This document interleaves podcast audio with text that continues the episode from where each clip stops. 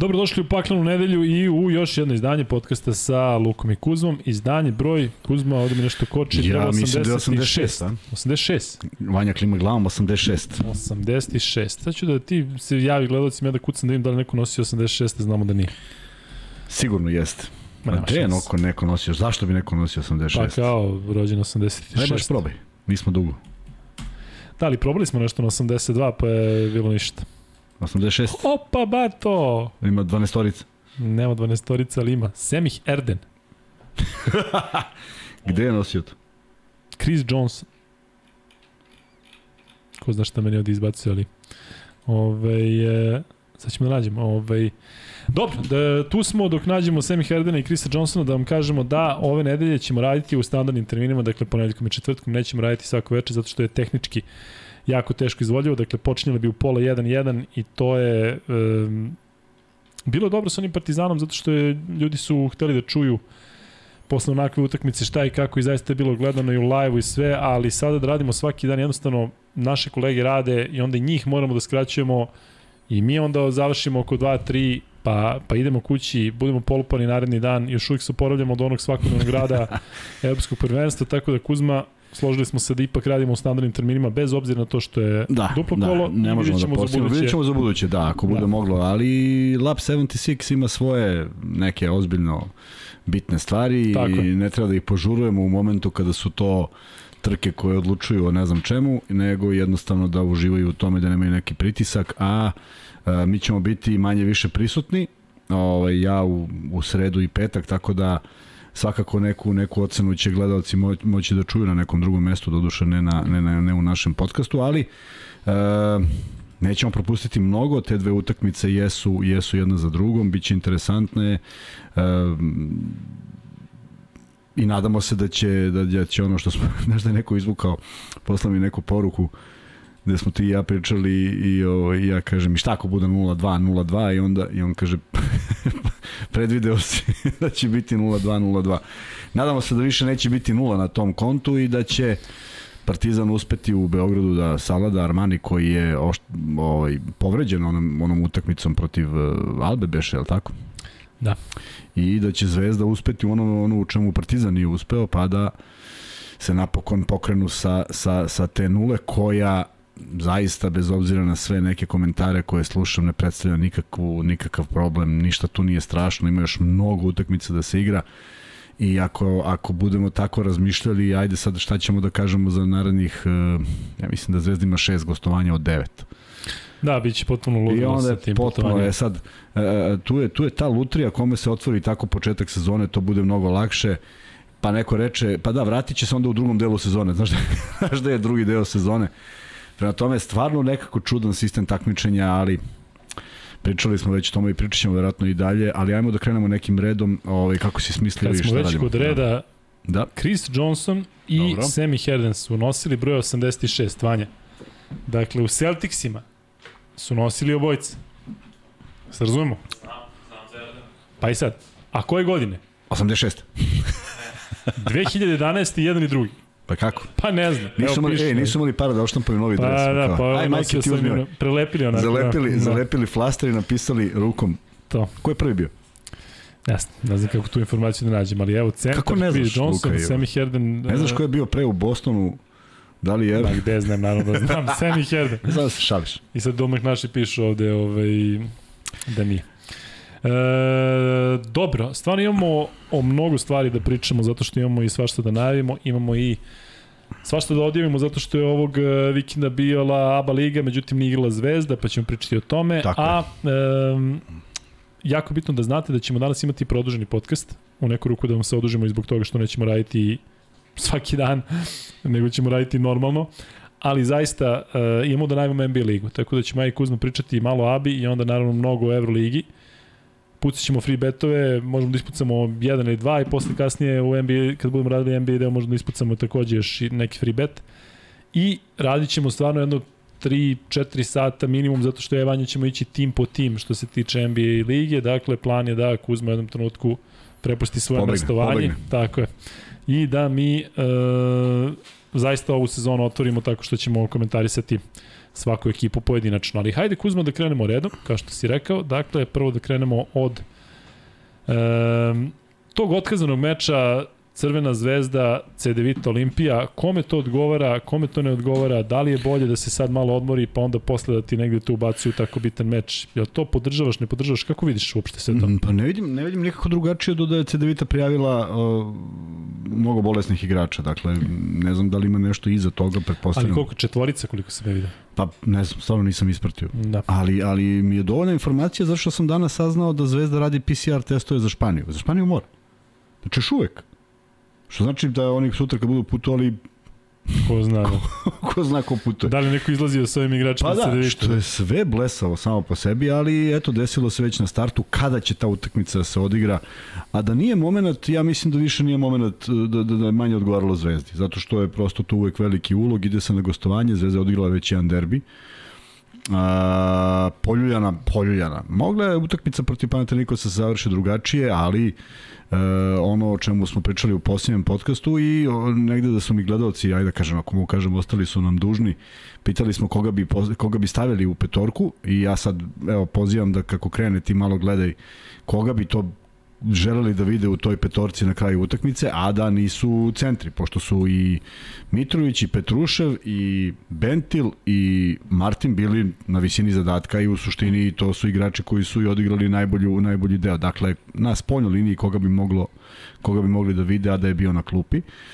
Ali je ovaj, e, prvo odlaganje koje naravno već poremeti neku, neku, neku, ovaj, neki ritam igre, međutim mislim da je Zvezdi ovo odgovaralo iz prostog razloga što u krajnjem slučaju nisu morali da putuju, što su mogli da se posvete treningu jedan dan više, jedan dan duže i da, i da malo spremniji dočekaju utakmicu protiv Baskoni.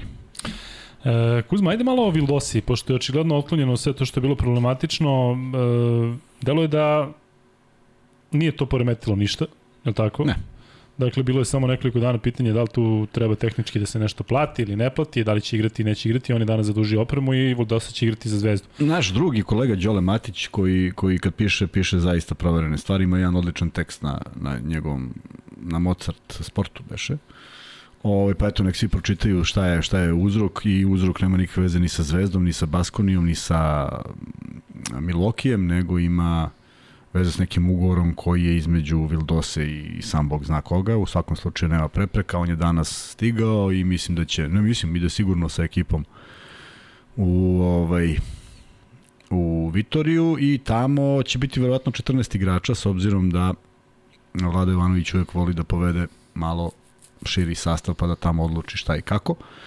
A, sve su te neke sumnje otklonjene, mislim da je on došao po onim izjavama koje sam video da je vrlo srećan što je došao, da je on pratio utakmice i tako dalje, vidjet ćemo u kakvoj formi, igrao je pre 4-5 dana utakmicu pripremno u, u, u, u pripremnom delu sezone, prema tome verujem da je u formi i da će doneti to neko, neka, neku sigurnost na toj poziciji 1, ali trebamo imati rezervu iz prostog razloga što ulazi u novi kolektiv i vidjet ćemo kako će uopšte to izgledati. Crni grobar je promenio sliku. Tako da ovdje ima sad drugačije, nisam navikao da ima ovakvu sliku, ali ima jedno pitanje, kaže Luka, šta kaže za ovog Jelana Adamsa što je potpisao za Makabi? Njega sam prošle godine radio stvarno često u Hapolu iz Jerusalima, zato što sam prenosio Izraelice mnogo i on je ulazio sa klupe na početku kada je menjao Kilpatrika i kasnije preuzeo mesto startera i igrao zaista fantastično. Dakle, momak je fenomenalan, ali on mene podsjeća na Jelina Adamsa, ovo koga je u koga gledamo u Zvezdi, isto je dakle briljirao u klubu koji nije imao, ajde da kažem, taj domet, dakle Sydney Kingsi nisu Euroligaš, a Hapoel Jerusalim nije Makabi, međutim verovatno znate da često Makabi potpišete najbolje igrače iz izraelskog prvenstva, posebno one koji njih napune, a on momak zaista igra fantastično, ima neku nestvarnu energiju. Mene, rec, meni recimo nije bilo iznenađenje što je on došao u Makabi, nego je, mi je veće iznenađenje bilo to što je mnogo igrača pre njega došlo u, u Makabi, gde će se on uklopiti, koliko će igrati, ne znam, ali je pokazao u iz Jerusalima da apsolutno nema problem da ulazi sa klupe i da može da bude onako jedan backup igrač i dešavalo se prošle godine da eto bude prva izmena i da često bude um, najefikasniji na meču, dok se nije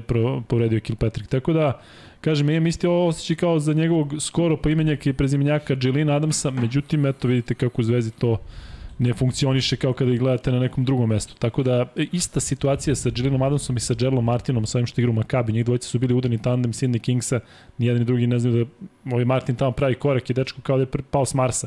Dakle, baš najgore... A on pao iz Australije. Pa, ne, ali bukvalno ista priča. Igrali malo u NBA ligi, došli onako sa ozbiljnim imenima u Sidney Kingse, pokidali tamo, ne možda veriš kako izgleda njihov pik, koliko je to tamo izgledalo lako na onom nivou. Međutim, Martin, evo sada ova posljednja utakmica protiv protiv Fenerbahčeja i svaka prethodna, dakle, jako, jako problematično to deluje, dakle, kao da je nesiguran, a opet ima minutažu.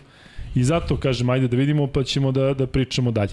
E, Kuzma, ima ovde jedno zanimljivo pitanje e, u vezi Zvezde i uskoro ću da ga nađem, ako ne, onda ću da parafraziram, ali radi se o Vladi Jovanoviću i pitaju u stvari da li će e, da li će da ima naše javno strpljenja za Jovanovića ako dođe do nekog e, još loših starta tipa 2-8 ili tako nešto. Ajde da ja neko kontra pitanje, pa svi ti koji, koji je zanima. Da je Vlada Ivanović izgubio utakmicu na način na koji je Partizan izgubio. Da li bi bilo više komentara o tome? Naravno da bi bilo. Pa eto. Onda znači čeka ga i to javno mnjenje Ako koje nije... To je zvalj potpuno zasluženo i očekivano. I recimo kada Micić ne odigra dobro ili neko drugi ne odigra dobro, ne, ne, ne, ne, ne, ne, ne, govorimo, govorimo samo o istoj utakmici, ne govorimo ništa drugo. Znači ovde bi bilo da on nije verovatno spreman ili dorasto, je li tako? A da ga ne slušaju igrači, tako, tako, tako, nešto. Je, tako je. Samo to bi bilo drugačije upakovano. Ishod da. je isti. Uh, bojim se da bi bilo, Uh, mislim da je on spreman na to, mislim da je sa jednom ozbiljnom sigurnošću ušao u ovu sezonu, ništa on ne može da garantuje, niti bilo ko šta u košarci može da garantuje. Ja ne vidim da je uopšte bilo kakav problem do sada u igri Zvezde.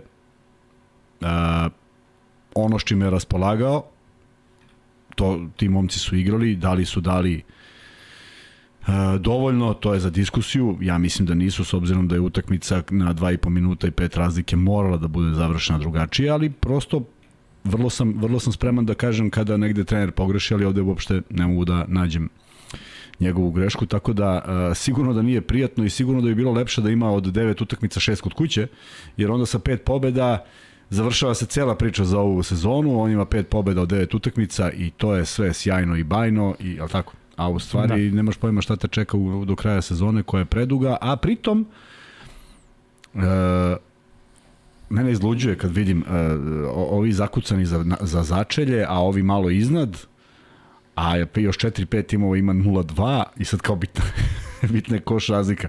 Dakle, mnogi favoriti su izgubili kod kuće. Mnogi su favoriti izgubili u gostima dobijene utakmice. Mnogo toga se izrašavalo da bi ovo sad bila neka da bi ovo sad bila neka strahovita stvar koja se desila. Partizan ima dobijenu utakmicu, Zvezda je bila blizu pobede, nije dovoljno, mora da se radi na tome, moraju da naprave bolji, bolja rešenja i to je to. I nema, nema šta tu da se više priča. 0-2 od koliko ima utakmica? 34, 34, 32 su još ostalo u Euroligi i još koliko? 20 i 3, 4, 5, 6, 7 u, u, u, u a, a mislim, ajde da pričamo, bi, ja sam za to kada se negde napravi presek i podvuče linija da svi šta je, šta je urađeno, tada možemo da pričamo, ovako treba pustiti i Željka i Vladu da se nose sa svojim problemima, imaju ih, Željko ima što ako sam ja dobro razumeo ali ideja, kaže bilo je bila ideja da se napravi faul, znači on ima taj neki problem da faul nije napravljen, a Vlada je imao problem da prosto spoljna linija svi koji su ulazili, ja mislim da je on čak i fenomenalno koristio Lazića u svakom onom momentu time da odigra defanzivu da bi u napadu imao Holanda, e, Dobrića i, Ivanovića. I trenutno u tom trenutku na poziciji 1, 2 i 3 nema nikoga. Prema tome, e, to su problemi sa kojima se suočavaju, ali mislim da, da, da, da se uvek, to je ono što pričamo o pritisku javnosti, o tome da se nešto, da tu nešto odmah mora, ne mora Uh, očekivano teška, vraćam se na Abaligu, očekivano teška utakmica Partizana. Ko je mislio da će tu biti? 45 razlike, taj se prevario, da, zato što su, pa naravno, pa evo, nastavljam odmah, zato što su ušli, uh, znaš kad izgubiš onako neku utakmicu, koju si stvarno imao u rukama, nije to lako da ti sad se probudiš ujutru i kažeš sutra je novi dan, idemo. Opet teška, teška zato što prvo malo razmisliš, čekaj bre, sad sam igrao sa Baskonijom, sad dođe neki studentski centar, ja ih ne pocenjujem, ali verujem da u glavama igrača nije isti, Naravno. nije isti pristup i to je potpuno razumljivo. ne može da pa, se gazi, može. niti je pametno, niti tako, je tako. realno. Ako se sećaš prošle godine, e, Partizan kad je imao takvu vrstu praženja, Doduše, tada je dobijena zvezda sa onim trojkama Vramovića. Sećaš se posle dva dana kako se proveo protiv Čanka u tako Panvežis? Je, tako je, tako Kad su svi kao, tako evo je. sad dobili smo zvezdu, sad, sad ovo, a tamo kontra, 30 razlike. Tako je, tako je. Zna da bude kontra i u jednom da. i u drugom pravcu. I to ja mislim da ima veze sa ovim nenormalnim uh, rasporedom, gde ti posle, ti nemaš praktično vremena da odmoriš, dakle Partizan igra u petak, uveče, tako u, u Tako je, došli su u subotu. U Baskoniju. Tako je. U subotu došli u nedelju uveče igraš. Pa, da, pa nema sad, okupili su se malo, prokomentarisali ko šta radi, verovatno malo malo jače šutirali, malo intenzivniji šut. Ali ali dobili su i to je u četvrtoj četvrtini ovaj završena utakmica da se razumemo sve te ekipe i sad da se ne ljute mnogi kad kažem male, ali male u odnosu na eto samo budžet Zvezde i Partizana, znači sve manje platiše, naravno da žele i to smo svi od uvek želi da rušimo one koji su najskuplji ili negde najbolji. Prema tome, to je potpuno normalna stvar da će jedan studentski centar vjerojatno da odigra utakmicu života i možda neće naredne tri da ponovi ovakav... Za njih je to utakmica sezone, jedna od utakmica pa, sezone. Tako je, pa nego šta čekaju? Čekaju, čekaju, to je utakmica, to je highlight. Tu si ko fokusiran, skoncentrisan, bili su zaista izuzetni. Do pred kraj su faktički vodili, međutim, ovaj, naravno da je kvalitet došao do izražaja i naravno da trener opet Obradović koji ima nenormalno iskustvo, zna zbog čega je to toga do došlo i zna koliko je bilo teško i zna da se raduje tome što je utakmica završena pobedom, ali sigurno da ima šta da kaže, jer to nije pristup, naravno za pojedine igrače koji nisu igrali mnogo u Baskoni. To mora da bude drugačiji pristup, to mora da bude drugačija energija, to mora da bude, sad je mojih 5 minuta i sad ću ja da pokažem. Verujem da nije zadovoljan svim igračima, uh, video sam čak i Pantera u nekim jako lošim brojevima s početka utakmice, I, ovaj, I opet, ne zato što je Panter u pitanju kao igrač Partizana, nego zato što a, zaista sam imao privilegiju i zaista mislim da je bila privilegija da igram ono vreme kada, se, kada iziš na teren i vidiš čoveka i smrzneš se. Nijedan od njih, ni Bodiroga, ni Bog Otac, ni Danilović nije izjavio da ne postoji čovjek koji može da ga čuva. I to su pretencijozne izjave a on je to izjavio da nema ko da ga čuva, pa onda ajde 30 ovome pa, studentskom iz Amerike, centru. to malo, malo, pa, pa neko vuku, kaže, pa daj malo sad neko, neko, neko, neko treba ga posavjetuje, kaže, ne pričaš gluposti. Ko je rekao, rekao, Vanja, neki šesti, ko je peti, šesti pik na draftu koji je rekao, ja sam najbolji u ligi, još nije ni odigrao jednu utakmicu. Pa, sad sa pa, da, ovogodišnjeg pa, drafta, rekao, ja sam Bog, ja sam Can Isus. Ma dobro, to je, ja to sad su gledali, da. Kasiju sa Kleja, pa okej, okay, sve je to lepo, ali to je pripada nekom drugom periodu i pritom, okej, okay, svako možeš 30, pa ja, ja se izvinjavam i kačim dres i stavljam sliku ako ti to urodiš, ali prosto ne ide to tako. Da nisi ovaj Russell iz, iz Monara. Da. E, Kuzma, zadržao bih se na Zvezdi i Partizanu na nečemu što je, ajde da kažem sada deo prošlosti, ali da objasniš malo iz nekog igračkog ugla. Dakle, ako se sećaš, Kevin Panther nije napravio faul, a pre toga imao onaj šut e, za potencijalno i onih plus 4 potencijalno za pobedu, pa nije napravio faul i odigrao jednu jako dobru partiju do tog momenta kada je primio trojku. Izuzetnu partiju, da. Tako je. Ben Bentil je odigrao sjajnu partiju, pa je onda promašio ono slobodno bacanje, bacanje i, do... i, i onda nije napravio faul na ponitki, već je tu izgubljeno 3-4 sekunde. Da li se zaista dešava u tom trenutku u glavi svašta, kada ti je potpuno fokus na napadu, kada si uradio nešto veliko ili nisi uradio nešto veliko, da pada koncentracija u odbrani? Da jednostavno to nije, to nije možda ono što kažemo greška trenera ili ne znam greška timska, jednostavno čovjek koji se u tom trenutku pogubio zašto ne zna gde. Poslednje što mislim je da je greška trenera. Ja prosto nikada u životu nisam izjavio da Radonjić, kojeg sam pratio godinama zbog zvezda, nije izdao naredbu da se napravi faul kad nije bio napravljen. A bilo je moment. Ja prosto nisam, ja ne sumnjam u trenutka da je Željko Obradović na time outu rekao da u slučaju da se promaši bacanja se pravi faul. Ali to se desi. A ja mislim da se desi zato što si ipak godinama u sistemu koji to ne zahteva. E, svi oni koji igraju u Evropi, oni imaju uvek neko, neku, neku ideju za, za povratak u NBA. I uvek razmišljaju NBA i možda i više gledaju NBA nego što gledaju Evropu. I ja mislim da je to samo jedna stvar odsustva koncentracije, zato što možda nije nije godinama bio u takvom sistemu. Da, je to. Uh, svi navijači Partizana, skoro svi navijači Partizana pričaju o Duletu Vujoševiću o toj epohi, je tako? Jer svaku utakmicu na svakom kraju četvrtine želeo da ima posljednji napad. Svesno pravio faul da bi imao taj poslednji. Jeste. I onda dođe ta jedna možda utakmica. Možda će u tri godine dođe jedna utakmica i ti da je rešiš. Ali je rešiš, jer svi znaju šta treba da rade. Dakle, to je isto kao i stav u odbrani, isto ti je nešto što ti postoji. Znači, ti znaš da ne moraš, ne moram sada da okupi igrače, kaže šta radimo, oni već svi znaju šta radimo. E, ovi momci ne znaju šta rade, zato što i Mesina dolazi iz jedne Amerike, ovaj, primjera radi, pa on svojim igračima možda ne prenese to. Pa svi ti treneri koji imaju puno iskustva u NBA, možda ne prenesu. isto. Tako je, Skariola. Možda ne prenesu igračima. Ovde je odsustvo, moment kada on prima loptu, ja mislim da je i Ponitka bio zbunjen. Prosto morao je da bude zbunjen zato što zato što je on očekivao faul, pa vjerojatno i tako i držao loptu da bi da bi primio udarac. Prema tome, e, evo, sad jedna digresija. Sad pogledaj koliko to, ako je neko ima priliku da gleda, a ja ti radio Juventus Letka Belis? Ne. Ne. Svakako gledao sam zbog Čanka jer navijam za njega uvek kada ovaj kada postoji litvanska košarka. Sad za je- vikend. Sad za vikend, da. Igra Juventus Letka Belis. I završnica trte mrte i u svakom slučaju Juventus vodi tri razlike. I imaju posljednji napad. E, I Letka Belis ima posljednji napad. 6 sekundi do kraja. Identično. I zamisli ti čovjek izađe i napravi faul. Možda misliš to? Pa daj da ga dovedemo odmah. Nisi se pamtio ko je Nik. Čovjek, ne, ne, Lipškević. nije, nije, Amerikanac. Amerikanac. Znači, ovaj krenuo u dribling, čovjek prišao, najnormalnije napravio faul i doviđenja, prijatno, pobeđena utakmica i sve kraj. Dakle, sad mi treba da se kao šokiramo, kao, u, ovaj je napravio faul, sve zna. Pa, čo, to, to je normalna stvar. Uh, pogotovo što, što mi je neobjašnjivo način, uh, jesi vidio trojku u Grčkoj, što je čovjek dao Dakle, utakmica nekog i nekog se završava tako, nisam vidio, nisam imao naočare. Tako što čovjek promašuje slobodno bacanje i verujem da je dva razlike, čak ni- nisam vidio ni rezultat. I u svakom slučaju, čovjek hvata loptu i kreće u onaj beznadežan prodor. I tu stoje igrači. I on, jedan, dva, kao slalom. I negde iz očaja sa drugog, skoro trokorak, ono, skoro onaj atletski. I baci ona pogled. To razumem. To je, da. to je slučajnost. To je čovek našao poziciju da izbaci loptu. Ovaj Howard je namestio sebi poziciju za šut odakle on šutira. Kao da je na treningu, kao, Da da na je treningu. sam. E, to je neprihvatljivo. I sad, uh, napisao je neko tamo posle te utakmice mnogo filozofiram.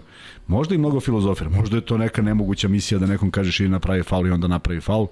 Ali zaista mislim da se tako dobijaju i, i, i utakmice i ne samo utakmice, nego i veliki klubovi tako, tako prave dobre, dobre rezultate u sezoni.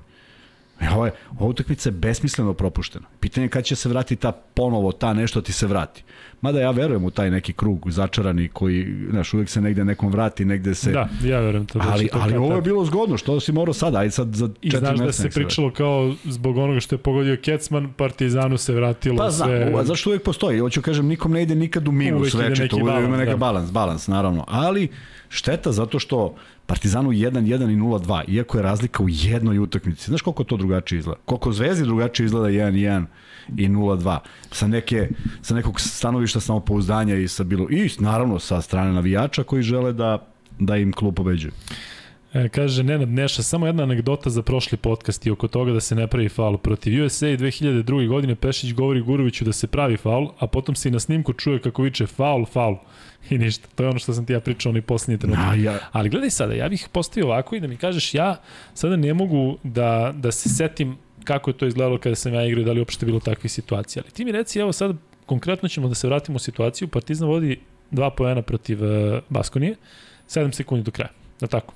Da. 8, ne, 3 poena. 2.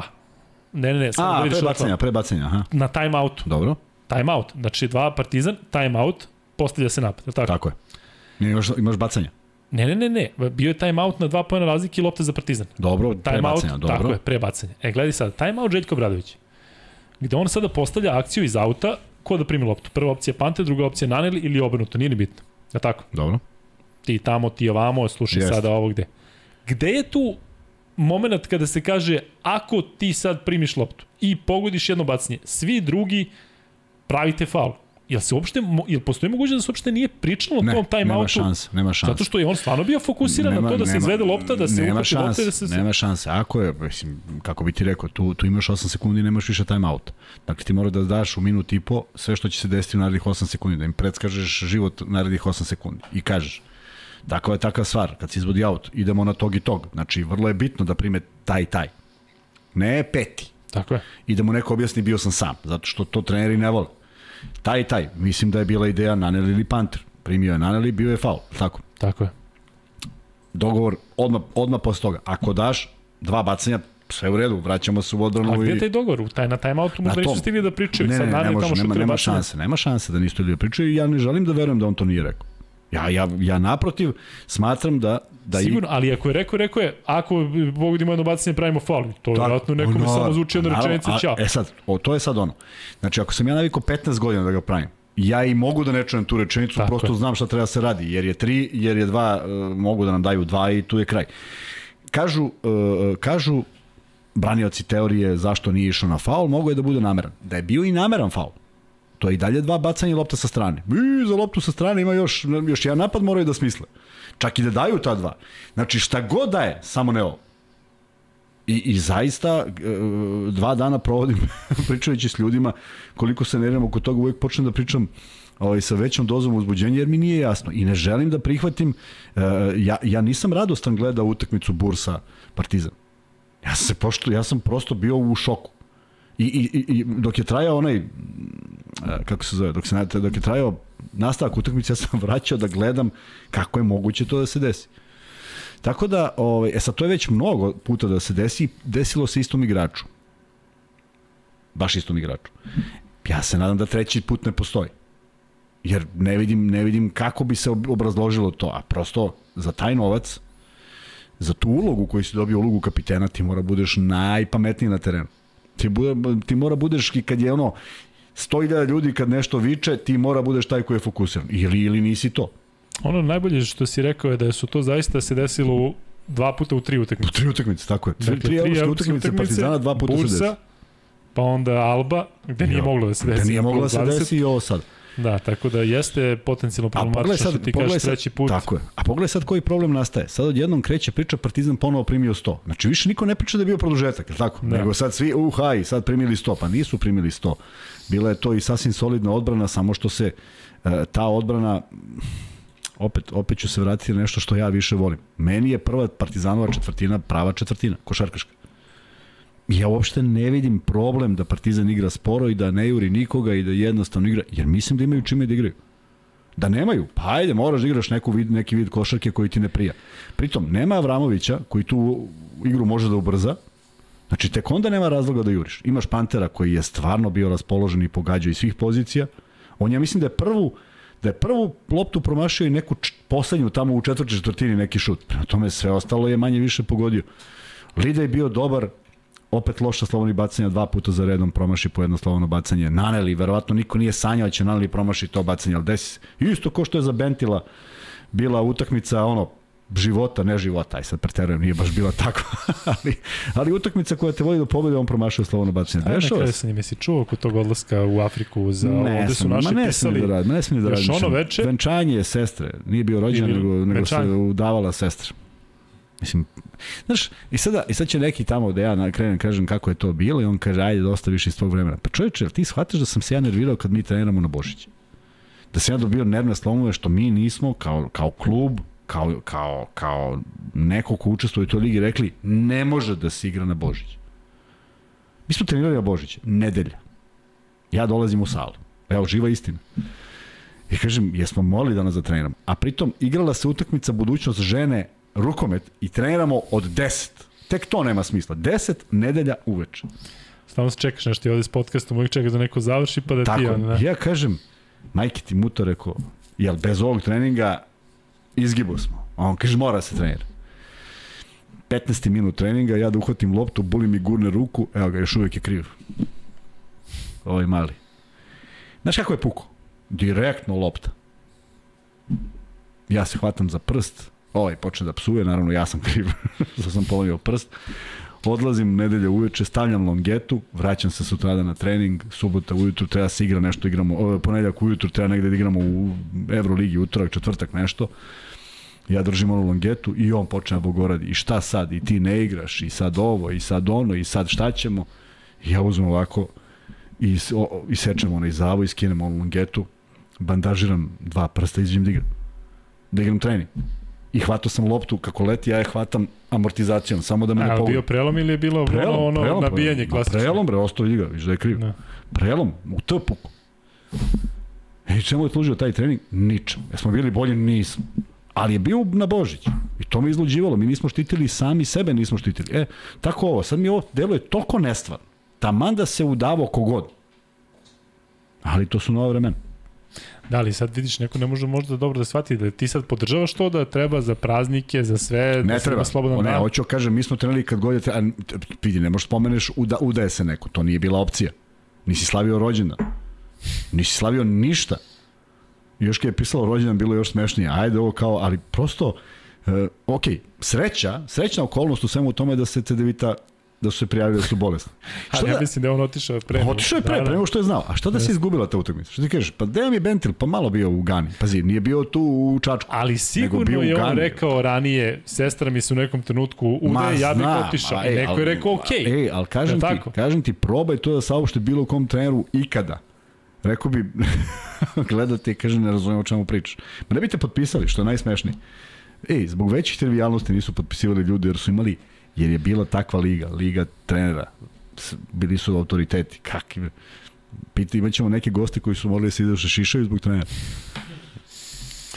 E, malo pre ovo pitanje bilo za Vlade Jovanovića kako će se crveno-bela javnost odnositi prema Jovanoviću ako bude bilo realno pa ja mislim na crveno-belu, da, ja mislim na crveno-belu. Ja sam mislio generalno, znaš, ne, ne, ne, ja mislim na crveno-belu, zato što E, imaš ogroman broj ljudi koji kad čuje da su potrošene tolike pare u i gledali su Adamsa negde da si ti prenosio utakmicu i kažu u i uopšte ih ne zanima šta se dešava dalje. I naravno da neko mora da se lomi. Hoće se lomiti na 16 igrača? Neće. Lomit će se na jednom čoveku. To je tako uvek bio. Ali, ali ne vidim, ne vidim, zaista, ja, ja mislim da postoji neki moment u sezoni gde možda kažeš, ej, stvarno dalje više ne može od ovoga jer, jer ovo ne ide. Ali ja ne vidim da nešto ne ide. Bar ne za sad. I ako neko sada ima ideju da će Zvezda da se vrati sa dve pobede iz Španije, pa evo odmah kažem, jedna je kao, kao kuća. I to znaju svi. Koji su i ole realni, koji razumiju šta se dešava. A od šest gostovanja sa devet utakmica, pa daj Bože da Zvezda ima te tri, tri ukupno da preživi. Jer to nisu ni, ma, ni malo lake utakmice. U ostalom, ja mislim da će svaka zvezdina utakmica biti vrlo slična utakmici protiv Panathinaikosa. U kom smislu? Intenzitet, tvrda. tvrda, pa da. Da. Luka, mogo bi malo detaljnije da analiziraš Nix, to kad Vanja dođe i tamo negde oko 12, da Nixima ćemo da damo poseban akcent. Ja da pričamo još o ABA ligi. Nego šta ćemo? Bilo interesantne da, da. stvari. E, govoriš o ABA ligi mimo Zvezdi Partizana? Pa da, da, da spomenemo još šta se izdešavalo. Pa ajde onda da kažemo kako igraju klubovi večeras, šta kažeš na to, s obzirom na to da je Mega izgubila od Zadra. E, i opet još jedna partija Luke Božića, neverovatna. Ne, nije neverovatno, nego je neverovatna partija, opet nešto 300 poena i svaka mu čast. 96-90 u jednoj a, jednom lošem polovremenu prvom u kojem su gubili, a onda u drugom to sve nadoknadili. Luka Božić kaže 33, 33 poena, 13, 13, 8 asistencija. Kuku, lele. Svaka mu čast. Međutim, mene raduje i jedan čovek koji se vratio u našu košarku. Čovek koji je meni bio, da, koji je meni bio onako veoma dragi kao igrač i zbog toga što je imao sličan pristup igri kao i ja. 19 poena, 6 skokova, 2 asistencije i nešto SFV šta god daje, ima po 4. to ne mogu da ne, ne znam šta je, ali nije ni važno. O, eto, povratnik u, ligu koji donosi jedan kvalitet i očigledno da je u dobroj formi i baš mi je drago što je, što je tu i nadam se da da ponovo kreće u jednom dobrom pravcu. E, u ovom trenutku FNP igra protiv Splita Jest. i 30-33 je na sredini druge četvrtine. E, Kuzma, li imaš nešto o ABA ligi? E, pa imam, ja bi još malo, da, da, ja, ja bi još da kažem, već sam, mislim da sam u petak uveče to rekao, onaj spektakularan naslov da ovaj, za za Mornar. Kaže, kaže Russell nije u, malo mu pala forma kao Spardačina, pa to 35 poena, oni izgubili, to mi nikad neće biti jasno. I naravno da moram da primetim činjenicu da Mihajlović, koji je meni omiljen igrač iz ovaj, iz Mornara, naravno ne može da pre, pređe 6 poena. Tako da imao 6 poena, 5 skokova i 5 asistencija, što jeste divno, ali prosto kada jedan igrač uzme 45% šuteva, naravno da negde fara lopte, što mi je žao, jer mislim da je on trebalo da bude predvodnik ove ekipe, ali imaju bolju ideju i verovatno znaju šta rade. Budućnost je lagano pobedila, 89-66 i ono što smo je takođe rekli u petak, 90-78 pobedi ok i Tanasković mla, mali, mladi, kako god. Svaka mu čast, ovaj, mi ga koristimo u našem ovom fantaziju, tako da mi je drago svaka njegova dobra partija koju odigra. A počela je druga četvrtina, na, već si rekao da je 33-30 za Split. Ima tamo Shorter i Jukić koji su dali dvocifreni u FNP-u još uvek Niko i tako dalje. A pa i sad za baš one prave, prave ljubitelje košike. Ajde. Evo sledeća informacija. U ABA Ligi 2, u ABA 2. Da, ajde, ajde da čujemo. Danas Podgorica Sutiska 61-64, dakle crnogorski derbi u okviru druge ABA lige. I e, čak sam, da li veruješ da sam ispratio manje tu utakmicu? Ne, Verujem nisam mogao da gledam, ali ja sam nešto uvek verujem, pratio. Mnogo toga. Ali, premnoga. e, igrao je Andjušić, ali ne Danilo, naravno, nego, nego Luka. Filip. Filip, ili Filip treći. ima. Idi, čoveče. E, I e, ima tu i igrača koji su recimo igrali za ovu reprezentaciju Crne Gore do 18 godina dole, tako da je bilo zanimljivo. Egla završnica i utakmica u kojoj je Sutiska slavila kao gost. Senčur, Helios Domžale 79-89 i u ovom trenutku TFT Skoplje igra protiv Pelistera 18-31. Eto, otišli smo baš onako u sitnu ABA ligu. Hoćeš još nešto da dodaš oko meča Partizana i studentskog centra? Vidim da ovde ljudi komentarišu neko ponašanje Trifunovića posle meča. Ne znam se pazi, ne znam, ne znam šta je bilo. Ovaj znam samo da da je izgledalo glupavo, ali ali nije mu da šta je bilo? Bilo je da je prob da je šut na koš studentskog centra i lopta se odbija i njemu na vole i on je opali negde. Le, legla mu, sela mu ono što se Desno, da, kao buli. Ako, neko ga uvratio pažnju kada buli degažira Posle loptu Đorđević. Da, protiv kako Koša ne. Đorđevića. E. Pa znaš, slično, i naravno reakcija Obradovića, pošto on to ne dozvoljava i potpuno je razumljivo zašto ne dozvoljava i u krajnjem slučaju nije kriva lopta, nešto drugo šta god da se desilo ima ima drugih načina A, kako Bradović da ga se... ne penali. A? Pa odmah mu je prišao šta radi, on je u stvari potencirao da je to... Možda se dobije tehnička kada da Mislim da ne, kad je isteklo, mada dešavalo se na polovremenu, imam ja anegdota iz polovremena ako hoćeš. Ne baš kako hoćeš, ali jedna je fantastična, pričat ću je posle. Ovaj, ali, ali da, taj moment je potpuno, potpuno besmislim. Šta god da je frustracija, možeš možda da odeš negdje i da udariš u nešto ili tako dalje. I ima tu hiljadu načina da ispoljiš, ali ovo je baš bilo vidljivo i onda smeta, smeta to i navijačima Partizana, ne smeta to samo nekom bez veze, zato što ne, ne, ne pripada tom u tom momentu da, da na terenu tako nešto uradiš. Ali nije bilo ništa dramatično. Jel pamtiš još neka degažiranja košarkaška koja su onako posebna? Ja imam dva u glavi. Ne, Radmanović Ne. posle Francuske, ne. 2005. u Novom Aha. Sadu. Dakle, kada su Francuzi dobili onaj meč koji nas je sve toliko bolo i dalje boli. Radmanović, pup, naš bivši gost. I naš potencijalno budući gost, Saša Pavlović, kada je Cedevita pobedila Partizan u Beogradu onom trojkom Nolana Smita. U, sa pola da, da, i da. Pavlović, Lovernji, Tepić padaju, Bogdanović se drži za glavu, a on dohvati onu loptu. Nisam, nisam Znaš, nećen koji, nisam koji degažman. Nisam. Ova bulija mi je najopečetljivija, Da, mislim da, da, ona je bila... baš je sastavio Jest. kako treba. Um, dobro, to je to što se tiče ABA lige. E, vidim da je da je dosta vas u live-u, e, vidim da dosta vas pita e, dakle da li će biti NBA liga hoće, samo da da Samo da izbacimo Kuzmu iz studija. Tako je, da. E, ajde malo da se okrenemo pitanjima gledalaca koji su onako idu... Aj prvo ja jedno, pošto mi je Ajde, ajde. danas poslato, samo da ga nađem. E.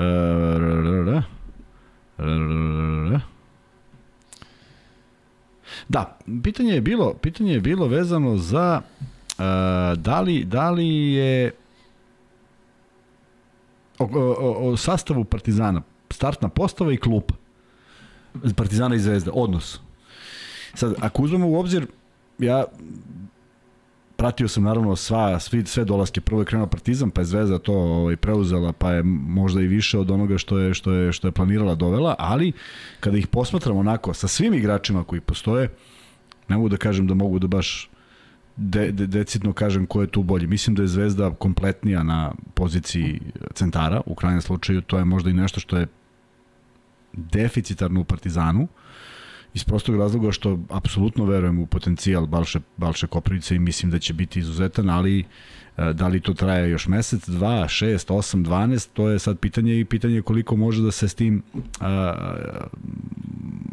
da se s tim rukovode u, u ovoj Euroligi u ove godine. Mislim da će neko da se pojavi u nekom momentu na poziciji centra, ali o tom potom. Međutim, što se tiče sada, trenutno ovako kad pogledaš, Partizan je malo kompletniji, ipak nedostaju dva igrača, dok uh, Zvezdi ipak nedostaje ovaj, dva igrača na istoj poziciji. Dakle, faktički nedostaju Marković na 1 i, Nedović na 2 i to je onda mnogo veći problem zato što se sve svelo na tri igrača plus uh, nedovoljno raspoloženi Adams plus uh, uh, uh, mladi Topić kojem ne treba davati baš pretrano vruće krompire, krompire u ruke i evo sad došao Vildosa, e sad bi to moglo da izgleda drugačije, tako da a, tek kada ekipe budu potpuno onako konstantne i kad budemo videli fizionomiju ekipa, onda mogu da dam neki sud ko bi tu mogao da ima prevagu, do derbija ima još dosta, nadam se da će svi biti kompletni jer derbi je pravi kada su svi u punom sastavu.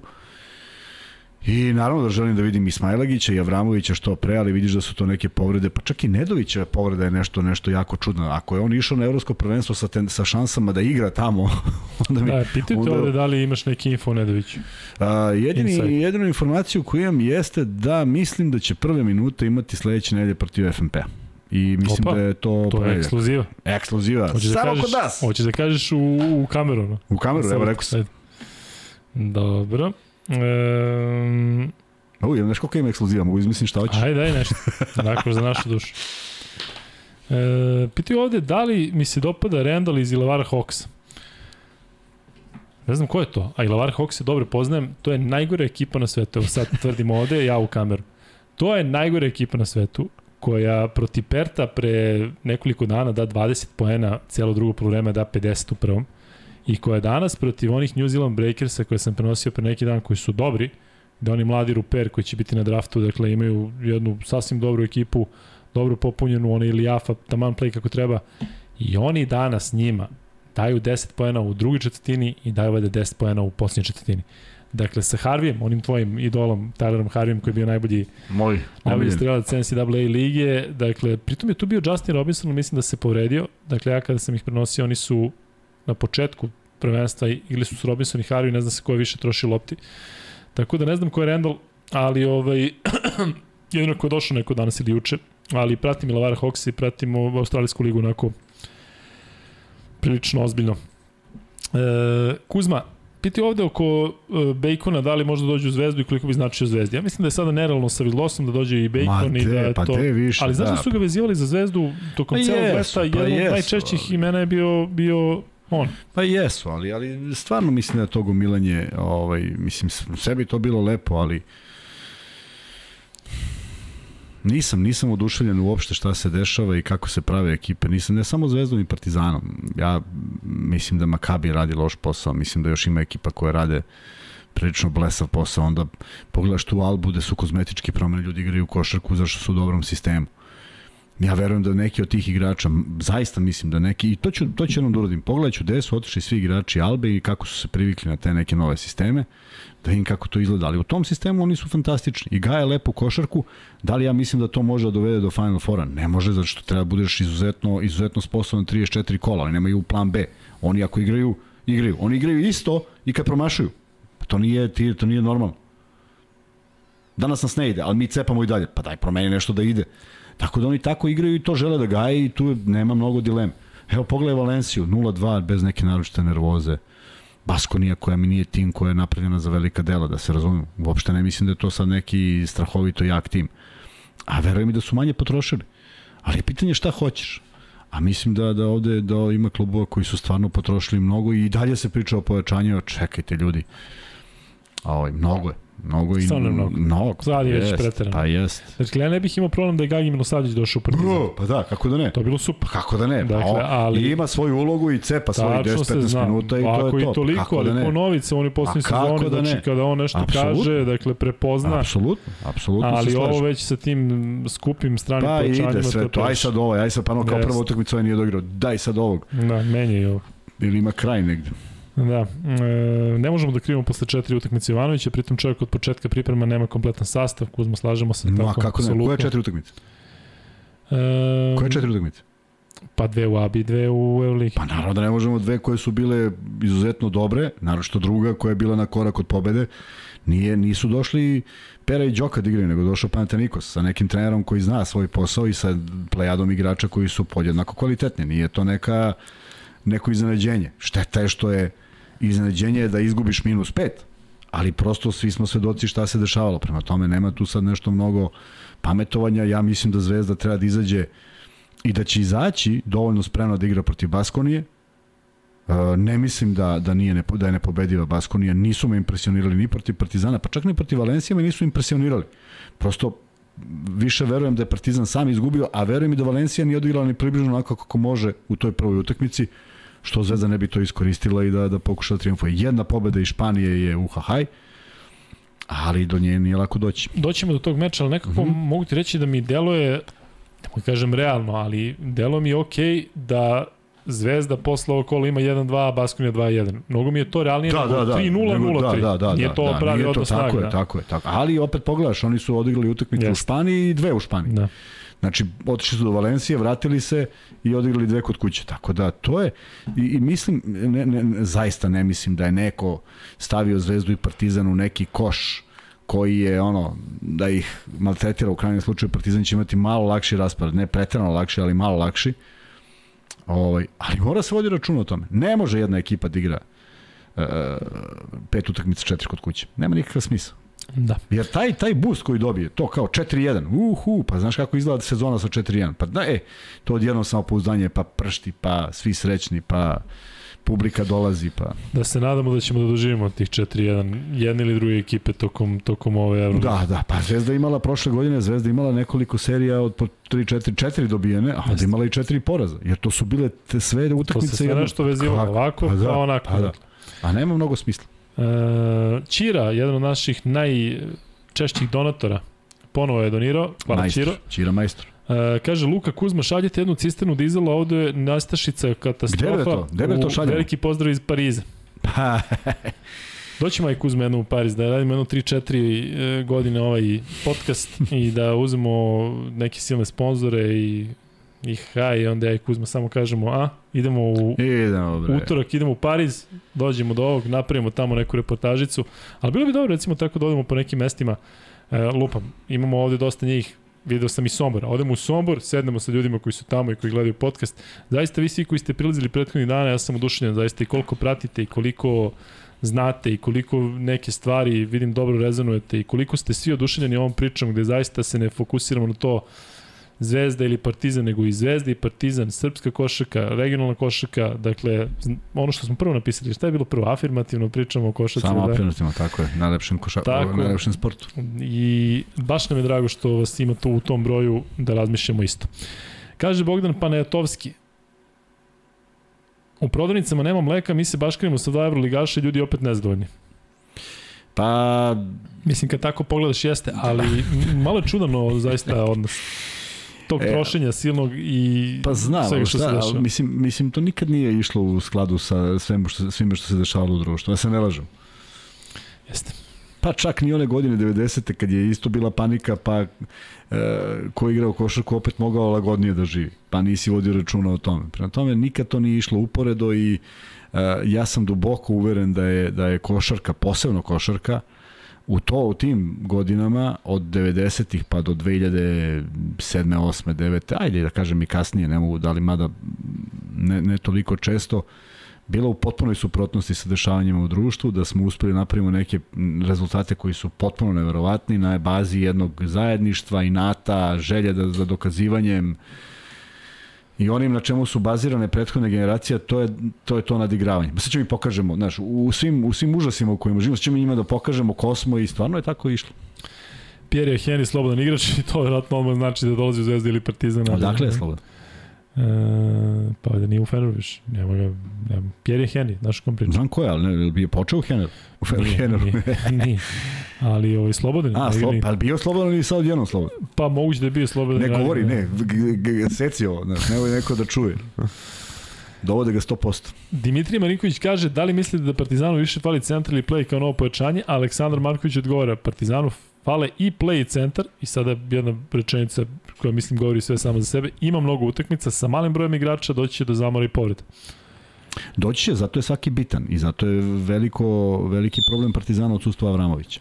Čuli smo Nenada Stefanovića koji priča o njemu koliki pritisak zna da napravi, dakle nije to pritisak na nekom tamo iz Š lige, nego jednom igraču koji je vodio igru FNP-a prošle godine, koji nije zalutao tamo, u Euroligi isto zna da oteža, samo što sad zamisli kad ga nema koliko je to, koliko je to drugačija odbrana. I ono što je sve iznenadilo, a ne mora da znači da jeste iznenađenje i ne mora da znači da, bud, da će biti loše, ajde da gledamo pa da se uverimo, to je Exum na jedan. Malo je ljudi koji veruje da je on jedan, ali ako, ako to odgovara... Čak i nije malo ovde, mislim da malo kada smo, kada smo ovde pričali o tome, svi kao i Kec, Kec i on što je Vanja pričao, on kad je bio predstavljen kao NBA i Slažem se, ali Željko vidi nešto i treba verovati. I ako je to nešto što donosi rezultat, on jeste bio odličan u prvoj utakmici, ali ja stvarno utakmice kad neko odigra odlično u porazu, prosto ne konstatujem, bez obzira. Naravno što ne u porazu od 15 razlike. Prema tome, ko je tu briljirao, trt, ne zanima me. Ali ako neko može da, da odvede ekipu do pobede na, tom, na, toj, na bilo kojoj poziciji, je, nađe mu se pravo mesto, zašto da ne? I ne mora niko da se slaže ili ne slaže s tim ako tu daje rezultat, samo treba da ga daje. Nema koga dovesti na centru, otkazi u NBA, ali sve amateri sem stane koji... Neko te je pitao da li znaš da. nešto, samo da nađem. A, Ti priči. Hoću. Um, Neko je načuo nešto, pa, pa te, da pita, ja znam. pa te pita da li znaš ovu pjesmu. Pjesmu? Da li znaš ovu pjesmu? Um, evo dok Kuzma ovo traži. Danas sam se malo okrenuo kineskoj ligi, pošto nismo ovaj, prenosili i nismo ove sezone prenosili na Ne, ne, ne mogu nađem, pa nema šanse. Ali Fujian Zhejiang Guangsha I žao mi je što Kajla Vilđera iz Guangše verovatno nikad nećemo vidjeti u Partizanu i Zvezdi. Znaš je opušten iz NBA. Iz NBA? Pa da, evo sad Eto. piše Dejan Cvetković. Eto viš. E, verovatno pišu i ovde, nego sam ja trenutno u, u ovim komentarima od pre pola sata. I mnogo mi je žao što recimo igrače kao što je Vilđer nećemo vidjeti u Zvezdi ili Partizanu, zato što mislim da bi mogao da uredi dosta. On trenutno igra za Guangšu, a vamo u, u Fujiyanu, znaš ko je onaj? Ton Maker. Ne znam ko je. Au, dakle, koji tamo? Dopao mi se. Ma kako je bio 9. i 10. pik na draftu, dakle, a istakao se, znaš gde se istakao? Istakao se kad su... Nekom filmu. Pa skoro po filmu, kad su se Filipinci tukli sa Australijancima, ono, znaš kad je bila ona opšta tuča, pa on sa 2-20 krenuo da delima vaše gerije. Eto, to je otprilike... Evo sad, kaže ti Ivan Lopandić. Šta kažeš? Je Lopandić? Jeste. Kaže, pitaj ovog tvog kolegu, to se odnosi na tebe. Dobro, ovog tvog kolegu. da li znaš kakav igrač Devonte, pa sad. Adams. Ne, ima, ima, piše Cacok. Čačok, Kakok, Čakok, Kačok. Dobro. Pa taj, nema dalje. Spominje se da je on taj centar koji će u Partizan. Ne znam tačno ko je to. E pa dobro. Nešto Eto. mi deluje ovaj, da je u Izraelu bio neki Devonte. Kakok, Čakok. Da, Kakoč. Taj. Čakoč. Um, Prisjetit ću se. Specifično je prezime, pa ću se prisetiti. E, ljudi, šta je ušlo u Luku Božića iz Zadra? Ne znamo. Nešto je ovaj Ne znam, ali majstorski je ušlo nešto. Da. Svakom u čast. Ili dalje mislite da će nešto biti od Koprivice? Po meni ne, kao što sam i govorio u avgustu. Ne, rano ne, je, ne, ne, rano je, rano je, ne može Bić. to da bude ako ako. Mislim da mu je potrebna jedna dobra partija, baš da pokide nešto, da se malo, ne, da ima mislim tu da malo duže statistiku, period. ali da se malo podigne on da vidi da može u Euroligi da ima 18 i 9 i da vidi da može da igra na tom nivou. Tako da, E, mislim da će to biti okej. Okay. Balše potencijali biće jedan najboljih centara u Evropi, ali moramo se dati šansi i mora se istrpeti. To je valjda zaštitni znak Partizana da izbaci vrhunski mladi igrača, ne E, ajde pričamo sada da, samo sekund o Balši. Uh, prva ajde. utakmica apsolutno nije utakmica za njega. Prva. Protiv Ona koja je po Prva protiv Albe. Ne, da. apsolutno utakmica koja ne pripada. Mislim da nikad neće pripadati. U kom smislu? U smislu brzine kojom se igra. Koliko god on bio brz, on je neko ko nema direktnog čuvara tamo. U određenim momentima u igri. Nekad ima, mahom nema. Kad ima, u redu. Ali kad nema, pa on štrči, zaista štrči. I e, ono što ono što su što su Da to je problem Kuzma da on pa imaš, neke ekipa neće pa tako je, pa da, imaćeš prosto ekipe koje koje kojima te ne leži. Može ti ja daš dva, da. on da tri i ti si uvek u problemu. Ali mm, e, ima, ima jedna stvar koju, su, koju, su, koju smo počeli da, da učimo 90-ih. Do tad je bilo, ti kreneš u odbranu i zaustaviš se kad shvatiš da si u reketu. Ozbiljno. A onda su se pojavili Željko, Muta, Darko, Momir Milatović, Stepandić, bilo je tu plejada trenera, koji su počeli da nas uče, naravno centre, da kada si u naletu nazad, već uhvatiš svog čoveka i ostaviš ga na liniji za tri pojena, ne, ne može baš da, da, da on tebe vodi.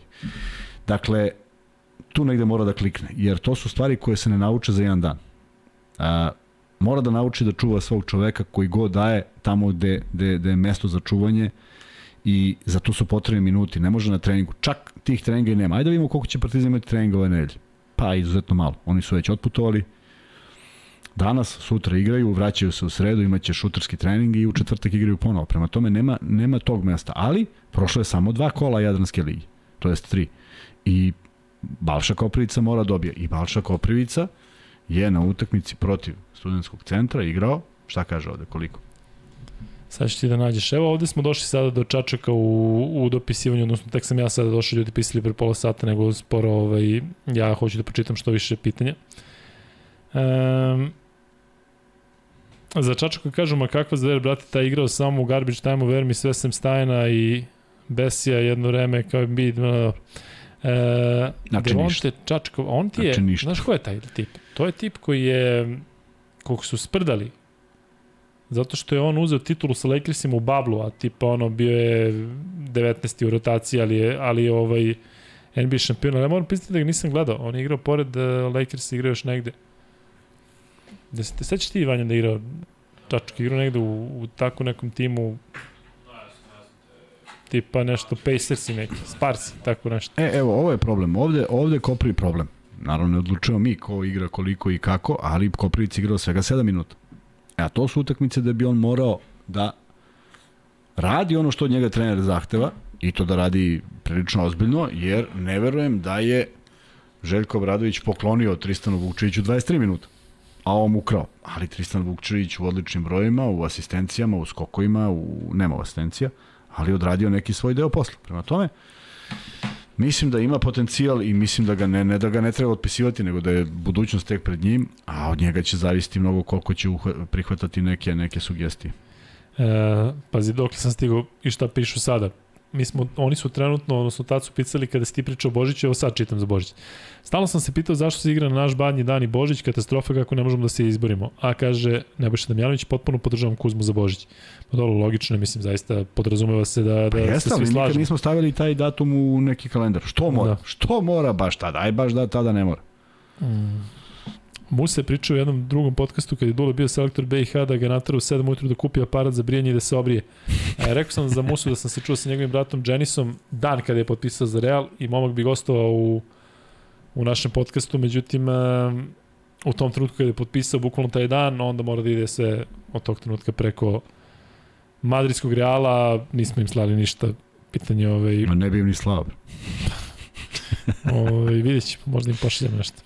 Može pošljamo majicu. Kažu da su veliki, velike plate u G ligi i da zato sada malo ljudi dolazi u Evropu.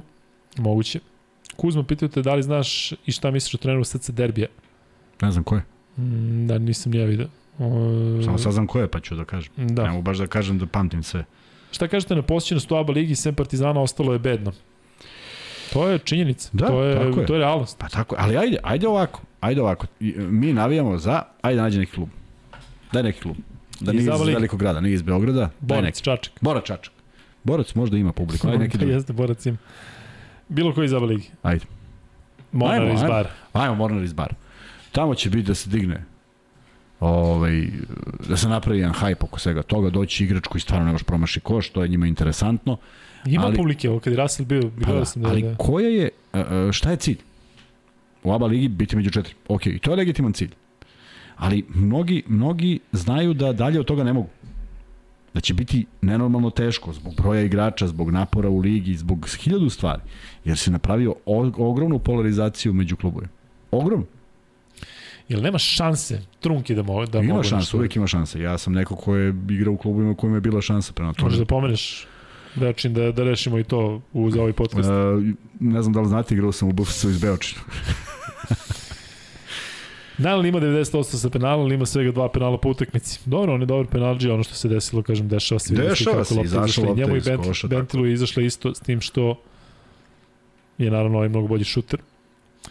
Um, Je li imamo nešto Kuzma da kažemo u vezi e, fantazija? Se tamo dešava nešto? E, ima, pa da, vršiš? pa da, čekaj, ajde sad. Čekaj, bre, da nađem. Vanja, ali imaš ti tamo? Pita Milan Grljek šta je sa KLS-om, zašto ne komentarišemo KLS? Komentarisat ćemo, samo malo da se... Pa, da se... mo, ajde ovako, evo, e, napravi pol, molim te. Uh, napravi pol koji glasi a ima starih, gledao sam danas prosek godina, znači imamo ljude od preko najveća gledanost naš, naših gledalaca, naj, uh, kako sam krenuo. Najveća gledanost. Najveći broj naših gledalaca ima između U kom? 34 i 44 godine. To su moji vršnjaci. Dakle, ja bih voleo da mi kažu koliko su pratili uh, Srpsku ligu Sever, Zapad, Istok i Jug i da mi kažu da li žele nešto da znaju o tome. Dobro, ali pol će biti, da li želite da više pričamo o KLS-u? Tako? Da, ali samo dajem pandam tome šta je bilo to u to vreme, pa da im koga je to zanimalo.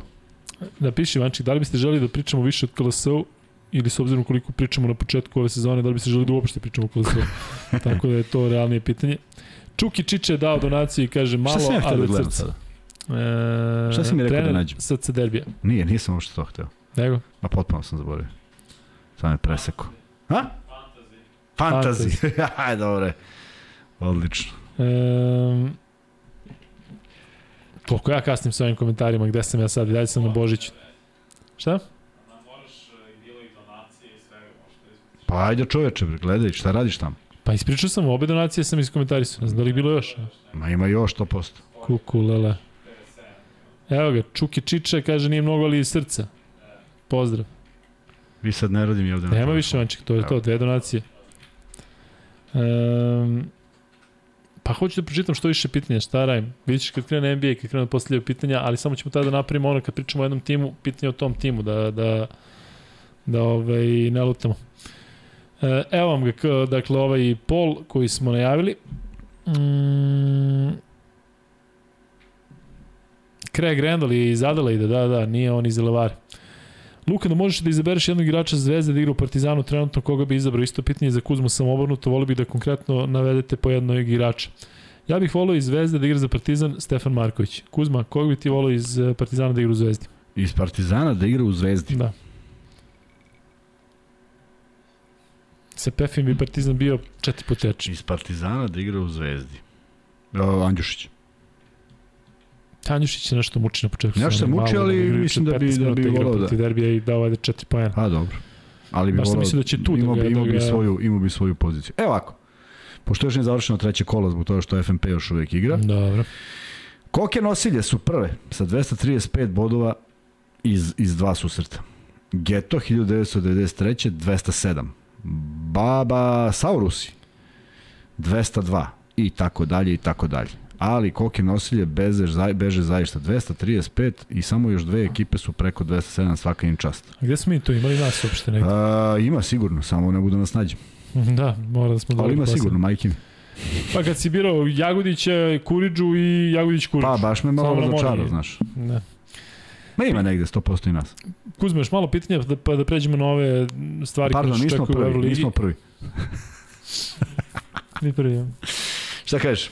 Pitanje za Kuzmu, kako je psihičko stanje ekipe trenera nakon potencijalnih 0-4 u Euroligi, što je nažalost skroz realno? Dakle, recimo, ako sad se izgube oba, meč, oba meča u Španiji ili Partizan izgubi od oba Italijana u Beogradu i dođe do 0-4, dakle, nije to nešto što će sad biti smak sveta, a delo je da nije toliko nerealno. Ajmo da, ajmo da ih da ih zamislimo te dve utakmice i dva poraza i da jedna i druga ekipa nešto što mislim da nije realno i ne želim da se desi, ali imaju 0-4. Vrlo je bitan način kako se gubi. Zvezda To za da sada, a naravno, Kako? Zvezda za sada ima dve dobre utakmice i činjenicu da nije imala koga da promeni. Partizan ima veći žal jer je imao dobijenu utakmicu. Partizan to, ako pobedi Armani, vratio je, jer možda koliko ne očekivamo da se savlada Armani, toliko je bilo neočekivano da se pobedi Baskoni, ali jedna od te dve neka, neka sine i već je drugačije. Koja im je četvrta utakmica? Kome? Partizanu, Armani i, Virtus. i Virtus. Dakle, u, u, opet u toj utakmici jedna od dve je već nešto dobro da, da, da, da, da za početak. Zašto? Ali način kako se igra. Uh, naravno da Vlada Jovanović i Željko Obradović kad odu u svoje slačionice pričaju šta im se dopada i šta im se ne dopada, nisam dovoljno možda kompetentan da pričam o tome. Ja mogu kažem šta se meni dopada ili ne dopada, ali i svake utakmice može se zvuče nešto dobro. Zvezda imala dobrih 38 minuta, Partizan imao dobrih 40 minuta. U prvoj utakmici Zvezda imala dobrih 33 minuta, Partizan nije imao dobrih 33 minuta u prvoj, ali uh, ta Alba u tom ritmu kad igra i kad su sveži i kad počne sezona lome bilo koga, svedoci smo da su prelomili i druge. Prema tome, ajde da vidimo kako će to da se odvija, ali ni 0-4 nije teška drama, nije prijatno, ali nije teška drama, jer uh, negde mora da se okrene i negde u nekom momentu će ti sastavi biti kompletni i valjda će onda igrati drugačije. Ako ni tada ne budu igrali drugačije, onda nema baš mnogo mnogo vajde. Pitaju te kako komentariš, pitaju nas, kako komentarišemo partiju Vukčevića? Pa, ovo što je postigao sada protiv studentskog centra. Da. Pa, on koristi svoje minute. On koristi lepo svoje minute, nameće se i... I jedini domaći igrač koji je dao pa košove protiv Baskona. Pa eto, i, i znaš šta, stvarno mi je bilo, stvarno mi je bilo čudno, on je tako sa jednim samopouzdanjem ušao protiv ovoga. Protiv Baskonije. I digo onu trojku sa 45 stepeni. Sad, koje su, koje su ideje i zamisli u odbrani, a da nije ispošto ne ulazim, ali malo ga je bilo na parketu. I generalno, ovaj, malo minuta provode na parketu, možda, možda postoji mogućnost za nešto više, ali kažem, to je stvar trenera i ne treba tu nešto mnogo, mnogo dodati, ali kažem, drago mi je kada on za ove minute iskoristi i sa, sav neki svoj potencijal i pokaže se da, da može da igra. Šta radi Trifunović? Isto nešto malo. Ne, možda pogledaš ja ovde imam milion ovde nekih pitanja, pa pitaju za Pešiće, pa pitaju za reprezentaciju, pa okolo, pa, da, pa kaže da je ovaj Kejkok. E, pa stalno komentariš Luku Božić i kažu da ima, da ima ugovor do nove godine i pitaju da li će dođu u Zvezdu ili pa, Partizan. Pa naravno da hoće, što da neće. Da, Rasel, Kapusta, Božić, svi su na meti Partizana i Zvezde. Mogu da vidiš Kuzma hrvatskog igrača u Zvezdi ili Partizanu? Zašto ne mogu? Pa zašto ih nije bilo do sada? Mislim da bi prihvatili? Pa ne znam zašto ih nije bilo. Možda nije bilo Sad sa ovom situacijom ja mislim političkom. Da ja mislim da je mogu. Posle svega onoga što se dešavalo sa Omićem i ostalo. Pa, pa znaš šta? Se da, pa, plašim se da kada ne bi bio Jordan, da bi bilo katastrofa. Ne znam, mene to ne mogu ti kažem da me dotiče i da mogu da razmišljam da. na taj način, a pošto ne razmišljam na taj način, to meni apsolutno predstavlja kao da bi u nekom drugom svetu da se dešava neko od mene. Momci, KK Beočina 3-0 u derbiju kola, pobjeda protiv KK Futuga 74-83. Ponovo jašemo je. Ponovo. E, može li čitanje tabele i u Euroligaškoj fantaziji, ELO fantaziji? Pa hoćemo, čitat ćemo, ali ne danas, zato što je sad slede, sledeće kolo. Možemo da to sačuvamo da. za drugi put. E, mnogo pitanja, mnogo svega i svačega. Ali, ali evo, hoćemo, hajde. ali ne mogu da se ne mogu da sa telefona, nemam, nemam šifru na telefonu. Vanček, stavi da vidimo kako je završeno ovaj pol oko KLS. Meni da da će biti nešto 50-50%, možda grešim.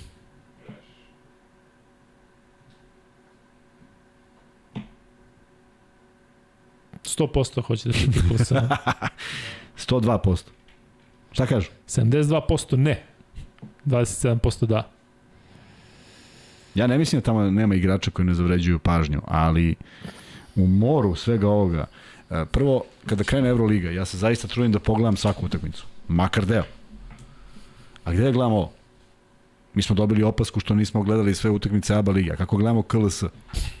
Časkom.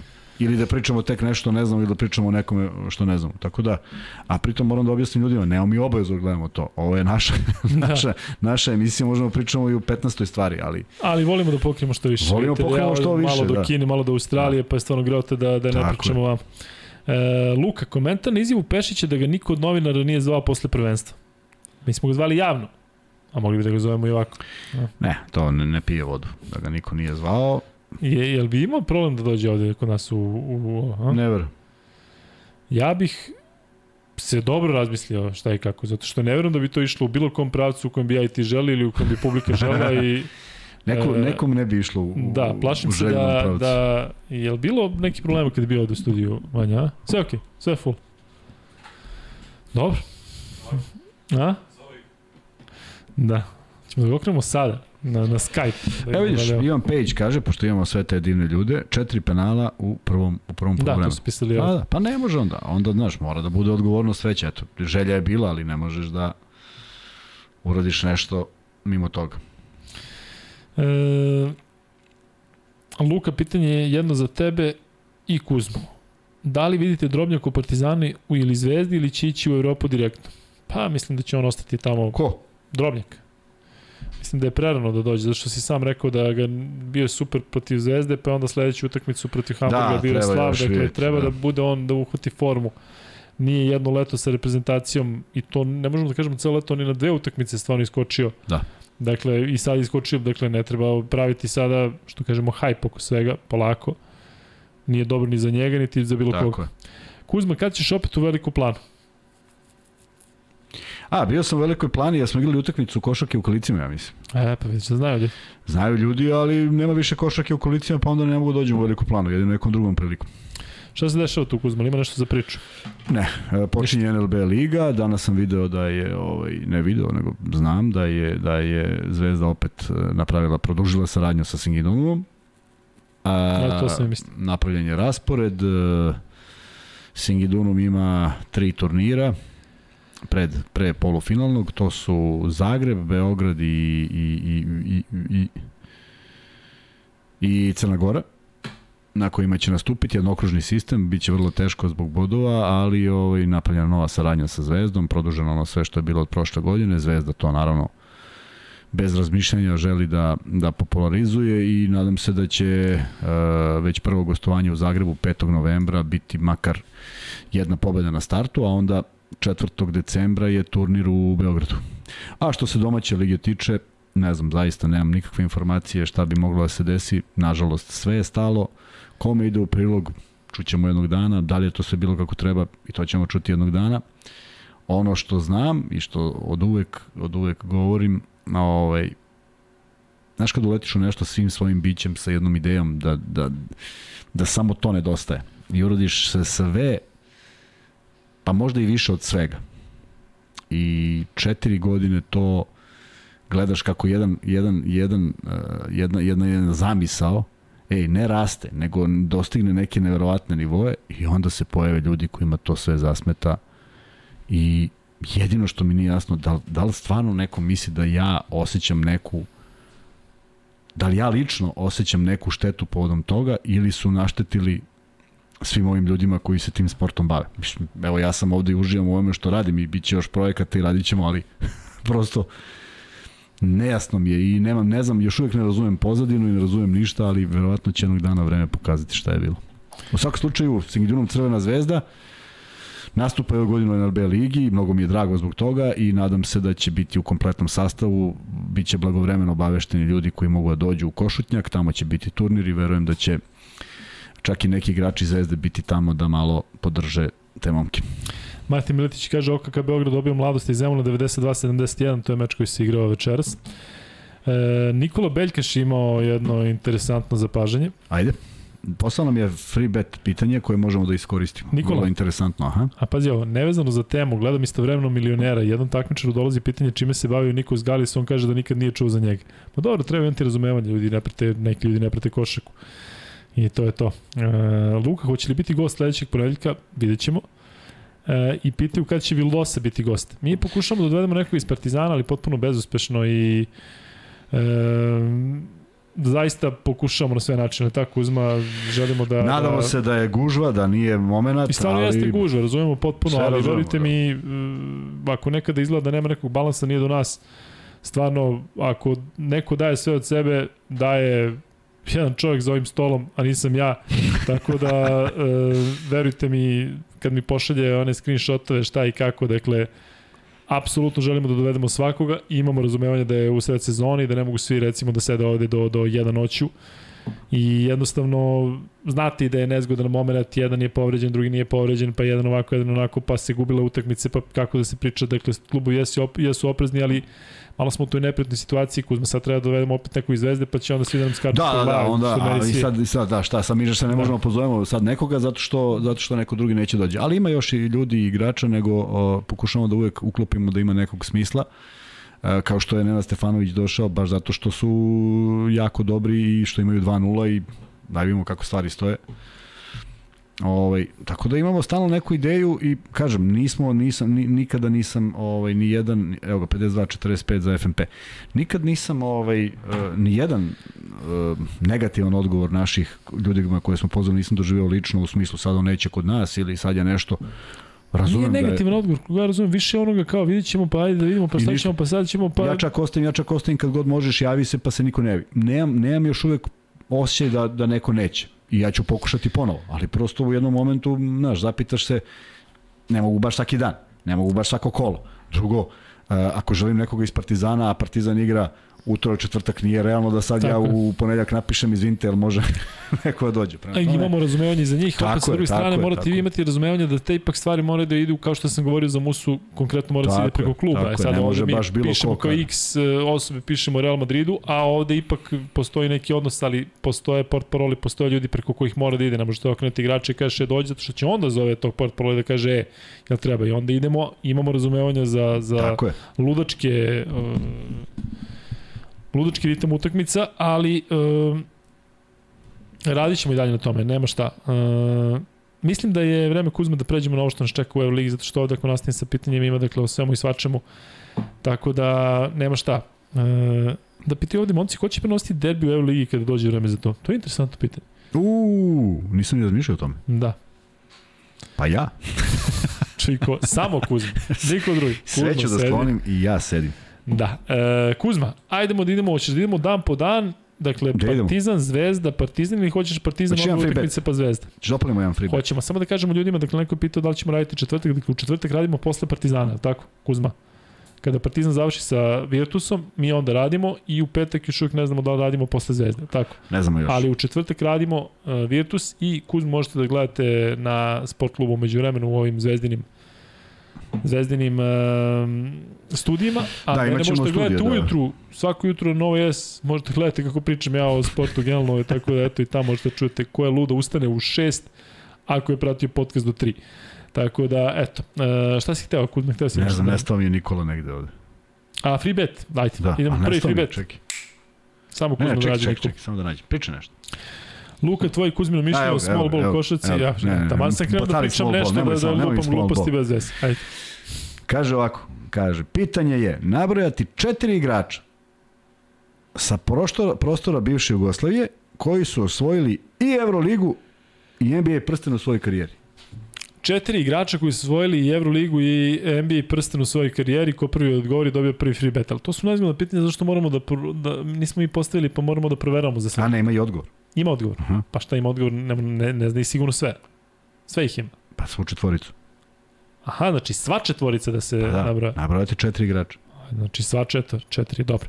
Četiri igrača nabrojite koji imaju i Euroligu i NBA. E sad ovo verujemo Nikoli Beljkašu da je istina. Da, ako, ako nije, ovde... svi, ko, svi, svi da se javite večeras Tako. Nikoli Beljkašu na 06 Dobro, dok to traje. E... Čekaj, čekamo odgovore. Pa čekaj, pričamo, šta ćemo da čekamo, gledamo u ekran. Tabak, Kukuč, dao si samo dva, El Mesija, Ajmo dalje. El Mesija. Kukuč, Rađe, Kuzmić, Tabak. Ne, nema Rađe. Pa nemoj pomagati se. Bjelica, Kuzma, Luka i Vanja. Nema Bjelica Euroligu. Kukuč, Rađe, Dražen, Tabak. Nije. Peđa, Bjelica, Kukuč, Tabak. Rekao sam ti da je kao. Kuzmić, Kukuč, Tabak, Bjelica. Nije. Miličić, Kuzmić, Bjelica, Nije. Stojaković. Kuzmić, Parker, Ginobili, Bjelica, Nije. pazi Parker. Kukuć, tabak, Bjelica, tabak. pa ne znam. tabak, tabak, tabak, tabak. A, ajde reci ti koji su, pa no, mislim, u stvari Kukuć, nema. tabak? Ne, u stvari nema, možda... Kukuć, tabak znaju. Vanja, vidiš ti tu. Kukuć, tabak, Bjelica, Kuzmić. Nije. Kako nije? Je li Kukuć uzo? Jeste Kukuć i tabak. tabak uzo? Da, ali pa, mislim da Bjelica nije. Bjelica nije, da. I Kuzmić jeste. Fali četvrti. Kukuč, Bjelica, Ginobili tabak. Bjelica, Kukuč, Kuzmić, tabak. Kuzmica, kako si me u kanali osvojen, znači znaš da treba da radim posle NBA još 16 sati. Pa čuti da ne izgleda tačno. Pa ne znam šta je tačno, evo izlazi Kukuč, Rađe, Jokić, Petrović. Miličić, Divac, Dražen, Paspalj. Bjelica, Kuzmić, tabak, Kukuč. Tabak, Kukuč jeste. Ma da li te Bjelicu vidiš? Tačno odgovor u, u, u moru ovoga. Ja, Johnny, šta si mi radio u kombinaciji sa ovim mojim Pajtosom Kuzmom. Kuzmić, Kukoč, Tabak, Bjelica. Miličić Kuzmić, Bjelica, Stojaković. Džinobili, Kukoč, Kuzmić, Tabak. Kuzmić, Parki, Džinobili, Bjelica. Kukoč, Tabak, Bjelica, Tabak. Nije rađeni Petrović. Kuzmić, Bjelica. Kukoč, Tabak. Kuzmić, Tabak. Kukoč, Dončić. Tinki Vinki, Tipsi Lava. Ovo je dobro. dobro. Kukoč, Tabal, Bjelica, Kuzmić. Ma tabal, nema Bjelica, ljudi, šta mi? Kukuč, Kuzmić, Rađa, Tabak. Nikad neće pogoditi. Jel Dobro. Kukuč, Kuzmić, Rađa, Tabak? Nije. Nije rađa. Tabak, Kukuč, Dino, Rađa, Danilović. Znači četvrtog se niko još nije... Kukuč, Tabak, Jarić, Kuzmić. Nije. Kukuč, Četvrt- Tabak, Kuzmić, Danilović. Ej, četvrtog još niko nije. Niko nije ga pomenuo. Kako si mi valio. Četiri igrača s prostora bivše Jugoslavije. Tabak, Kukuč, Kuzmić, Jarić. Ja Pa, sam nije tačno samo odgovorio. Merava mi Džaki kaže da je tačno odgovorio. Sad ću da nađem Merava mi Džaki, ako nisi tačno odgovorio, ide ban. Znači, ja sad vraćam ovde, samo da vidim da li si ti tačno odgovorio. Pa šta je rekao? Ne znam. ne mogu da ga nađem. Čekaj. Dobro, idemo dalje. Ajde, neko odgovori ko kada bude Ne stigao. možemo sad neko, neko, Pa gleda neko Vanja, odgovori. gleda Vanja.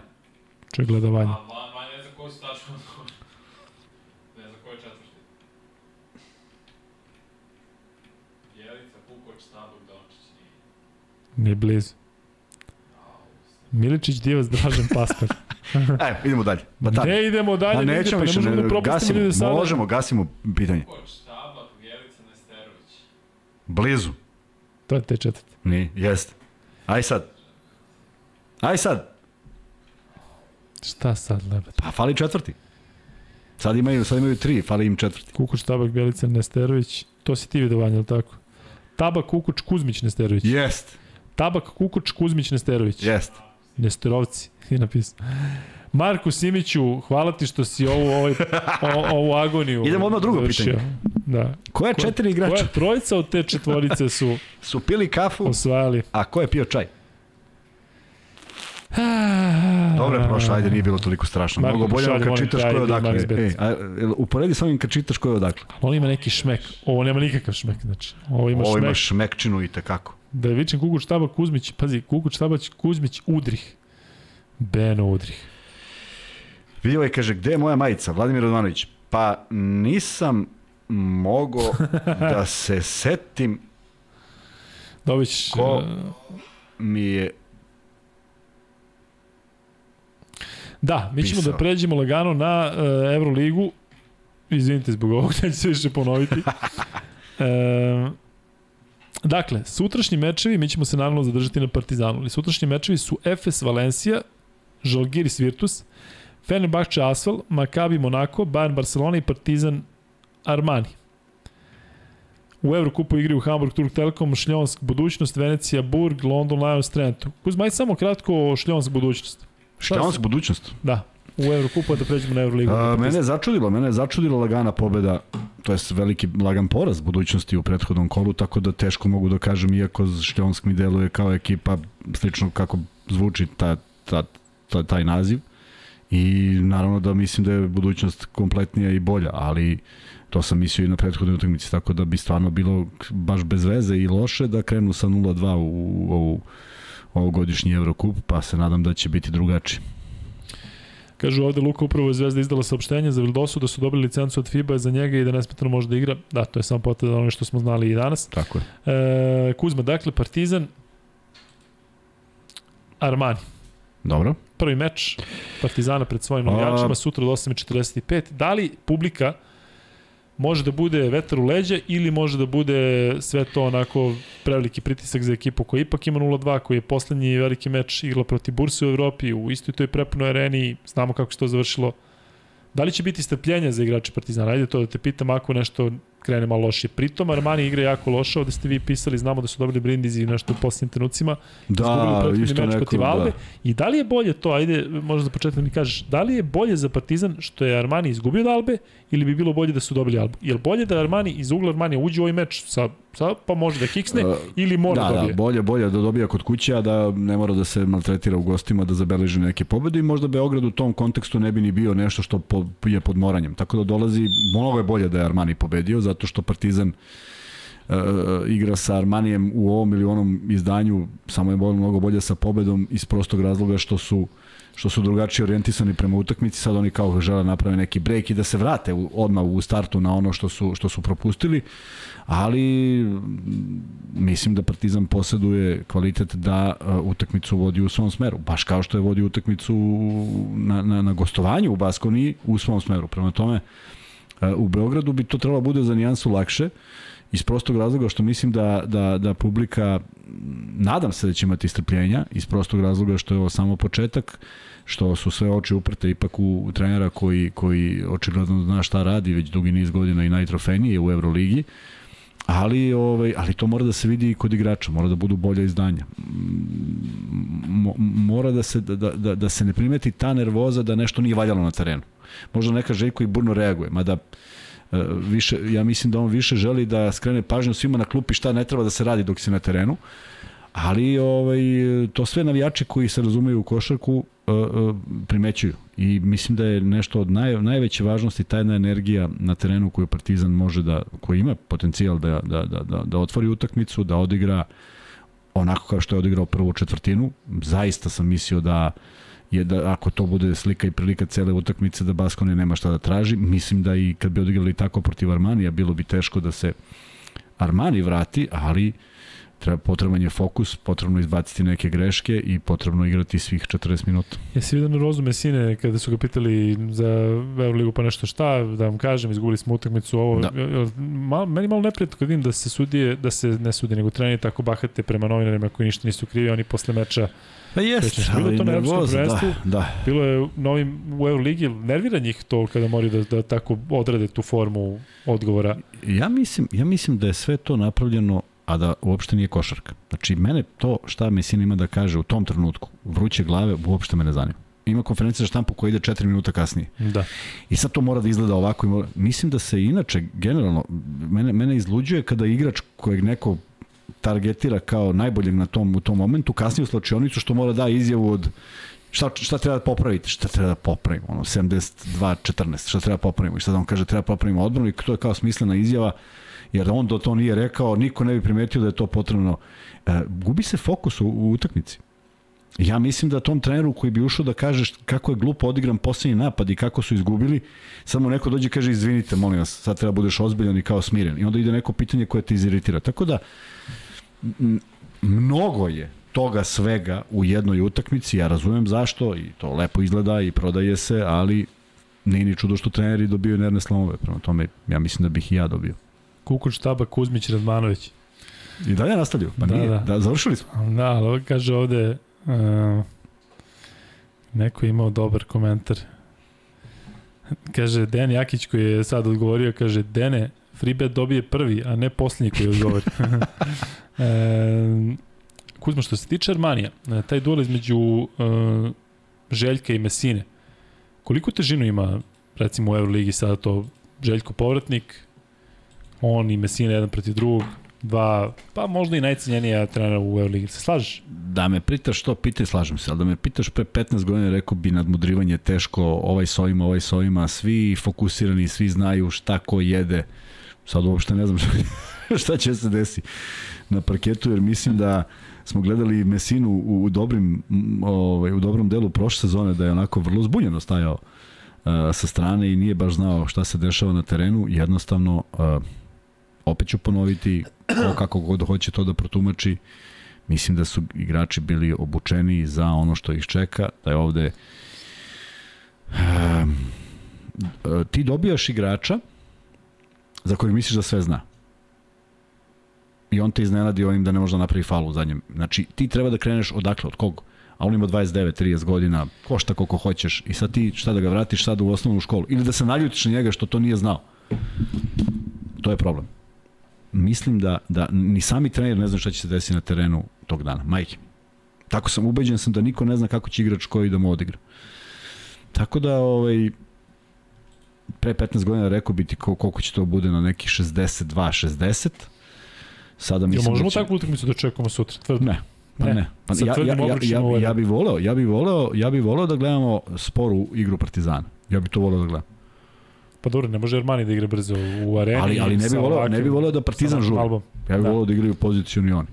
Baš kao što su igrali protiv Baskonije prvu četvrtinu. Ništa tu nije bilo ishitreno, ništa nije bilo u šestom sekundu, a onda je druga četvrtina kad su primili 30, baš sve bilo u, u šestom sekundu i to mi prosto ne ide u glavu. Zašto mora bude toliko različito? Mislim da je mogla bude drugačije i da bi išlo u korist Partizana. Um, Armani ima defanzivu odličnu, oni su mislim da prošle nije igrao godine- Beron sada protiv Brindisi gde fali nekoliko igrača, vidjet ćemo kako će to izgledati sada. Ako Beron bude igrao, on ima jedan dodatni motiv više, kao kada igraju svi igrači koji su nosili ovaj ili onaj dres. Misliš da se to kod njega ili kod bilo koga? sigurno, pa sigurno postoji, zato što, zato što on sad prima poruke ceo dan, znaš. A i sutra ćemo zviždati Pa, kada su, iđe pa, posebno pa, da, načina pa, da, kako pa, je da, titul pa, osnovne da, sve. da, da. Da, biće, biće zanimljivo definitivno. E, dakle, sutra u 20.45 igraju Partizan i Armani, pre toga još pet utakmica Euroligi, dakle prvo duplo kolo u Euroligi, uporedo se igraju utakmice Evrokupa, tako da je jedan vrlo, vrlo zanimljiv košarkaški dan, a pritom počinje i NBA Liga, ali tako, Vanja, NBA Liga počinje 18. po njihovom, 19. po našem, tako? Da. E, pričat ćemo uskoro o NBA Ligi, a što se tiče Partizana i Armanija, Ja sam siguran da će biti puna dvorana i bit će mi interesantno da imamo kako će odreagovati pojedinci iz redova Partizana. I ono što bih hteo Kuzma tebe da pitam, ko je lider Partizana u ovom trenutku? Ko je, dakle, prošle godine smo znali Kalinić, Kalinić, tako? Da. Pa imaš po, pojedine ekipe, mislim da ne dajem sad glupe, neke glupe primere, Jokić, Denver. Ne treba da bude toliko istaknuto. Ali ko je lider Partizana? Ja sam očekivao da će Andjušić možda bolje početi sezonu pa da će biti on. Panter je pošao loše šuterski i sada je bilo sve ovo što se dešavalo protiv Baskonije. Kome ono što ti voliš da kažeš ide lopta u ruke kad je potrebno to? Pa, e, definitivno Panteru. Ne zašto ja mislim da je definitivno Panteru, nego zato što se tako isprofilisalo. Bar ovu utakmicu i ovo što gledamo sa koliko samopouzdanja se on diže, čak i kad promašuje. Ali prosto e, mislim da ima da Naneli, Panter i Andjušić su vrlo sličnog profila. Plus minus kako će ko odigrati odbranu, čak mislim da tu nema neke velike razlike. Nikad mi nije delovalo da se Panter folira u odbrani ili da Naneli ne igra odbranu, tek za Andjušića ne mislim da samo statira. Prema tome mislim da su oni podjednako korektni u odbrani, a vrlo su slični da bi da bi ušli u igru e, način na koji ulaze. Nemaju ništa, ni jedan od njih nije baš profilisan da će ako ne uzima šuteve da baš asistira ili skače ili igra neku ludu defanzivu, nisu, nisu takvi. Tako da im dosta do samopouzdanja zavisi kroz šut. I onda imaš jednog koji je dobio kapitansku traku, verujem sa dosta razloga, ali se on i diže na šuteve sa dosta samopouzdanja. I ovu utakmicu koju je odigrao, ajde da ako ne uzme, baš ne, da ne mora da bude u 100% procentu sve je bilo manje više kako treba. Ali onda, onda to mora bude igrač koji donosi i ovu odluku. E, to mora bude neko ko je potpuno spreman na, i, i na jednoj strani terena na drugoj strani terena. E, ne mogu da znam šta se dešava na treninzima Partizana i kako to izgleda i ko tu Kolo vodi. Tako je, ali bi mislim da bi trebalo da, da, da, da se nađe čovek koji će u svakom trenutku, mislim, evo ti primer, e, zašto je tu Luč, Lučić u Bajanu? Zašto je najbolji? Ima sigurno boljih individualaca. Zato što je najviše nije, zato što je najlepši nije, zato što je bilo šta. Znači, neko ko, ko, ko, ko u svakom trenutku zna šta se dešava i zna čemu služi prigovor i zna kako da prigovori i ima to iskustvo, e, to treba naći. Ne znam koliko Panter, koliko, koliko, koliko mu to može odlači neku pažnju. Možda nikad nije bio u toj ulozi. E, Ja, na primjer, nikad nisam razmišljao da bi bio kapitan. Niti me neko postio da budem kapitan. Ali ti ljudi koji su bili kapiteni su znali šta treba da rade u određenom trenutku. Prema tome, mora postoji neka druga težina, to nije samo koš getarska. Čak mislim da taj ne treba bude opterećen da uđe u problem. Zavisi on uđe u problem sa sudijom i dobije, op, tehničku, a onu nikad luđem onom šutu, šta bi se onda desilo? Znaš, on došao prigovori sa punim pravom, a on baš njega pogodi i onda si u problemu. Tako da ne znam. Dušan Subotić je dao donaciju i kao i obično napiše isti komentar, ulepšavate svako veče. Hvala, Hvala Hvala Dušane. E, ja moram priznati da ja više volim u ovom trenutku kada lopta kod Egzuma ili kod Ledeja nego kod Pantera, zato što znamo da ima i traumatičnih događaja iz prošlosti kada on uzme loptu. Pa ne, drugo... nema što, nema što sada se menja, znaš. Ja razumem, sad ti govoriš zbog toga. I sad zamisli... Ne, znaš zbog čega? Zato što će Egzum neverovatno da krene na prodor. A Panter će da šutne preko ruke to sa da, šest ili to osam. se slažem. A šta će Lidej da uradi? Gde da primi loptu? Misliš ne, pod koš? ne, nemam problem kada on igra leđima, mnogo mi je draže kada on igra leđima nego Lesor. Njegov problem je što je pokazao nesigurnost u izvođenju slobodnih bacanja. Jest. Kao što da. je sad pitanje, znaš, kad Bentil odigra utakmicu i da x poena do poslednjeg bacanja, a to promaši, pa da li ponovo ići posljednji Da. napad na njega? Daj neko ko, ko će da da sigurno.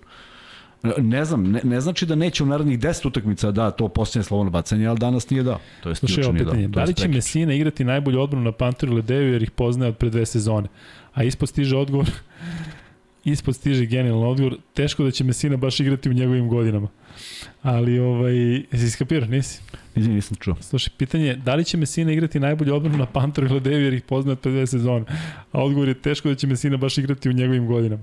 Ali, ovaj, e, da, da li to što poznaje dva jako bitni igrača je veliki plus za... za... A, jeste, sigurno nisu izmenili svoje navike, ni ovaj sad šutirao na jedan način, a ovako na drugi dobro ih poznaje. S druge strane, to može da bude mač sa dve oštrice, a ti dokažeš nekom nešto kakvi god su rastanci, uvek ima neko nešto da dokaže. Ne bih želeo da gledamo utakmicu u kojoj će Panter da nešto dokaže Armaniju ili Messini, već da se fokusira baš u ovom smeru u kojem se pričao da bude kapiten i da kapitenski vodi svoju ekipu, a ne da razmišlja o tome gde je nekad bio i da li su oni bili pošteni, fair i da li je sve to ispalo kako treba, nikog to više ne zanima.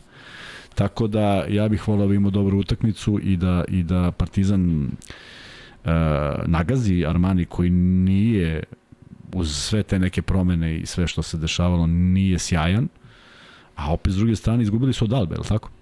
Da, da. Sad pa i Partizan izgubili od Albe, znači to sad ne znaš koliko je sad to, znaš, da. ne znaš da li je to sad... Alba, da, da. ozbiljno, mi smo da. njih nešto opisivali na početku. Pa ja se samo bojim da ne mogu da traju, zato što oni neće opet su igrali, opet su igrali u dobrim procentima, tako da vidjet ćemo. Um, A onda u sredu, smo, e, Partizan igra utorak. A tako je, pa onda u sredu igra Zvezda, pa, pa Partizan ponovo u četvrtak. Hoćeš da pričamo sad i o drugoj utakmici Partizana da idemo dan po dan da pa sad pređemo na Zvezdu? Ne, nemoj više, mislim, mnogo će biti da pričamo o ostalim utakmicama. Potpuno, kad je ovako kolo i kad imamo četiri utakmice Zvezde i Partizana, mislim, sad zamislimo ispričamo još od 30 utakmica. Ne, ne, nego mislim da pričamo o Partizanu posle Partizan Armani, da pričamo o Partizan Virtus, koji igra u četvrtak. Ne, idemo sad sredo, idemo sad idemo, sredo, pa ćemo dobro. pa da. E, slušaj, ovo, Kuzma veruje u pozicijenu igru sa najagresivnom mogućim odbranom, ali u ovom ritmu utakmice nemoguće je tako igrati što se videlo na primjeru Zvezde prošle godine, jednostavno ne možeš u svaka tri dana. Ili ima istine u tom? Ima, apsolutno ima istine, ali ne zaboravimo da je, na primjer, Aaron White, koji je neko ko može da povuče kontru, bio odsutan sa terena pa jedan Dobrić propustio početak sezone koji takođe može da povuče kontru. Pa Zvezda kad je mogla to da iskoristi, koristila. Ali kad uđe serija utakmica koje su biti ili ne biti, koje Zvezda mora da dobije i dobije ih na ovaj način, nema svežinu za petu utakmicu da sad te kontre budu i onda Zvezda u stvari igra ono što najbolje zna. I brani se u suštini jedino kako može. Dakle, ja, ja, ja bih voleo da ti imaš segmente da ti kad vidiš da je ekipa usporila ti nagaziš, ali to To mora bude tako koncipirana ekipa. Ne znači da to Ivanović ne može, ne znači da to ne može Vildosa, ne znači da to Holand ne može, apsolutno treba bude primer nečega. Ali sveti se prošle godine koliko je Holland slutao i koliko nije bio u pravoj formi. A on je bio neko ko to može da uradi. Dakle, apsolutno bi Zvezda koristila sve te preispozicije da su igrači bili na raspolaganju. Šta Ili makar da su bili u formi koliko Vramović može da pomogne svom odbranom u prvoj liniji, da li je to ono što fali? Definitivno fali On svakoj ekipi. može i ne a, samo... I da to, ali znaš šta je, mislim da je jako bitno? Da to bude nešto na što će on da troši najviše energije. Defanzivno defanzivno sa svojim lucidnim potezima kad on može da u seriju od 3-4 minuta da 10 pojena bez Jest, problema. Ali od njega očekivati da 35 minuta ne. igra u Euroligi ne jednako možeš, dobro pa ne možeš, napad je pa ne može. Ne može, ne može niko, Još ne rukom tako, posle svega. Pitanje je koliko će biti potrebno Zato da, samo da oprezno i sa njegovim povratkom u smislu da neće taj dečko biti na ne znam kakvom Ma, nivou. Tu je, tu je ozbiljan problem što ti je ta ruka koja god daje. Ta tako. ruka je uvek u pokretu da se braniš od bloka. To će biti udaraca na to mesto koliko hoćeš. Zato se i vodi računa da se on ne vrati pre nego što to sve da. Sraste. Da. E, dobro, ajde da pređemo na sledeći dan i na e, utakmicu koja Zvezda igra u sredu. Ja ću samo da napomenem da se tog dana u Euroligi, odnosno u okviru tog drugog dela trećeg mm -hmm. kola igraš dve utakmice, da Alba dočekuje Panathinaikos, a da Real igra protiv Olimpijakosa. Mislim da taj meč ja prenosim tako da onda u sredu neću moći da gledam Zvezdu celu. E, Baskonija, Crvena zvezda, Kuzma, e, da li će Vildosa igrati u Španiji, pitaju određeni ljudi, ili on sme sada, ili prerano možda... E, to, ček... to je pitanje, on ide sa ekipom, to znam. To smo čuli, ali da li on, no. da li možda i da može, da li je prerano? A, Koliko je mogu da ima on treninga, ako je došao danas? Ovdje ima jedan trening. Ako je danas potpuno sa ekipom. Pa sutra ima, sutra već to je dovoljno. Da, tako? Sutra će imati trening, imaće taj prepodne, verovatno kad stignu. Uh, vidi, tu, tu se ide na najveću moguću jednostavnost. Čak, čak ako je u dobroj formi, a kaže, kaže Vanja, si ti rekao Vanja da igra? Nije. Neko mi je rekao da je igrao pre 20 dana, Kako pre nas je 4 dana. Vanja pogledao, nije Kako Vanja nas je rekao. pogledao, da. zaspo čovjek. Da, Ko veli šta mene pitate. da, da. Ovaj, mislim da je igrao pre 4-5 dana sa nekim učinkom kakav god daje u NBA, dakle on nije fizički van, van svega toga, ali možda mu dati neku blažu ulogu. Možda igrati sa, u kombinaciji sa playmakerom, pa onda bude taj koji igra na dva, da vidimo iz tih minijatura šta može da uradi. Nije to njemu strano. Prema tome, zašto da ne probati? Mislim da bi bilo zgodno da bude u sastavu, ne očekivati neko ludilo, ali to može da proradi. Naravno što igraš to protiv svog bivšeg kluba. Opet dolazimo na ono da imamo koliko je zreo. Da li će on sad hteti, posle svih ovih natpisa, da neko tu jeste kriv u svom tom, znaš, neko je tu povukao neki loš potez. Da, on tu de, definitivno ima neki, neku emociju da, prema nekom da, ili pa nekom, ćemo vidjeti da. da li je, da li se, da li je isplativo da, da probaju ili će to bude neko ludilo, ali svakako taj, taj tip igrača u ovom trenutku u Zvezdi treba i ne bi me čudilo da bude na terenu. Na račun koga će igrati Vildos? Na račun čije minutaže? Pa Ivanovića, Topi, ne, Topić nije igrao, Topić nije igrao prošlu utakmicu. Pa verujem da će on biti isto putnik, ali da bi mogao vrlo lako zameni njega zbog toga što mu ipak treba ta, ta visina i sve to. Ali na terenu, recimo, čak je bilo pitanje da li dolazak Vildose znači da se nadam se više ne računa u toj meri ili ne. Ne mora da znači da se I ne pitanje računa. evo za tebe, da li bi Vildosa došao da je Adams Ne, stavljao po 30? ne bi sigurno, Ja, ne bi sigurno. Pa naravno. Pa to je to je to je ta mala panika koja nastane kad ti vidiš da nešto e, reći ti šta mislim da je problem i to sam već rekao pa ću se možda ponoviti. Nije problem što Adams nije u nekoj formi košgeterskoj pa nešto nema poena, nego nema ni pokušaja. Ja ti garantujem da je on na dve utakmice Evrolige uzeo po 10-12 šuteva sa procentom od 3 od 12. Da bi javnost, da bi trener rekli ok, ovo ima smisla, jesi dobro dakle uzimao šute, doći će taj šut.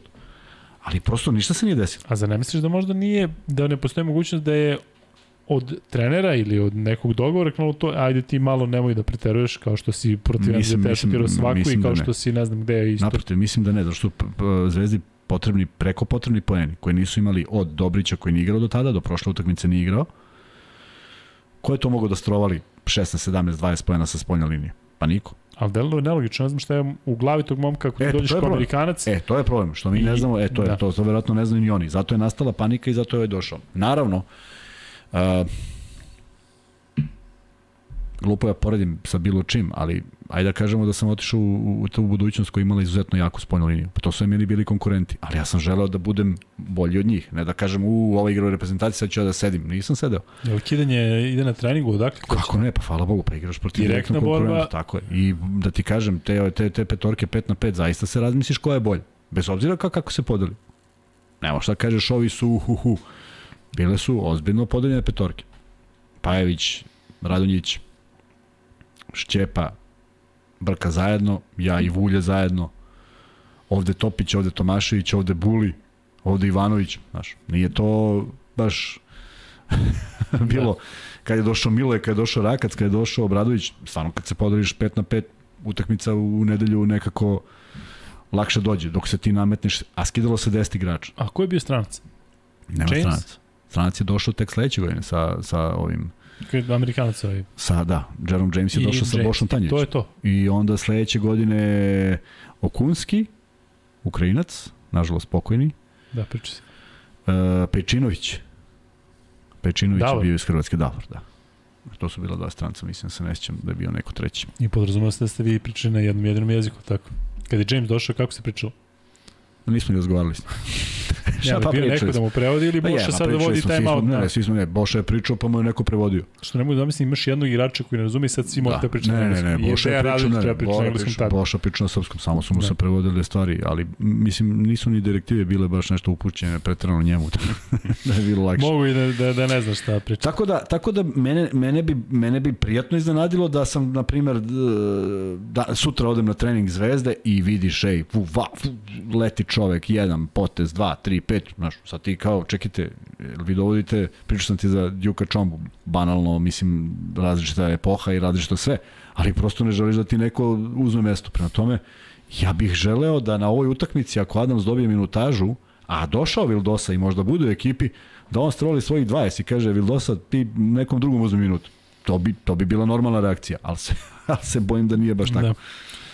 E, još malo oko tog meča između Zvezde i Baskonije, koliko e, Koliko Zvezdi znači to što je Partizan igra protiv Baskonije?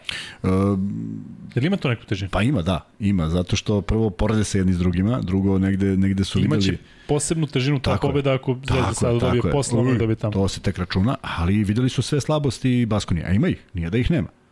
Dakle, ovaj, ova utakmica nije poraz Partizana, nego izgubljeno, izgubljena dobina utakmica. Ne samo što je Bar- Baskonija nije bila bolja, ni u jednom segmentu nije bila bolja, samo je samo te neke konfuzne odluke na kraju.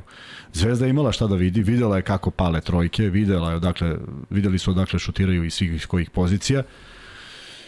E, sad to ne bi trebalo bude iznenađenje, ali mislim da znaju kako da neutrališu i u krajnjem slučaju iz tog još jednog dodatnog razloga taj niski je vrlo bitan. I negde kada gledam ove dve utakmice, pa i četiri ukupno koje je Zvezda odigrala, mnogo se više očekuje od Holanda. I defanzivno i ofanzivno. Ajde, ofanzivno ubacio je po 10 poena ovamo onamo, ali defanzivno to ne sme da bude da, da mu je neko prošao ili da mu se neko, da mu je neko lak poen dao. Tako da, nažalost,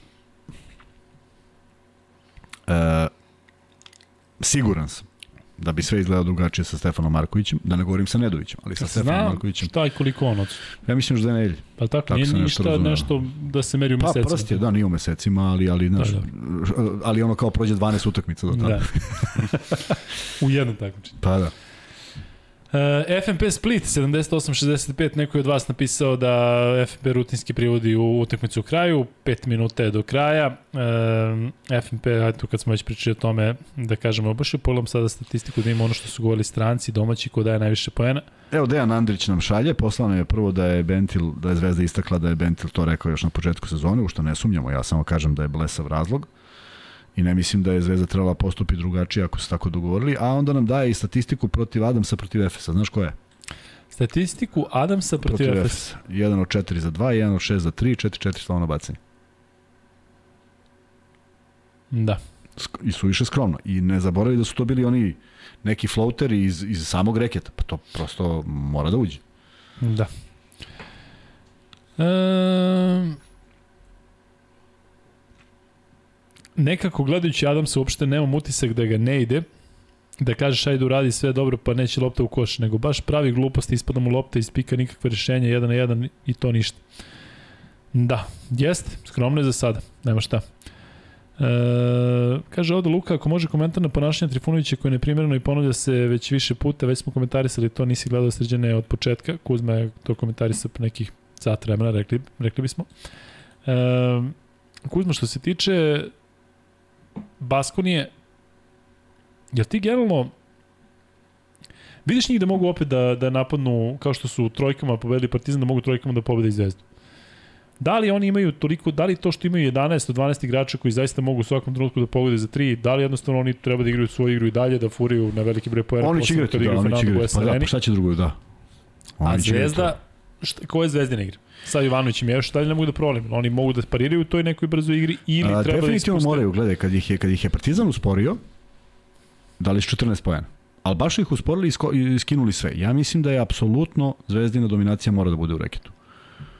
Iako je, na primjer, bilo interesantno i potpuno mi je onako neverovatno da Petrušev ima, ima nijedan skok. Ali ima fantastičnu rampu u onom momentu kada se lomio rezultat, tako da a, dakle, Petrušev, Mitrović, Bentil, Martin, koga još tu ima? Raduljica. Raduljica, pa to mora poskidaju sve. Moraju, prosto ne sme da se da. E, Mitrović. Mitrović, pa to je, to je šest igrača i još Kuzmić, i još Kuzmić, da. Još znači, oni bez onog Inoka koji je tu nešto bio zadužen za To mora bude zatvoreno. E, oni će igrati ono što igraju. E, Ali nekako sa, sa tim ljudima koji govoriš iz Zvezda zato je reket neko delo da stvarno tu može da bude mnogo izlaznih pasova i da će da i pljušte biće, trojke. I biće. A tu treba bude rotacija. Znači, ipak treba da se vodi računa o 1 na 1. Uh, uh, nemam problem kad Gedreitis da trojku, jer mu je to osnovno oružje. Ali ako on prodre, obiđe svog čoveka do koša, još asistira ispod i, iza troj, leđa trojice igrača, to stvarno nije normalno. Nije normalno prvo što šutira 50% slobodna bacanja, pa je mogo neko da ga, da ga već faulira, a drugo, veliki je za prodor. On je ogroman čovjek koji se vrlo redko odlučuje, nego njega kada, kada sateraš da, da mu ne ide šut, onda on proba nešto drugo. Probaće i sada. I moraju da manje rotiraju igrači, to je ono što je bila boljka zvezda u jednom periodu i prošle sezone. Mnogo je bilo rotacije. Mora se svede na 1 na 1 i da ne idu duboko u rotaciju koliko god to bilo teško. Ali reket mora da bude rizičan u smislu, ok, rizikujemo prodor, jer dole stoje neki tornjevi. Je tako? Pa ideš na tu varijantu, pa neka bacaju flotere. Nisu oni navikli da tako daju. Nije ni Marinković navikao da iz nekih flotera daje. On može da naskoči na dva. Ali na ulaz, kad ideš posle, pored tri visoka, nije to ba... Seti se ko, kakav je koš dao, koji je Baskoni mnogo značio. To je to, to da ponovo izbaci tako loptu nemoguće, jer je, jer je reket bio popunjen. Dakle, hajde nek nateraju igrače da polažu, pa da im kako će to izgleda protiv svih. Pritom Raduljica opasno onako ludo deluje, ja mislim da pored njega više niko ne može da prođe. U smislu, vratit će sve koga treba, samo da ga ne obiđe. Ovaj, tako da imaju tu snagu u reketu, Bentil koji ima dobar osjećaj za skok, Bentil koji mora da pravi razliku u reketu, napadačkom. Pa pa Jani se izbacio jednom u orbitu, posle ga je provalio, ali to mora budu poeni koji su sigurni. Martin je izuzetno siguran ispod koša. Petrušev odličan, prema tome tu mora da bude napad zvezde i da se vodi računa pre svega na individualnu odbranu. I u krajnjem slučaju bila neka glupa odbrana koja se zvala usmeravanje u aut. Pa valjda je lakše kad znaš da će ići u jednu stranu nego da baš možete prođe u oba. Nekako mi deluje da, da potpuno izaberu ovaj, s koje god će strane obiđu. Tako da sve je stvar dogovora i neke ozbiljne želje mislim da Zvezda ima i da zna šta može dobije ovom utakmicom, a mislim da su uspeli baš zbog toga što su gledali i Partizan i Baskoniju da vide loše strane Baskoni. Da. E, toliko što se tiče, ajde samo za kraj da te pitam, e, da li onakav Howard, koji je igrao protiv Partizana, za koliko smo videli prvi put šta može u Evropi i koliko je opasan, da li je nekako smisleno rešenje i jedino logično da puštaš da ga Lazić juri sve vreme kada u igri? Koga? Lazić, Howard. Ne, Howarda treba čuva neko viši. Više od Lazića. Više od Lazića. I da rizikuje Ali ne da mu neko da ga non stop pritiska da ovaj ne može da više. Da ga pritiska ako može, čim dođe prvi. Ali ne vidiš Lazića recimo, ne? Uh, vidim ali, ali uh, vidim Lazića. Vidim Lazića i vidim bilo koga ko neće da se odvoji od Howarda. Ako to uopšte postoji u savremenoj košarci, delo mi da ne postoji. Pa ne znam da nije to Lazić, meni Lazić odmah pada Jeste, ali da se apsolutno, da Adams ali apsolutno se ne odvoji. Dakle, on ima direktivu da gde je Howard, tu je i on, i njemu lopta leti iza leđa i pogađa ga u potiljak, njega baš briga, on gleda Howarda. To je jedan od načina, a drugi, da se rizikuje sa prodorom, pošto je Howard ipak šutnuo, sedam trojki pogodio. Ne znam koliko je dvojki dao, ali mislim da manje bole sedam dvojki nego sedam trojki za čitavih sedam pojena. tome, neka ide na prodor, neka baca flotere, Uh, apsolutni fokus, a mislim da mu ne prija više igrač, ali više igrač koji zna da igra odbranu, ne da ga baci uh, i, i kažem, da rizikuje prodor. Dakle, da mu bude suviše blizu, ne ovaj kada napravi fintu, ovaj ode dva koraka nazad jer to on i želi. U krajnjem slučaju tako i tu posljednju trojku dao. Bolje da išao na prodor. Bolje da mu je neko makar izašao pa nek ide na prodor da ima šta će da se desi. Pa nek bude nerešeno. No, pa ne može bude nerešeno, ne može bude ni nerešeno. Pa gluposti, šta priča. Nek bude nerešeno. A da. E, Imao sam još jedno pitanje u vezi za Ajde, Baskoni, ali sam zaboravio sada. Neko moje pitanje. Vjerojatno razmišljam ja previše ovaj, Evo, da pozdravimo, da pozdravimo Marfi Bar, Marfi Pub u Leskovcu. Pozdravljaju nas. Pozdravljamo i mi. Gleda se gleda tamo. Se, nadajmo se da, da gledaju tamo. Da, inače Kuzma stavio na Instagram, tako, stavio si ono naše goste koji se vrtu krug, to i dalje na tom story ili gde? Na story? A, da. E, dobro, Pogledajte, možete vidite. nije na storiju, na Reelsu, na Reelsu. Šta je Reels? Nemam pojma, nešto piše, hoćete Reels, ja stavio oću da. i otišlo. e, Luka kaže Kuzmi da Bentil ne igra da je otišao na svadbu, pa je da se vratio. Pa jel koliko ostaje na svadbi? Ne, ali stvarno, je ovo, taj njegov olazak treba da utiče na minutažu, ne kao kazna, nego kao neko ko ipak nije bio sa ekipom dva dana i koji je propustio treninge. Ne, on stvarno neće biti tamo u, u sastavu. Ne znam, Pa zar nije završena ta svadba? Pa možda tri dana slave ko... Možda, ovdje, možda naš... i mesec dana slave, sad ćemo saznamo. Da, vidjet ćemo. E, u svakom slučaju što se tiče Bentila, bit će interesantno da vidimo da li će igrati, pa će biti interesantno da vidimo kako će igrati. A ovde pitaju za Dalibor Ilića, da ne pominjem uopšte njega. A, pa Neko delo da je on malo u celoj toj zbrci, odnosno mnogo visokih igrača, da je on tu neko ko će ipak da bude skrajnut. Vidi ovako, ja ja zaista prosto e, taj dečko znam ga od kad je bio stano kad je ušao u 16 i negde smo imali ozbiljno ozbiljnu inicijativu i uradili mnogo toga da se on pojavi u toj reprezentaciji tako da smo provalili već tada kakav kakav potencijal ali Uh, takođe znam i Vlado Jovanovića da nije čovek koji bi nekog izbacio a priori samo zato što je velika gužva pa će on nekoga. Mislim da uh, treba da ispuni neke zahteve koji su pred njim. Kaže Dalibor, odnosno kaže Ristić Jovan da je Dalibor povređen trenutno. Ne mislim da je povređen. Bio danas na treningu. Mislim, okay, svi, pa, tako mi delo. Ne, ni važno. Znači, ću kažem sad u jednoj toj, u jednoj toj u jednom tom velikom broju igrača, stvarno treba tražiš svoju šansu. Što znači da na treningu treba ispunjavaš, ispunjavaš određene zahteve. I mi ubeđen sam da ako, ako ih on radi i bude naučio neke stvari koje su mu sigurno potrebne iz prelaska iz jednog ušuškanog kluba, ne zaboravi da je on bio domaći igrač tamo i da je da sigurno postoji mesto za nap, mnogo mesta za napredak, a dolazi kod trenera koji od njega hoće da izvuče nešto i da sigurno bude jedan od igrača koji je bitan. Samo treba prođe malo vremena da se u, uklopi, da pruži svoj maksimum, da ne bude da je i dalje neko ko je ko je mladi potencijalan, nego da bude da bude konkretan. Da. E... Sa žaljenjem kad pričamo o njemu moram da konstatujem opet jedan loš učinak Boriš Simanjića za 18 minuta jedna dvojka, jedna trojka, tako nešto. To je sve što sve ostalo I pritom Saragosa gubi. Neverovatno. Da, toliko što se tiče Zvezde i uh, drugi zvezdni meč između, odnosno Zvezde kada go bude gostovala Realu, to ćemo da to ćemo da radimo u četvrtak, tako da, je da. to... Ali ćemo za četvrtak da najavimo i drugu utakmicu, Partizana. Kako misliš? Pa najavljamo. Sada? Pa da. Pa da, da. Pa da. Ali Kuzma, koliko uopšte ima smisla najavljivati to kada znamo da će sve u tom meču zavisiti od toga kako će Partizan igrati, da li će pobediti ili ne? Pa daš u kom smislu? Pričamo sad malo o ekipi ne pričamo o Partizanu, naravno da će mnogo uticati, ali ne možemo da ne pričamo o očekivanju rezultata, nego šta ih čeka, kako ekipa ih čeka. S kim si rekao da igraju? Virtus. Ovaj čeka ih, čeka ih ekipa koja je jedva čekala da se vrati u Euroligu, baš kao i Partizan. Uh, jedan grad sa ogromnom tradicijom, sa dva fantastična kluba ono vreme, ko ne zna neka iz Google i neka malo pogleda imena koje su igrala. I mnogo mi je žao, mnogo mi je žao, mi smo upali u grupu sa, sa Pafom, a nismo sa Kinderom ili već tako nešto. U svakom slučaju nismo se sreli sa Danilovićem, a jesmo sa Carltonom Myersom koji je bio isto ikona istog grada. Ko je bio tada u Pafu? Bio Fučka? U Pafu, ne, bio Stojko Vranković, to se sećam. A ostalih stvarno ne. Ja gledao sam da ide ovaj pa išao ja za njim, tako da ne znam ko, ko je bio drugih ali to se lako proveri. U svakom slučaju, ovaj, e, e, dva kluba Izvini, molim sa... te, potpuna digresija, pa ćemo se vratiti. Si igrao protiv Konada Mekreja pokojnog? Ne. Nisi? Mm. Možda si igrao da ne znaš? Možda mm. jesam. Gde? Pa u Turskoj bio, ali samo setim sada kad je bio u Feneru. Sa Zvezdom smo imali puno onih, ne, nisam protiv Fenera igrao uopšte. Pričam Jermal Kučo o tome koliko mu je teško palo i da je ovaj nešto da ga udarila srčka kad išao na polaganje na levo, na, na zagrevanju za Magic. Nebitno. Uh, ajde da se vratimo na Partizan i Virtus. Dakle, prvo imamo Željka protiv Mesine, pa zatim Željko protiv Skariola. Uh, da. Pazi, da počnemo jednim totalno levim pitanjem. Da li misliš da će veći zvižduk dobiti Teodosić ili Beron? Koga Partizanu Mislim da će biti Hor, biće to Hor. Biće, da, da, da, Hor će Ali biti. bez, mislim, neka vrsta besa postoji i prema jednom i prema drugom, a?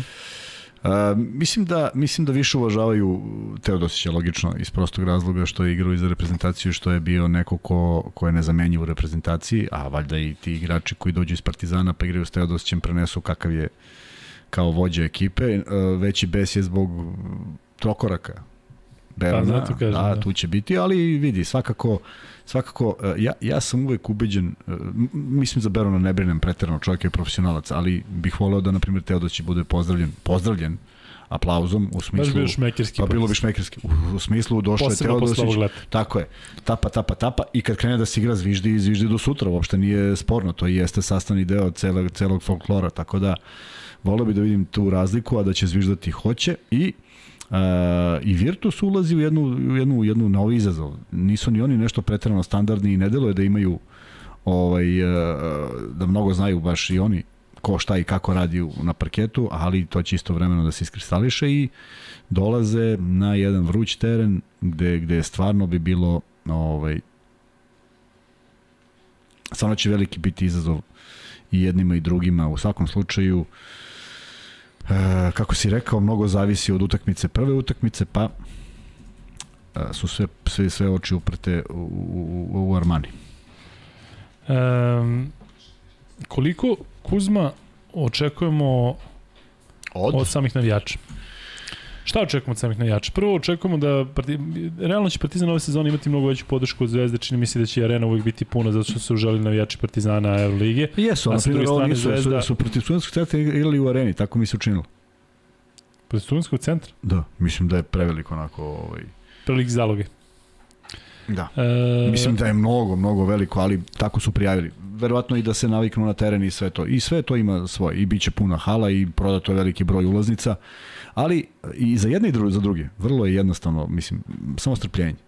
Jer ob, oba tima su nova, nisu još svi uigrani, a ako žele svom timu najbolje, može stvarno da dođe do tog nekog preokreta, može da, da se slože kockice, pre ili kasnije moraju da se slože. Ne, ne verujem da, da neko razmišlja da su ovi igrači koji su dovedeni promašaj. Ne mogu, mo- može se desi da neko ne može da se sastavi, ali ne može gener, da se generalizuje da to bude takva sezona. Prema tome, samo malo strpljenja. Ja verujem da posle ove izgubljene utakmice protiv Baskonije niko ne želi približno sličan scenario, da moraju da iđu fokusirani, da moraju da slušaju šta im kaže Obradović i kad ne čuju i kad je galama, a bit će galama, prosto to, to uh, znaš, izoluješ taj zvuk. Pa kako čuješ sa igrača? Pa zašto mu prepoznaješ glas? Mogu, mogu, može 6000 ljudi da viče leđa, leđa, ali ne reaguješ, on kaže leđa, ne mora ni da se dere.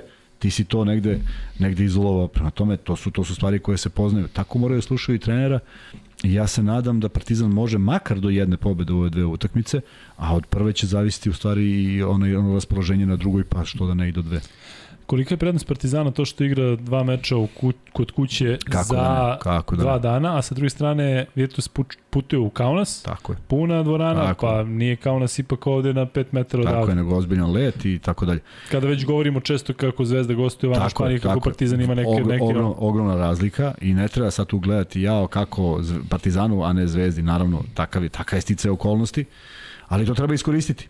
I onog momenta kad Zvezdi se tako nešto bude otvorilo, daj Bože da mogu da iskoriste, ali to je možda moment kada će svi biti u igrani. Uh, uh, ne bi trebalo da Partizan poremeti ako ne dođe do dve pobede, da se razumemo.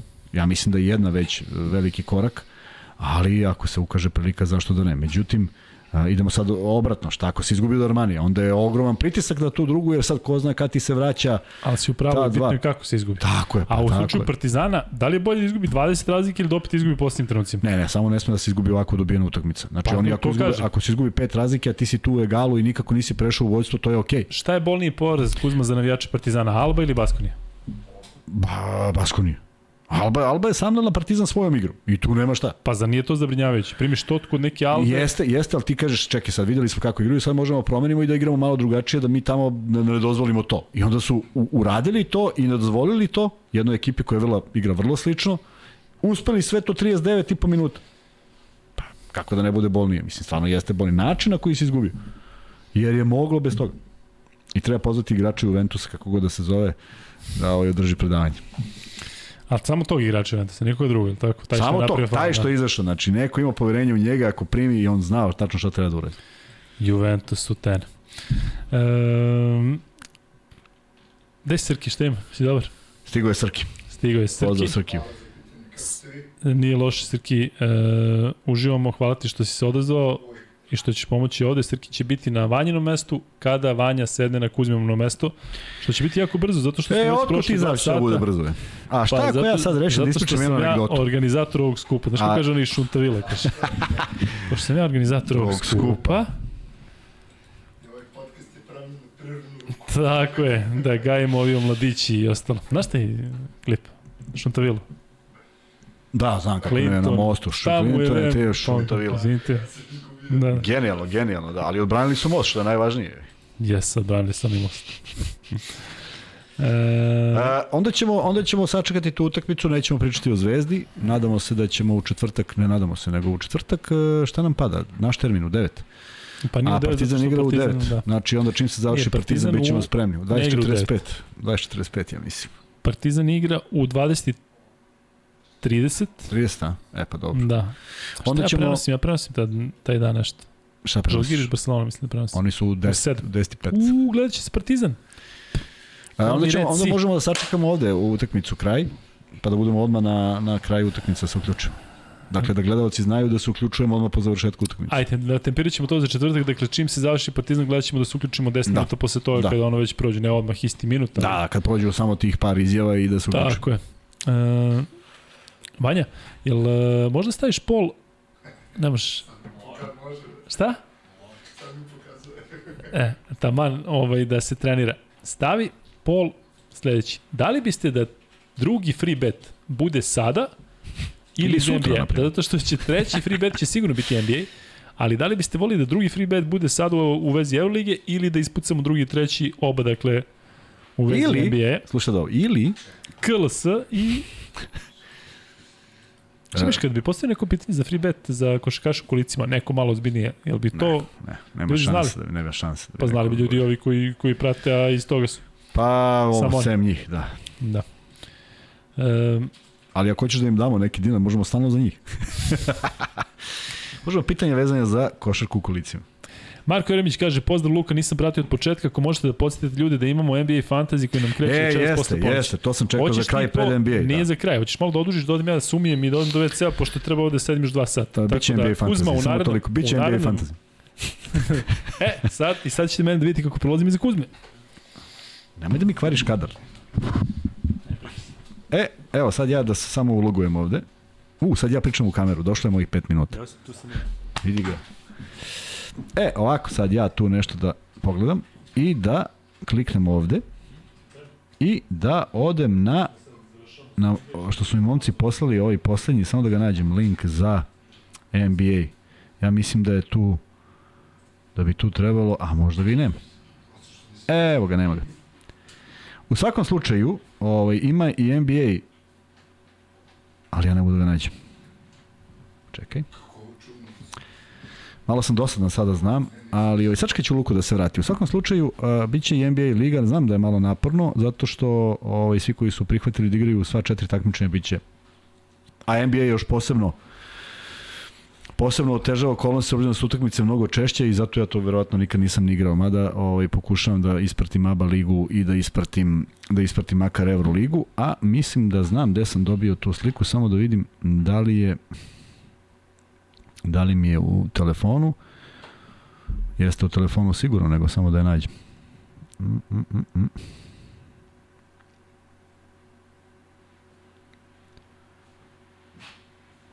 Evo ga.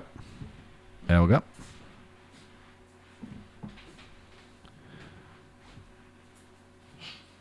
Evo ga. E, a loša mi je nešto rezolucija. Zašto mi je loša ovako rezolucija? Uskoro nam kreće NBA Fantasy način da kako ima kod nas... E, pro, pro, otiđite, da, otiđite na Luka i Kuzma Fantasy i imate sve u istaknutim pričama objašnjeno. Eto, to, to je bila ideja i to je želja, tako da na Luka i Kuzma fantaziju se nalazi sva upustva i za NBA, a ja ću ako budem dobio da podelim u svoje priče, ako me slušaju momci iz ovaj iz fantazija, nek mi pošalju još jednom da objavim u priči direktno pa da i to bude kod nas. A kad dođe Luka imam jedno pitanje za njega. Tako da, eto, igra se i NBA, koga zanima može da se pridruži, a obećavam da ćemo ovaj, u četvrtak kada se budemo našli ponovo da pričamo i o najboljim ekipama a, Evroligaškog fantazija i o kome se radi. I eto, to je to. Sad bi ja želeo da se Luka vrati, pošto više nemam ideju šta bih pričao. Osim da vam pričam nešto iz BFC, ako želite, ali čak nemam ni pitanja ispred sebe, pa da znam šta želite. Winston Ljubo Liga, da. Ali evo jedno free bet, free bet pitanje. E, sad jedno iznenađenje za sve. Šta radiš? Mašeš neče? Šta radim? Stavio mi nešto iznad glave, a? Ja... Svi kako bez mene, a? Ja, e, mnogo je dobro. E, sad je iznenađenje za Luku koji nije bio tu. Pa i sad ovo. Ja sebi sipam vodu. Vrati se da vidiš, ovo je vrlo bitno. Bitnije nego voda. Vanja, evo ti jedna slika da je, da je okačiš. Ovaj, poslam ti sliku, Vanja. E!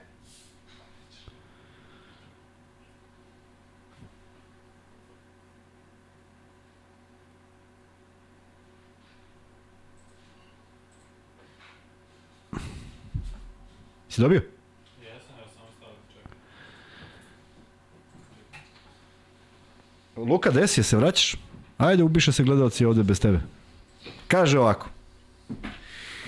Za koji klub je nastupao... Freebet, jeste. Tražio si freebet, eto ti. Za koji klub košarkaša u kolicima je nastupao Luka Spasovski na slici koja će sad izaći? Me vezaš? Sunce ti žari. Ali ne može da bude ovo freebet. No zašto Jesi ne? našao ovu sliku? A? I tog momka najvišeg. Da, ovo sam ja negde posle Amerike. I sve, vi kakav sam bio. Vi kakva slika, a? Da, gde si našao? Pa gde sam, gde ja našao? Nađem sve, bre, čovječ. Evo ga mali bre, Nec. Evo ga Neca prvi, da. Da, sjajno. A? Sad ove momke... Si se iznenadio? neke- Ti krenulo Kako sve za koje? nisam, nisam iznenadio, fenomenalno. Češ moći da radiš NBA posle? Moći ću, možda ću da zaspim, ali ovaj, radit ću. Emocija te ne drma Kako sada, si se snašao bez mene, a? Odvrtno. To će biti najgorih 4 minuta u istoriji podcasta. 858 i dalje je ostala ista ekipa. A bilo je 1400 pre nego što si otišao. E, Vanček, Srki, možete da zatvorite ovaj pol da vidimo da li drugi free bet, pravi drugi free bet, dakle ne ovaj. da li ovaj, da li može da bude iz Odgovori koji je klub, čoveč? Bea Phoenix. Phoenix. Da, to je no, basketu kod mentola, bio je Bea Phoenix e, pored e, i stekli smo jako lepo poverenje jednih, jedni između, a, više da ne mogu da pričam, kada sam ušao iz, ustao iz fotelje, ne znam više dalje da pričam, ali e, jeste, igrao sam jedno vreme, upoznao fantastične momke i eto, e, bilo je sjajno. Jeste, bilo je sjajno i, i meni je bilo sjajno i napravili smo fantastične stvari, ali ovaj, sad smo nečem drugom zajedno i nije nam Jeste. loše uopšte. De, de loš, nikad bolje, bukvalno. E, kažu ovde da bude drugo free bet pitanje ipak za Euroligu. Ajde, Hoćeš ti ili ja? ti. Neko drugi. Kako prihvatim odmah, jesi vidio? Da. Ja se prvi javim i kažem može, a onda... Um, ajde ovako, sad ćemo malo da napravimo o, Mix, džumbu mix sode, neki. taman da mogu Kuzma i Vanja da naprave ovaj, e, rokadu. Nabrojite tri zvezdina igrača i tri partizanova igrača. I tri... OKK igrač. Dakle, ukupno šest igrača. Tri zvezdina, tri partizanova, bivša igrača koji trenutno nastupaju u nekom Euroligašu. Dakle, tri zvezdina bivša, tri partizana, više, A da nisu zvezdi partizan. trenutno Da, nisu trenutno u klubovima, Zvezdu i da. Partizanu, da, da, dakle, da igraju u Euroligu za neke druge klubove, tri zvezdina, tri partizanova i to je drugo free bet pitanje za 1000 Ko dinara. prvi? Tako je. Ovo će da bude sad banja u odnosu na Kuzmića i Nesterovića i No, aj Tabaka. baš da imamo da li je banja. Ajde, Ne, baš nije da banja. imamo. Ajde. Banja. Sve što ja pitam nije banja. Sve što ti pitaš je banja. Adams, Nedović, Ilić, Panter, Ledej i Naneli. Ne, dakle, tri partizanova, tri zvezdina bivše koji igraju u nekom drugom Euroligašu. Eto, vidiš da nisi dobro Ventil, pojasnio. Martin, Mitrović, Panter, Ledej, ne. Ventil, Martin, ne, ne. Dakle, tri zvezdina i tri partizanova, Bivše igrača, bivši ne, igrača ne koji od ove igraju sezone. Euroligi. Dakle, da Ne sadašnjih primer. zvezdinih i partizanovih igrača. Micić, Gudurić, Jaramaz, Volden, Beron, Marinković. Je to okej? Okay? Micić, Gudurić, Volden, Beron, a da, Volden je kao Partizano, Jest. okej. Okay. Ne, ne, Micić, Gudurić, Beron, Zvezda, Volden, Jaramaz, Marinković. Okay. Jeste. To je. Okay. Odlično si odgovorio. Bravo, ovde je trebalo malo razmišljati. Ali Uroš Ostojić je odgovorio prvi, on dobije drugi free bet, on dobije 1000 dinara, tako da Da Uroš smo čestitam. ispucali to. Moram priznati da me baš zanima koliko će ljudi sada da ostane u NBA. Biće ih više nego ikada. Pa ne verujem da će biti više nego ikada, ali ovaj, baš da vidimo sada kako to izgleda kada, kada, ovaj, kada se priča, dakle, isključivo jedna priča, zato što ja ti ovde ipak šetamo, i ti odemo iz Da. Pa neko postaje pitanje, pa košaka, pa ono, ali ovo sad mora baš da prate, prate NBA ligu da bi ostali. A za sve one koji da. ovi ne budu hteli da ostanu, ja se uključujem direktno u prenos. Kuzmi, od kuće, od kuće o, pričam, i live. pričam o Juba. Ima li Mislim- Instagram live, je li tako? Da, ima. Kuzma sedi na terasi i priča kako je to bilo dok je igrao... Ja ne znam zašto ne čujem na desnu uvo, šta se dešava? Pa sećaš da još neko vreme? Nešto me be uvo zezak, generalno ovo, ne čujem sad. Ali, gde da proverim da li je, ovaj, da li je to, a? E, mislim da je krajnje vreme da se mi sada premestimo. Jesam slobodan? Ovde dujete. E, ništa Kuzma, hoćeš ti da kažeš ljudima nešto za... Hoću da pozdravim svih, dela. svih, sve koji su bili s nama. I tamo možda pozoveš sada Patreon, majice, Sve mogu Sve. Da, da, da i dalje imamo majica i da dobro idu i da ako želite da imate svoj primjerak naručite i da vam se zahvaljujem na svim ovim, uh, posebno ovim noćnim satima kad ostanemo do 2-3 na, na jednoj velikoj gledanosti. A, poruke koje dobijam, m, više ja nego Luka. Luka sreće ljude po ulicama, mene ne sreću, meni pišu ali su zaista onako fantastične i daju nam još jači motiv da, da budemo svako veče. Zaista ovo, ovo što, što si spomenuo na početku nije izvodljivo u naredna dva dana zbog velikih obaveza koje imaju momci iz Lab 76 i potpuno je normalno da njihov neki vrhunac sezone dođe u određenom momentu i da budu da budu da, da im se ne mešamo i da ih da im ne stojimo iznad glave jer verujte nekad se desi da uđemo ovde i da ih čekamo verujem da nije prijatno ne Da, verujem da, bi izvini, Kuzma, moramo, moramo da mu objasnimo da to zaista nije možda ni kolegijalno sa naše strane. Dakle, ljudi koji hoće da pričaju 99 yardi je sada ajde da kažem u sred sezone, Tako je, da, tako je. lap 76, dakle Tako je. kraj sezone u Formuli 1, svašta se dešava i onda dođemo mi i kao, el, možemo mi, zato što treba da se napravi i ovde rokada u smislu treba da se Tako izmeni scenografija i sve. I to su ljudi koji recimo konkretno Vanja, ne hvalim ga sada zato što je tu, ali on čovjek odradi 3-4 sata, 99 yardi i onda 3-4 sata ovde za nas sedi tamo na, na mestu MC-a. Tako da mi to cenimo, nadam se da vi ne možete da cenite zato što ne znate kako je to, ali ja i Kuzma da možemo fizički, zaista bi radili svako veče. da. Dakle, nije sporno, ali baš u pola 1-1 da radimo, niti je zdravo. Ja imam 40 godina, Kuzma 20 godina stariji, dakle to je prilično, prilično je ovaj 25, nezgodno. 25 da budemo tačni. E, tako da ništa, Kuzma, bit će mi čudno bez tebe, zato što će ovo biti moj Znam da prvi hoće, podcast. ali neka ti, Biće moj prvi podcast tako. računajući Jovića da, ovaj, da ti, ma da ti bio si tu, tu smo te stavili, da te, da te stavimo ni poster tu da opet bude, ali Nemoj, nemoj, nemoj danas, da ne preterujemo. U svakom slučaju, ovaj, hvala svima što su bili večeras uz nas. Nastavite jedno dobro druženje. Ja da ne bi bio ovaj, sa mojim upadicama iz, iz 1817. i početka NBA lige, a, ostavit ću vas dvojicu, pošto znam da imate mnogo interesantnih stvari da pričate, a ovaj, mi se viđamo na malim ekranima koliko prek sutra. A onda se ponovo vidimo u studiju u četvrtak. Kad smo rekli? kad Utakmice- završi, kad završi Tako je, Partizan, posle dakle, realno je tako. pola 11. Pola 11 i Vanja četvrtak, realno, zato što tad završao Partizan i tad bi mogli da, tad se vidimo sigurno, dakle, oko Da. pola 11, ali naravno javit ćemo ranije. Ako se nešto desi umeđu vremenu, nešto da se desi i to ćemo blagovremeno javiti. Tako je. Jeste. E, tako Odmah da, sada se trenutno, evo sada kada je kada na meni, ovde se odvija ta rokada, dakle, ulazi Vanja, dugo čekani famozni Vanja, koji nije hteo jedno vreme da se druži sa nama, vi molite ovde za mikrofon, mi im volimo za mikrofon, čekamo da li je Kuzma dobro grča, a? a? E, Kuzma i Vanja i dalje menjaju pozicije. E, evo ga, Vanja je stigao sa svojim blokčetom, sa notesom, sada kad krene da izlači ono, biće. A Gde kako smo iskombinovali, znači ja belu majicu, Kuzma crnu, ti crvenu, sve. Tako je. E, Merch. ovo je dobar, ovo je dobar, e, stavi, Srki, stavi onaj krupan kadar. Dvopla. Mogu ti zamolim nešto, Srki? Ajde dođi ovde na trenutak, molim te da te ljudi vidimo. Jel, ima, jel to okej? Da vidite Srki koji je to car, dakle Srki koji ovaj, je tu bio sa Hvala. nama dok je Vanja bio na odmoru i Srki koji je, e, moram sada nešto da kažem, dođi Srki s ove strane, molim te, moram da pričam ovako. Moraš sredini, brate. Evo ga, Srki legenda. E, Srki, to sam pričao Vanji, Srki, a sad pričam i tebi, čuš me Kuzma, tako? Kuzma zna, a ovo malo ko isto zna, mislim da ne zna ni Srki.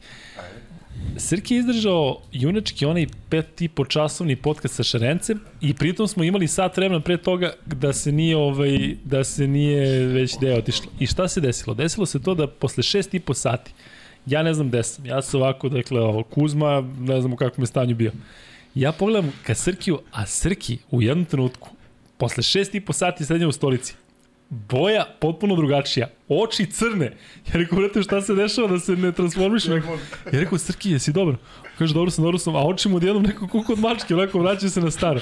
Tako da, Srki, junački si to izdržao i hvala ti. Srki je jedan od, jedan od ljudi iz e, Senke koji ne bi ovaj, ne bi se ovo izgledalo da, da, da nije tih ljudi. Ja često pominjem Srke rano drugog, Srke Ercega koji je e, pravi organizator ovog skupa. E, tako da veliki pozdrav njemu, zaista Srki je veliki, veliki car. Pričam i ovako, pričam i, i zbog nekih drugih stvari i, i eto. E, Vanja, gde si? Da, šta ima? Gde si bre Vanja? kako, ovaj, kako ide? Priča malo, ajde reci šta ima novo kod tebe ovako, mimo NBA. Si dobro? Nema ništa, NFL, NBA. Ćeš predstaviš malo ljudima, ono, ko, ko kad je kviz, nešto kao, ja sam Vanja, dolazim iz Beograda, već, imam toliko i toliko već, znaju sve. pa znaju ja, ne znaju ovi naši, znaju ovi tvoji 99 Pa dobro, yardi i dosta njih ostali. pratiš. Hmm. Slično slično je gleda. E, Srki, jesi, možda staviš pola, a? Može. Ajde, stavi pol. Koliko, da li gledate, ovde Kuzma? Gde si Kuzma? A? Hoćeš da mi pišeš? Hoće dam ključ da sam ideš. E, stavi, molim te, pol, koliko, da li gledate i 99 yardi, da ili ne? Znači, da samo vidimo da li ljudi, ovaj, da li znaju Vanju iz te priče, baš da im koliko ima ljudi koji prate i To košarku su i sve ovo. žive podcast odavde. Je tako? Pa da. Da, ista Pa ekipa. im da. prepostavljam slična ekipa prati Jao Mila i tako da. Ali ja recimo ne poznajem mnogo ljudi koji automoto sport vole, a da vole i košarku i da plate, prate sa onom. Možda mm Mhm. -hmm. ljudi koji vole sport generalno, pa sad sviđa im se ova forma, pa sad on prati. Ali generalno ne, ne znam oko, nemamo oko sebe neki ljudi koji jednako dobro, odnosno jednako sa istom strašću prate Pa- i jedno i drugo. ne pratim ni ja sa jednakom strašno. Volim da gledam Formula 1, MotoGP, volim da ispratim trke, kvalifikacije, ali da to sad pratim da na dnevnom nivou kao NFL, NBA i tako to, tako da ono. E, to, vidim šta hoćeš, malo zoom out. Lag, stavi dvoplan.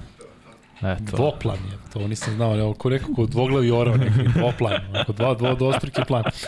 Ali Vanček, eh, ajde sad stvarno ono što sam te jedno pitao, pa kad smo se vraćali kući pa sam im pričao, ali kada bi, pošto znam da pratiš sve sportove i ne poznam osobu koja koja toliko prati zaista sve sportove, ali prati, prati, kada bi ti poređao, ako smeš, ako ti to ne zna, da poređaš pet omiljenih sportova od 1 do 5, tvojih. NFL, Znači, to je američki prvo. futbol, ok, da. NBA, košarka. Mm, Bejsbol, jesi mi rekao da bejsbol hoćeš. Volim bejsbol, ali Formulu 1 pre. Futbal. Premier ligu, da. Liga šampiona, Premier liga. Barcelona, Real gledam. E sad zavisi, mislim, bejsbol što je svake godine, ali olimpijada obožavam, gledam atletiku.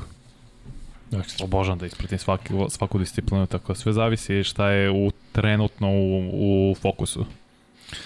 Odbojka sad odbojkaša što su uzele zlato, mislim, to sam isto ispratio koliko sam mogao.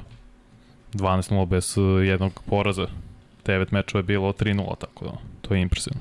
E, Milan Stevanović kaže, gledamo MotoGP formulu u zabludi si Luka. Ne kažem ja da ne postojite, samo kažem da ne mislim da postoji sada da Isto se merom. poznamo. Ta, pa, mm, jednostavno. I kaže, ovde vašem studiju fali jedan dobar futbolski podcast. Fali, Fali. i mislim da se radi na tome, tako da će e, biti to okej. Bilo Luka. je pre. Luka, kada ćete ti Kuzma da odradite kratki segment sa... Da, da, dobro. E, vidjet ćemo. E, ništa. E, možeš, Srki, da ugasiš ovaj pol da vidimo koliko ljudi gleda i 99 yardi od onih koji su prisutni. 88% ne. Super, fan, sad ćeš Ti čuti kažem. moje mišljenje. Eto, Pošto dosta vidiš, se ljudi koji prate 99 yardi ne slažu sa mojim mišljenjem, ako je dosta slažu se? slučaja tačno. Pa da, Nemoj šta se radi. Ali to je ipak ono uska ekipa koja, dakle, baš ima, ni- nisu tu slučajno. Dakle, oni koji prate kapira da prate do, do To, ludila i onda verovatno i možda dođe do, do, do nekog zezanja. E, Eto, sad dok smo ovde i dok još nismo zvanično počeli, možete vi da nam napišete, evo ko što je Vuk Grbić napisao, koji su vam omiljeni sportovi, pretpostavljam da vama koji ste ovde, pa napravite tim redostom košaka. Evo, Dejan Adić kaže MotoGP F1, vaš, Mile i Viško. To je, dakle, njegova odluka i dalje imamo oko 900 ljudi u live što je fenomenalno. Vanja se slaže da počnemo redom, da krenemo, dakle, obrađivat ćemo sve ekipe. E, Vanja je dao te prerodi, ja mislim da je to okej, dakle da krenemo od Golden State i onda ćemo obrađivati po konferencijama, dakle prvo ćemo odraditi zapadnu, odnosno po divizijama, ali prvo naravno zapadnu konferenciju, onda ćemo preći na istok i odradit ćemo dakle svih 30 timova. Pre nego što počnemo, Vanja, reci mi, ja mislim da smo to pominjali jednom, tvoje mišljenje o tome da Las Vegas dobije franšizu i da se NBA liga proširi, da li misliš da je to bolje e, da uzmu nekome tim ili da se diže, diže liga na 31 ili u nekom To mora 32 32. Moram Pa da. da. da 32 tima, mislim da neće sigurno oduzeti bilo kome tim. Mislim da će se proširiti Seattle i Las Vegas, što samo znači da će neko morati da pređe na istočnu, u istočnu konferenciju. Pa ko je to realno? Pa možda Memphis. Memphis. Da, pa logično je, mislim, oni su Po fizički... geograf, da, da, možda moguće Memphis, što je bilo vrlo zanimljivo. Ali delom je će i Las Vegas i Seattle u narednih deseta godina dobiti franšizu. I treba, mislim, Las Vegas očigledno dobije Raiders u NFL, dobije u WNBA ove Aces koji su sad i šampionke. Vole ljudi isprate pobednike. Tako nije sad Vegas kao što je nekad bila priča e, ne prati se sport, e, najvažnije je klađenje, džabu, ne, mislim Ma, jeste njima važno, ali postoje legalno da se kladiš na sport. I sad naravno da je mo, s tim neko i povezan da Vegas ima tim sportski, profesionalni. Da, moja čera kada se rodila u Vegasu, e, to je pravilo tamo, prvo ljudi su zaluđeni za Vegas Golden Knightsima koji je jedina velika franšiza. da, NHL. Bila u tom trenutku, pre nego što su došli Riders. Pa i oni su skoro došli pre neki, koliko je manje 18. 10 godina? Ma, Pa da, manje od pet, tako, da, da, da. I ona kada se rodila, pravilo u bolnici je da svi, sva novorođenča dobije benkicu Vegas Golden Knights. I njena prva benkica koju su obukli je sa, sa znakom Vegas Golden Knightsa, dakle regis- registracije babe, dede, nose na leđima. Dakle, ne možete verujete koji je onako pravi taj iskren, iskren navijač. Ne znam koliko njih ide u tim mobile arenu, koliko njih to prati zaista, ali jednostavno ljudi vole. I vole da ih recimo to, razumeš, sad ne znam kako je to kad je došao NFL tim, da li se to sad malo e, razvoljilo. Recimo, meni kada, je, kada sam otišao kod drugara, e, koji je ono klot košarkaški fanatik, obožava Lakers, igrao je košarku ranije, bio je jedan ozbiljan, ozbiljan igrač, igrali smo zajedno tu neku rekreativnu ligu i on ulazi, pazi, ja koji sam kasnije ovaj, radio toliko često Vegas Golden Knights kada smo kupili NHL, mm -hmm. I on ulazimo kod njega u dvorište i kaže, vidi što sam uradio znak i sam stavio veliko ono V preko ovoga. Ja pojma nemam šta je to. Kunim ti se to je bilo pre. Tipa ono kad su već nastali možda godinu dana.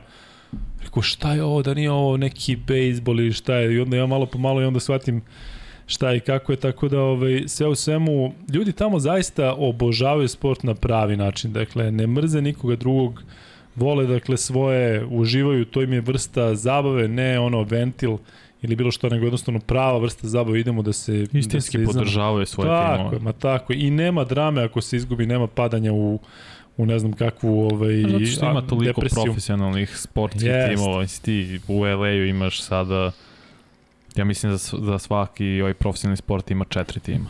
Po dva tima bar, znači Lakers i Clippers i Dodgers i Angel, e, ovaj Los Angeles Angels, šta još ima u NHL-u, samo u NHL ima Kings i u NFL-u Chargers i Rams, to je sedam, plus college futbol, da ne Da, da. uplaćam te college, USC, UCLA, oni imaju šta prate. I nije sad njima smak sveta ako neko, ako neko igra loše. Jeste malo više bolni ako Lakers igraju loše, ne, ne uđu u playoff i sve to, ali to se brzo zaboravi. Zato što ima šta Da. da, se gleda. E, kaže ovde Bio Mile, živao sam u Vegasu, ljudi su ludi za sportom, jesu, imaju tamo čak i u drugoj diviziji ima Vegas, e, u drugoj ligi ima Vegas futbalski tim, odnosno soccer tim i znam da i to isto prate. E, u Vegasu je naravno ovo što piše ACB, u Vegasu je MMA ipak posebno Jeste, mesto ima. UFC, to je... Ne možeš da veruješ dakle šta je to i imao sam priliku da upoznam je čoveka UFC koji isto je obožano gledam. Ne znam šta je to tamo. Dakle, sećam se, e, borio se Conor protiv Cowboya. To je bilo Saroni, pre par godina. januar. Januar 2020. pre korone. Sad Cowboy, da li je, kažem ti, ja samo znam da sam pozvan na taj meč. Upoznao sam u to live timu. jesi bio? Nisam, slušaj, pa znaš ko me zvao? Zove me lik koji je, valjda Deni, bio je, neki je bio viši od njega i onda su Deni to prodali, ne znam šta i dalje neka faca. I ne možeš da veruješ, čovjek se pojavljao u uh, sali gde smo igrali kao neku utakmicu, stariji od mene i kao, jel mogu ja tebe da biram, vidim da kao dobro šutiraš. Rekao, ajde, mi se sad zezamo tu, baš me vidim zgotivio. I prilazi mi ovaj drugi, kaže, znaš ko je to? Kaže, to ti ovde je glavni ono multimilijarder, tipa njegov je bio UFC i dalje se nešto pita i on me pozove u tu neku specijalnu ložu do ovoga, međutim ima razloga zašto nismo išli, nismo mogli nešto da se iskombinujemo i kaže on, a kada ti onako, kada ga vidiš bukvalno na ulici, rekao bi, evo ti 5 dolara, razumeš, nosi ono Fruit of the Loom majicu od, od 3 dolara i se uopšte ne, Znaš ne možeš patike neke, razumeš. I kaže, da, znaš, ja, ovaj, moja supruga Ruskinja, manekinka, 30 godina, mene već tu bilo jasno, razumeš da je neko ludilo. I eto, propustim sam tu, tu šansu, ali eto, možda ovaj opet odem pa... No, pa ali se ćeš dobiti, to je stvarno po, poseban doživlje. Volio bi da idem uživo da vidim to. E, Vuk Grbić, ovde ima zanimljiv komentar, hvala Vuče. Ali da vidimo i da krenemo ono zbog čega smo se okupili, a to je dakle NBA liga. Vanja, kada pričamo o Golden State Warriorsima, nekako um, više se o njim priča zbog ovog što se dešavalo u poslednje dve nedelje nego o tome da brane titulu. Dakle, oni brane titulu. E, i sve Otvaraju nekako, sutra protiv Lakersa. Tako je, i oni... Um,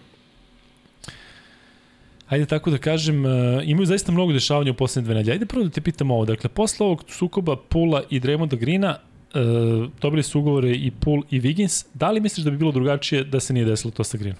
Ne, ne vrem. Da, misliš da li bi dobili ugovore? Da, i da li bi cifre recimo bile iste za Pula Bile bi tih iste. 140? Bile bi isto. Sve je bilo isto. Sve je bilo isto. Mislim samo da je ovo naznaka što su njih dvojica dobili produženje ugovora, a Draymond Green nije.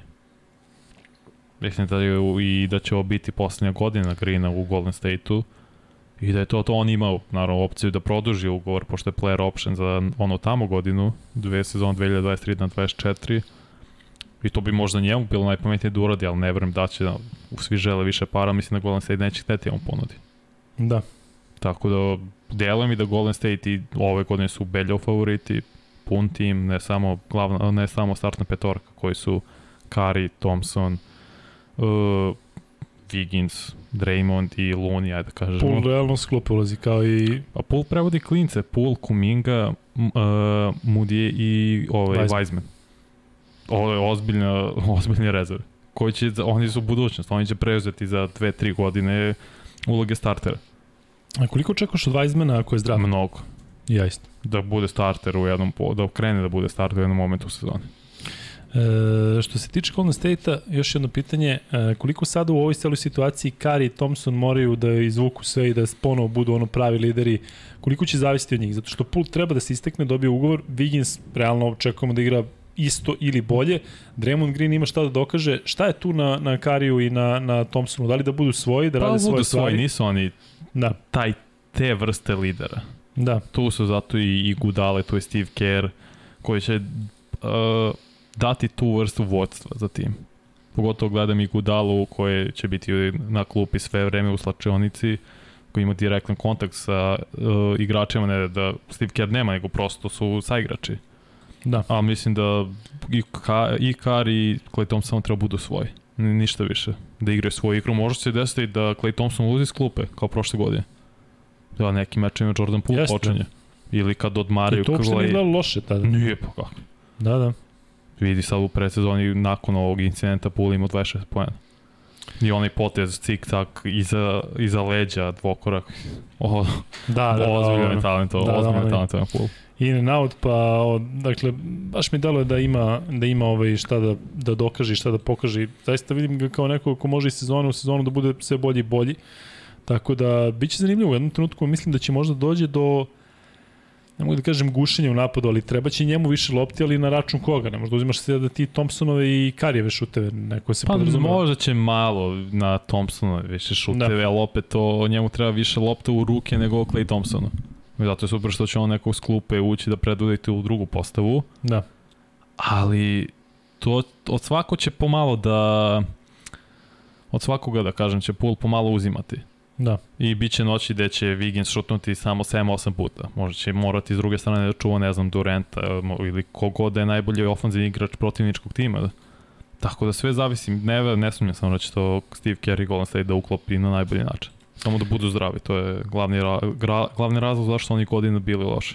E, da iščitamo samo i kako izgleda e, ekipa Golden State-a. Uh -huh. E, Patrick Bolden Jr., Steph Curry, Dante DeVincenzo, e, Draymond Green, Jamichael Green, Andrej Godala, Ty Jerome, Jonathan Kaminga, Anthony Lamb, Kevon Looney, Moses Moody, Jordan Poole, Ryan Rollins, Clay Thompson, Andrew Wiggins i James Wiseman. Dakle, tu nije bilo nekih pojačanja, došao je Jamichael Green, e, Dante DeVincenzo, dakle, to... Vičencu isto će imati neku minutažu s klupe, Green isto verovatno da menja u nekoj meri Draymond Greena kada ovo ide na klupu, tako da Golden State je odlično popunjen nukleus tima, ta osmorica, devetorica su tu već 2-3 godine minimalno, tako da Golden State je spreman i ako su zdravi, oni su glavni favoriti za titul. Pa ali misliš da, da, da su i posle svega ovoga i dalje glavni favoriti za titul? Pa jesu, ja moram da verujem reč i Ke, na reč Steve'a Kera kao da ja, bit će sve ok, Puli izašao si iznio kao treba budemo profesionalni, naš cilj je da još jedan baner visi u dvorani, tako da drž, on drži ih za reč, pa ćemo vidjeti kako će to sezona da se razvija. Ali me ne bi čudilo da Draymond Green nakon ove sezone prosto napusti tim. Da vidiš Draymond Green u budućnosti? Ja bih volio da ga vidim u Denveru zato što mislim da bi on bio karika posle koje bi Denver mogao da bude apsolutni favorit Ne u top ovim 3. godinama. Ne, a? Ne. Ali fali, fali Denveru neko ko će raditi prlja posao. Ti Pa imaš... fali, ali Draymond Green, uh, ono najbolje iz njega je Golden State izvukao. on neće igrati ovako u drugim timovima. Ali ne znamo ga. Možda, možda I ne znamo ga i to je, da pa Teško, a? trenutno on skill set, veštine koje Draymond Green ima, ja ne verujem gde će to najbolje negde drug da se uklopi. Da. Možda Brooklyn, mada tu je Ben Simmons neka vrsta mlađeg, to je Ben Simmons bi trebao da igra kao Draymond Green, Green samo s, uh, mlađi, brži, uh, bolji atle- atleticizam, ali ne vidim stvarno Draymond Green da ima bilo gde uspe kao što ima u Golden State-u. Da on nije u Golden State-u, on sigurno ne bi bio ni all-star igrač, ni kandidat za Hall of Fame, ne, ne bi imao ove titule. Tako da, Ali misliš da je njegova uh, ideja da dođe u neki tim koji je favorit za titulu ili da recimo ode u neki tim koji nije, a sa njim recimo, da li misliš da su njegovi ono targeti Lakersi, Brooklyn, Fila, tako tako neki možda je target LeBron. On. Dosta Misliš, ljudi da? je spekulisao kao da pa mm, Lakersi, ali ko zna. I Da. to treba uklopiti, to je, ba, to je baš daleko. Za ovu godinu Jeste. je tu i bit će i kao što je bio bitan šraf za Golden State Warriors. E, ili imaš nešto oko Golden State-a ili da pređemo na ostale timove iz Pacific divizije? Pa nemamo, ovo je, mislim, ukratko, četiri titula, osam godina. To je dinastija. Sad, da li mogu Apsolutno. da nastave, to mislim da sa Durantom i bez osvojili su dve sa, dve bez. Mislim da mi je ova najdraža. U smislu, Jeste. znaš, ona prva je, su baš kidali. Ono prvo su imali sreću. I- I Kyrie i i Kevin Love se povredili i pre Jeste. toga čini mi se da je uh, iz Memphisa Mike Conley, Mike Conley isto bio povređen. Imali su tu dosta stvari koje je išlo na njihovu ruku. Što se vratilo godinu dana kasnije. Jeste. E, ali svejedno, onda te dve sa Durantom se nekako i podrazumevaju, li tako? Pa, I neko svi imamo te Super osjećaje, znaš, mm, super tim, nema šta kad pod, ti. znaš, bit će, pa te ni ne, ne, ne iznenadi, ovako mi je draže da, Mada- da, znaš, Ja sam tada, to je 2017. rekao da će San Antonio da osvoji. I to i dan danas verujem da se Kavaj nije povredio. sa Da, Zaza. Zaza, da. Da. Dan danas verujem da bi, Uf, ona utakmica, koliko je bilo u tom trenutku? 25. 20? Da, neverovatno. ja mislim da bi San Antonio te godine osvojio, ali desilo se to što se desilo.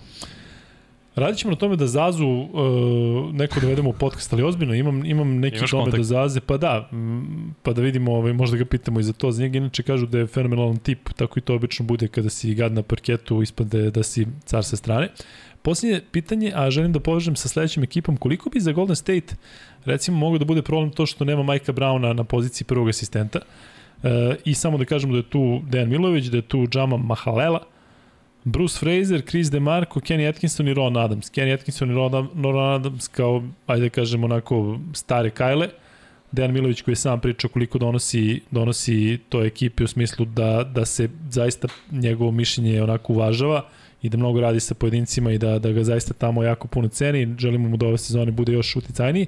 Ali nekako je Mike Brown uvek tu bio desna ruka Steve'a Kera. Sad je on otišao u Sacramento i to će biti sledeći tim o kome pričamo. E, Da li je to, da li to vidiš kao bilo kakav minus? Da.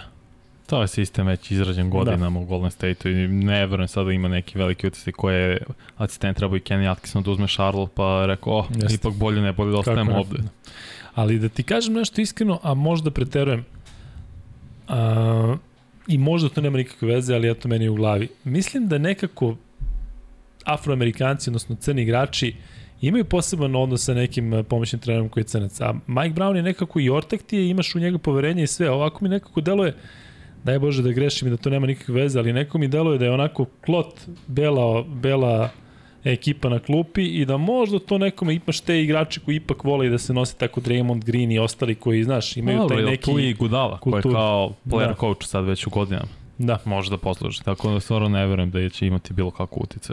E, dobro, to je što se tiče Golden State, ajde prelazimo odmah na Sacramento, gde je Mike Brown trener i ono što mene zaista onako prilično iznenađuje, moram priznati da ću Sacramento pratiti ove godine onako sa posebnim žarom, Zašto? zato što, pazi ovo, e, asistenti, Leandro Barbosa, Doug Christie, Jay. Triano, ovo, ovu dvojicu ne znam, e, Jordi Fernandez, ekstra.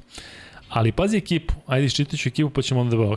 Harrison Barnes, Dobro. Terence Davis koji je promašen, Matthew Delavedova, Ko Aaron biti Fox, neki backup, dobro. uh, Rishon Holmes, Kevin Huerter, mm -hmm. Kevin. Huerter, Da, da, iz Atlante. On, Jo, će biti startni back, da.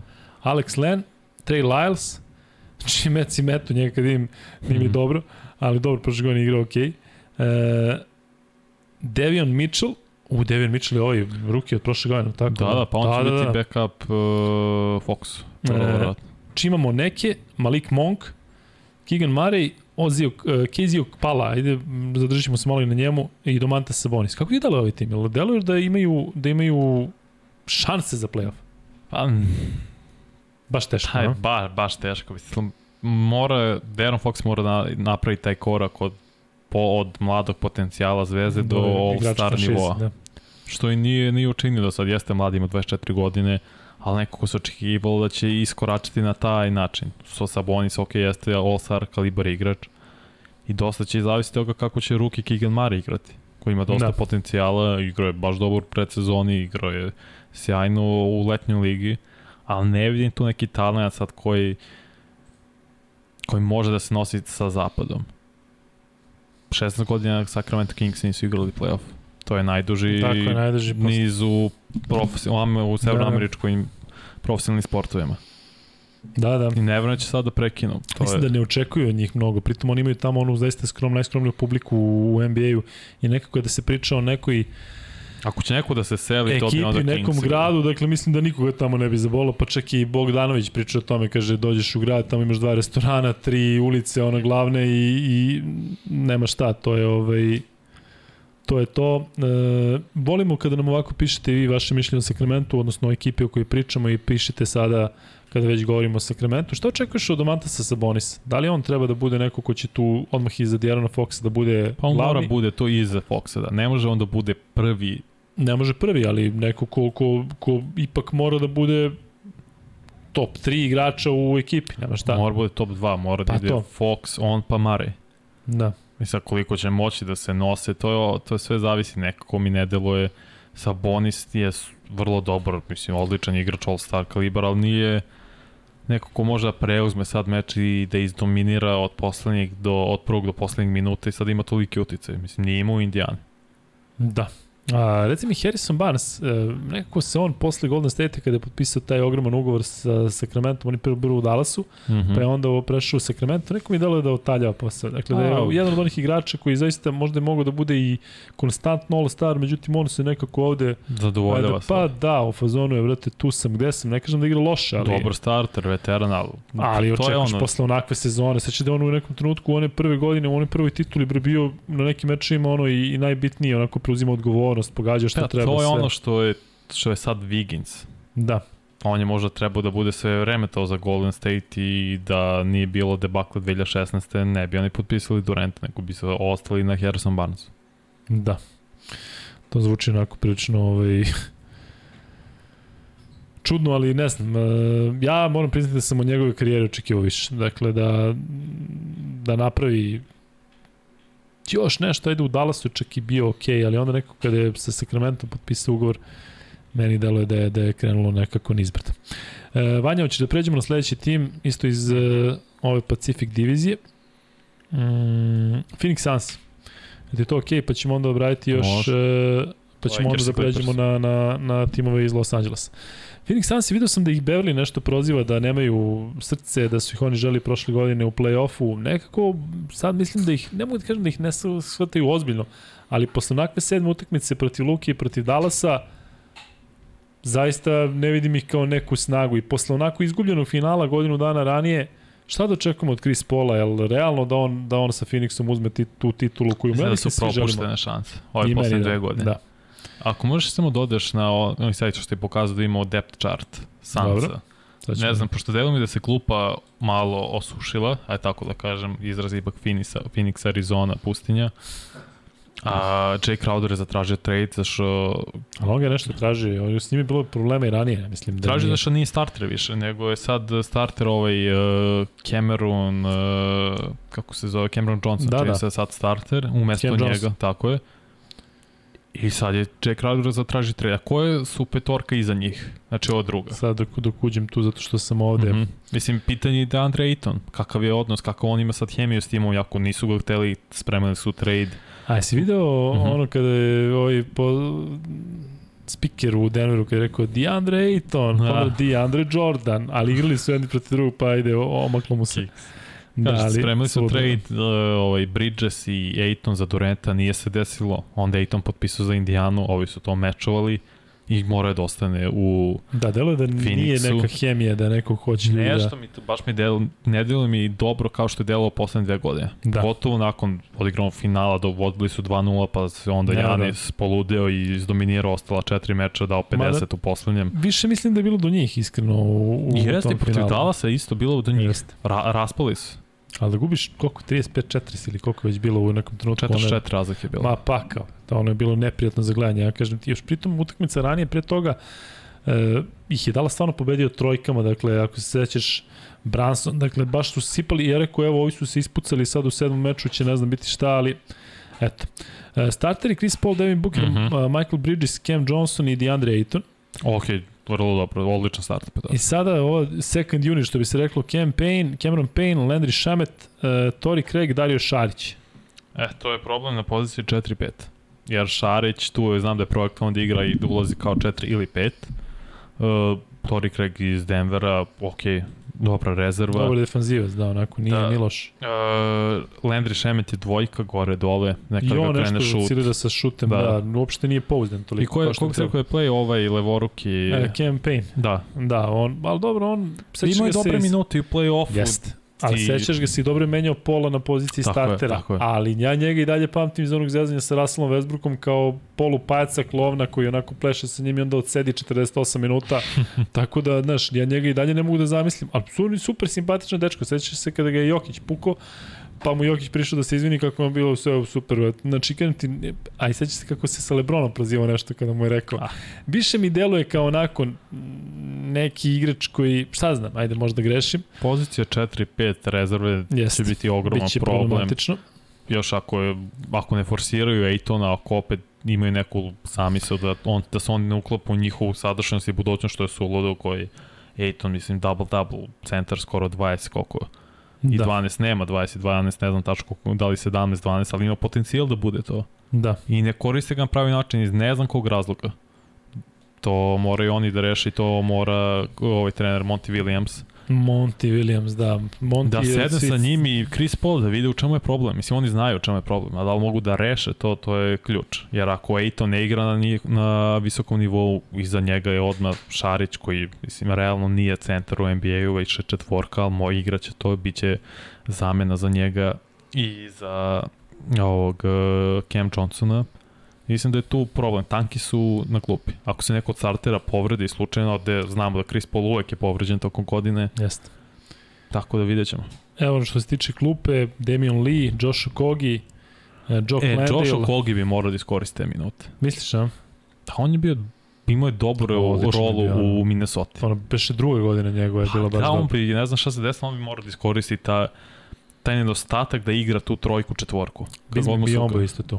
Da recimo na 4-5 da, da onako neka snaga, mada i on njegova karijera Mm. u kakvom je stanju pitanje, tako da baš upravo si, ta klupa ne deluje onako ozbiljno. Pa ne deluje, kaže, ako se desi slučajno jedna povreda, u ozbiljnom sam problemu sam. Da. E, slušaj ovo, e, pa ću da pređem na, na namerno ovo sada ću da iščitam. Mm. -hmm. Brian Gates, Mark Branch, Jared Jack, e, Brian Randall, Michael Raffin, Kevin Young, Michael Raffin, pazi, i Patrick Mutombo su e, asistenti. Patrick Mutombo koji nema nikakvu vezu sa Dikembe Mutombo, a čuo si e, šta, da Dikembe ima tumor na mozgu. Da, da, to? da, ja sam čuo. Baš bez veze. Neko lik koji ja mislim apsolutno svima pozitivac. Ne znam da li ima neko kaže Dikem, a to je smradina. Znaš, uvek pozitivan, pritom vrhunski igrač da se nalažemo, dakle on Osam nešto... puta All-Star. Ma, neverovatno, kažem ti, uvek nasmejan, uvek sa onim glasom i ovaj, tako nešto, tako da mu želimo zaista sve najbolje. E, pošto je situacija ozbiljna, onda neću da, da ono iz glave izbacim celo Ne. ime Dikembe Mutomba, e, zato što znate da se više sa tim zezamo. E, to je to što se tiče Phoenixa, ne znam da li ima potrebe da se još zadržavamo na, na ovom Ne, timu. cepam. Mislim da je vreme da pređemo na LA Clippers-e. Vanja, ajde tvoje, pre nego što pređemo na depth chart i na sve ostalo, svih vide nekako u finalu uh, zapada sa Golden State-om, je to realno? Da, najkompletniji tim pored Golden State-a u čitavu ligi. Kad pogled, kad budeš pročitao roster, vidjet će i, i ljudi zašto, naravno, zdravlje ključ. Ali John Wall i sad iako je zdrav, šta da očekujemo njega posle Pa neka pet vodi, sezona neka nepostojećih? vodi, neka vodi, neka vodi drugu postavu. Ja dosta očekujem John Walla, mislim da će igrati vrlo dobro, da će u nekom momentu preuzeti startnu ulogu, ulogu od Red? Jacksona. A mora bude klasičan playmaker. Assist first. Znači da deli loptu, jer ti si neverno da je sad mogao mnogo šut da popravi, ali da bude ta vrsta klasičnog uh, playmakera, da će da deli loptu i da razigrava druge. Da bude Da. general na terenu i očekujem mnogo od Kawhi Leonarda, od Paul George, samo su zdravi, ovo je njihova četvrta godina zajedno. Čuo si da je George rekao da je Kawhi opcija broj 1, ali to mislim da je 100% iskreno. Jeste, pa da. I to je i realno. Ali ne verujem, nije Kawhi tip koji će sad da sili Tako je, loptu kao tako broj je. 1 i ja, ja, ja, ja, ne. Mislim, i dobit će Paul George svojih 25 šuteva ako hoće sigurno. Da. Samo moraju da ostanu zdravi jer prve tri godine nisu do, došli do finala konferencije. To je problem. A dovedeni su do svoje titule i ova im je i ova im možda sledeće godine postane šansa da to ostvare. Da. Jer su i dalje u nekom zenitu svojih mogućnosti i videli smo prošle godine umalo i dobro su bili bez Kawhi Leonard. Ko zna šta je bilo da se nije povredio pre dve, ali to je ono, korak po korak. Terence Mann isto mislim da ima potencijal da bude vrlo dobar. A pazi, e, evo kako izgleda petorka. Reggie Jackson, Paul George, Kawhi Leonard, Marcus Morris, Ivica Zubac. Je to možda sa Zubcem pretenko na petici? Pa, mislim da će oni igrati više small ball. Da će Zubac igrati imati svojih od 15 do 20 minuta, ali Da. dosta će to biti small ball. Small ball imaju Izvini, dosta... ne mislim ništa loše, Zubac je ne. fenomenalan, ali nekako kada pročitaš tom ovu... sistemu. Tako je, tako je. Dakle, Jer- ne uklapa mi se nekako. Više će biti, dosta će biti igrača koji igraju 3-4. Sad kad budeš pročito i rezerve, znači Slušaj, slušaj drugu petorku. Dakle, John Wall, Norman Powell, Luke Kennard, Nick Batum, Robert Covington. To ti pričam. Pa upravo si, a pazi, imaš pored njih, imaš još Ajde Amir Kofi, Jenny Jenny, Terence Mann Terence Mann isto. i Brandon Boston Jr. koga ja obožavam. Dakle, ja Brandona Boston Jr. obožavam i više ne znam da li uh, neko od vas uh, zna tog momka. Dakle, on se spremao sa Terenceom Clarkom za draft 2021. godine i onda je Terence Clark poginuo na njegove oči kola ispred je išao, iz nekog razloga je prošao kroz crveno i onda ga je vadio uh, Brandon Boston Jr. iz um, iz tih kola, čak i postoji taj snimak ko hoće da vidi, a Brandon Clark je, Terence Clark je trebalo da bude ono, ne mogu da kažem naslednik Kevina Durenta, zato što je u toj, uh, uh, trebalo da bude biran u drugoj rundi drafta 2021. godine, pa su došle uh, majka i, i, i sestra, i valjda mal, mlađi brat, sada ne znam, ali onako počasno je biran sa neke 14. ili 15. Mm. -hmm. pozicije, ali Terence Clark je ozbiljna priča i nevjerojatno kako se sve srušio u jednom trenutku. Mislim da je dan ranije potpisao nešto sa Lebronovom, ovom kompanijom i eto sve padne u vodu. E, zato volim Brandona Bostona Jr. iako on realno ove sezone vjerojatno će da ide u ovaj tim Ontario Clippers. Si vidio da, su, da je to njihova e, ono, Da. G fili, filijala, što je prilično interesantno. Ali što se tiče... E, Popunjeni su kliperi, jest. krcati. I stvarno mi delo ako su zdravi, sa volom koji je onako polovi, bar pola onoga što pamtimo da, da mogu daleko. I Tajlu ispade da je Jeste. vrlo, vrlo dobar trener. Mislim, prošle godine su imali neke nerealna vraćanja, gubili po 25, Jeste, 20 pa i nešto razlike je. i vratili se, pobedili. Imaju sistem, znači samo je bitno da mislim samo, Kawhi Leonard i Paul George moraju da ostanu zdravi. Ako su oni zdravi, oni su glavna pretnja za Golden State. Generalno, ne samo zapad, nego čitava liga. E, koliko je generalno za ligu, da kažem, ne loše, ali ipak su Clippersi uvek bili Clippersi u odnosu na Lakers. Ili ti dalje vidiš da, da ne mogu da kažem da ih ljudi ne shvataju ozbiljno, međutim, ipak su onako sva svetla su uperena ka Lakersima, sa Lebronom, sada sa Beverlyjem, sa ovim što se dešava oko Westbrooka, nekako I to je okej, okay, neka bude. Vidio si Radmanović kada je bio ovde, kada je pričao, kaže, brate, uđemo u slučajnicu, ne vidimo, jedan, ima, nas, ima 100 novinara, nekako Clippersi su isto Staples Center, imaju, imaju dva superstara, imaju fantastičan tim, imaju trener, ali neko kao da nije to to. Neko je rekao, Clippersi su u podrumu Staples Center. Mislim mi što je okej, okay, jeste, tako, tako je bilo godina, sad u poslednjih 10 godina su Clippersi ostali realno bolja franšiza nego Lakersi. Da, Idem, vraćam se na eru Chris Paul, Blake Griffin, DeAndre Jordan, TD, Lob City. da konstantniji su bili. I bili su I prosto bolji da. i konstantniji, onda nakon su tradovali za Kavaja, za Paul George-a. Naravno, nisu ispunili očekivanja, to je sad druga stvar. Ti, drugo je kad igraš sa očekivanjem i bez. Očekivano da kad ima, kad su imali očekivanje poslednjim decenijom, nisu ispunili, možda zato Tako ih ne shvataju ljudi ozbiljno. ali su po meni bolji tim definitivno od mojih Lakersa poslednjih decenija. Prosto su bili i više pobeda, mnogo i češće u play-offu i mnogo su zbiljnije funkcionisali. Pogotovo nakon što ih je Steve Ballmer kupio. Da, sećaš se da je bila ona muka sa onim što je Sterling. bio rasista, da. Mm, Ono je bilo kad su bacili dres, pa Da, da, da. se... Ali definitivno je utisak da su mogli više sa tom... Nisu ispunili očekivanje, to je problem. To je A to, problem za tako. Clippers i generalno za Nisu male igrali nijedno franšize. finale. Nikad. Pa, Finale konferencije nisu igrali. Da, katastrofa. Finale Nisu nikad. igrali finale konferencije, ono kad je Chris Paul dao posljednji trenutak 4-3 protiv San Antonio. To je bilo prvo runda protiv San Antonio. Jel Kad je dao floater Da. preko Tim O Duncana. tablu, da. E, ne znam, ja ne znam iskreno šta da mislim, neko mi je čudno. Sećam se ono kako ih je Denver ukrenuo Da, u play-offu, dakle, da. mm, ne znam, da, oprezan sam sa Clippersima, jako si u pravu, slažem se da imaju možda i nači roster e, ove sezone u, u, u ligi uz koga da poredimo? Golden State, Golden State. Miami, Philadelphia, Uz Golden State fila, da, isto. Da. Vidjet ćemo. Sada prelazimo na LA Lakers-e, dakle njihove najveće rivale i verovatno jedan od e, najpoznatijih timova na svetu, tu mislim generalno na sve sporte. Ne znam da postoji veći tim od Lakers u svetu sporta. Pa, Yankees, baseball. Pa da, ali bejsbol ne, ne, bejsbol ne prati Pa da, ali znaju svi planete. na Y, ono je Da. što kašketimo, to je glavno zbog Yankees. Lakersi. Ma, Real Madrid. Boston, da, da, u, iz košike, ali opet Lakers i Boston. Taj ni iz Chicago to... Šta je NFL, u NFL-u Panda Lakersi? Dallas, Hmm? i Dallas, Dallas. Cowboys su najvrednija franš... pro, sportska franšiza na svetu. Razmišljam u NHL-u koja je. Pa da, Patrioti dok je bera. Ali to, to Lakers su ono, NBA royalty.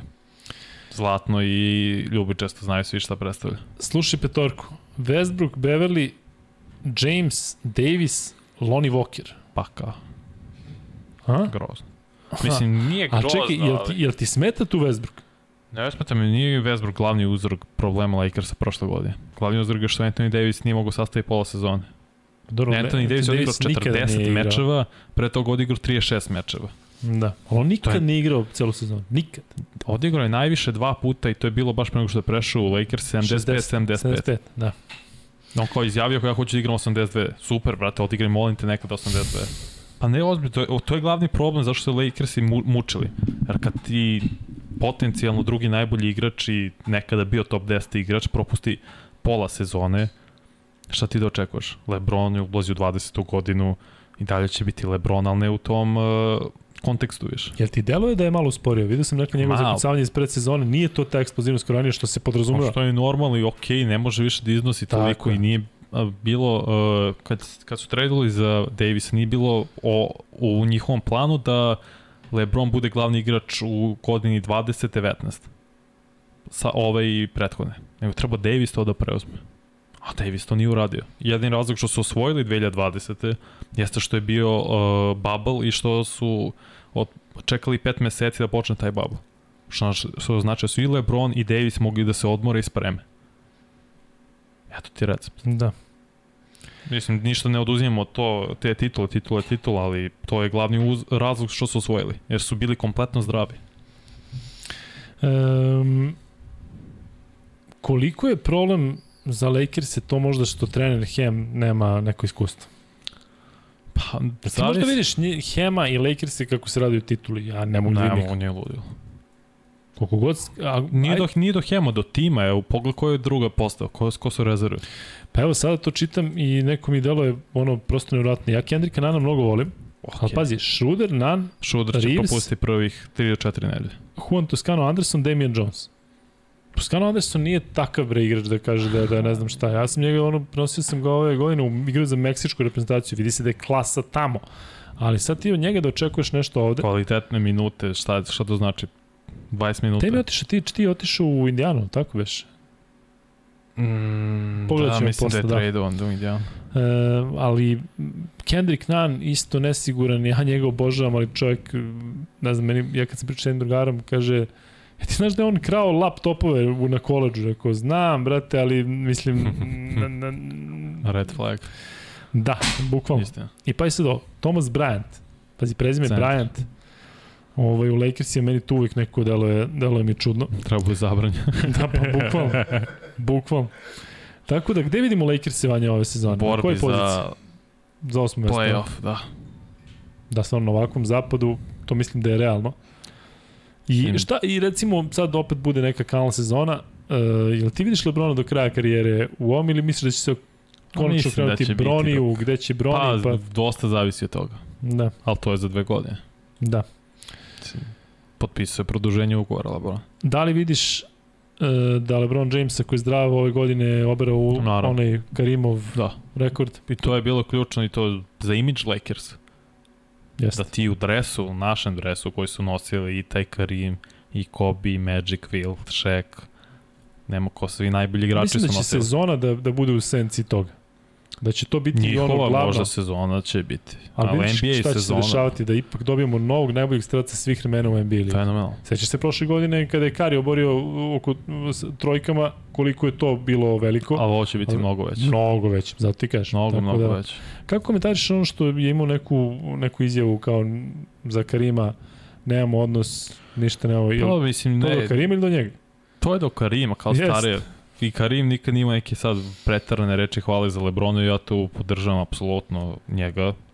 Njega mislim na Lebrona jer čudne o izjave i mišljenje imao Karim o Lebronu i mislim, nije na Lebronu sada juri odnos pod bilo kakvom cenom. A postoji priča da je Karim kad mu priđeš neko od ono super staro, on je u fazonu čitam, ne obraćaj mi se sada, da zna da bude malo on odbrana, opet s druge strane od, Mislim, nema mnogo većih zvezda od Lebrona ikada.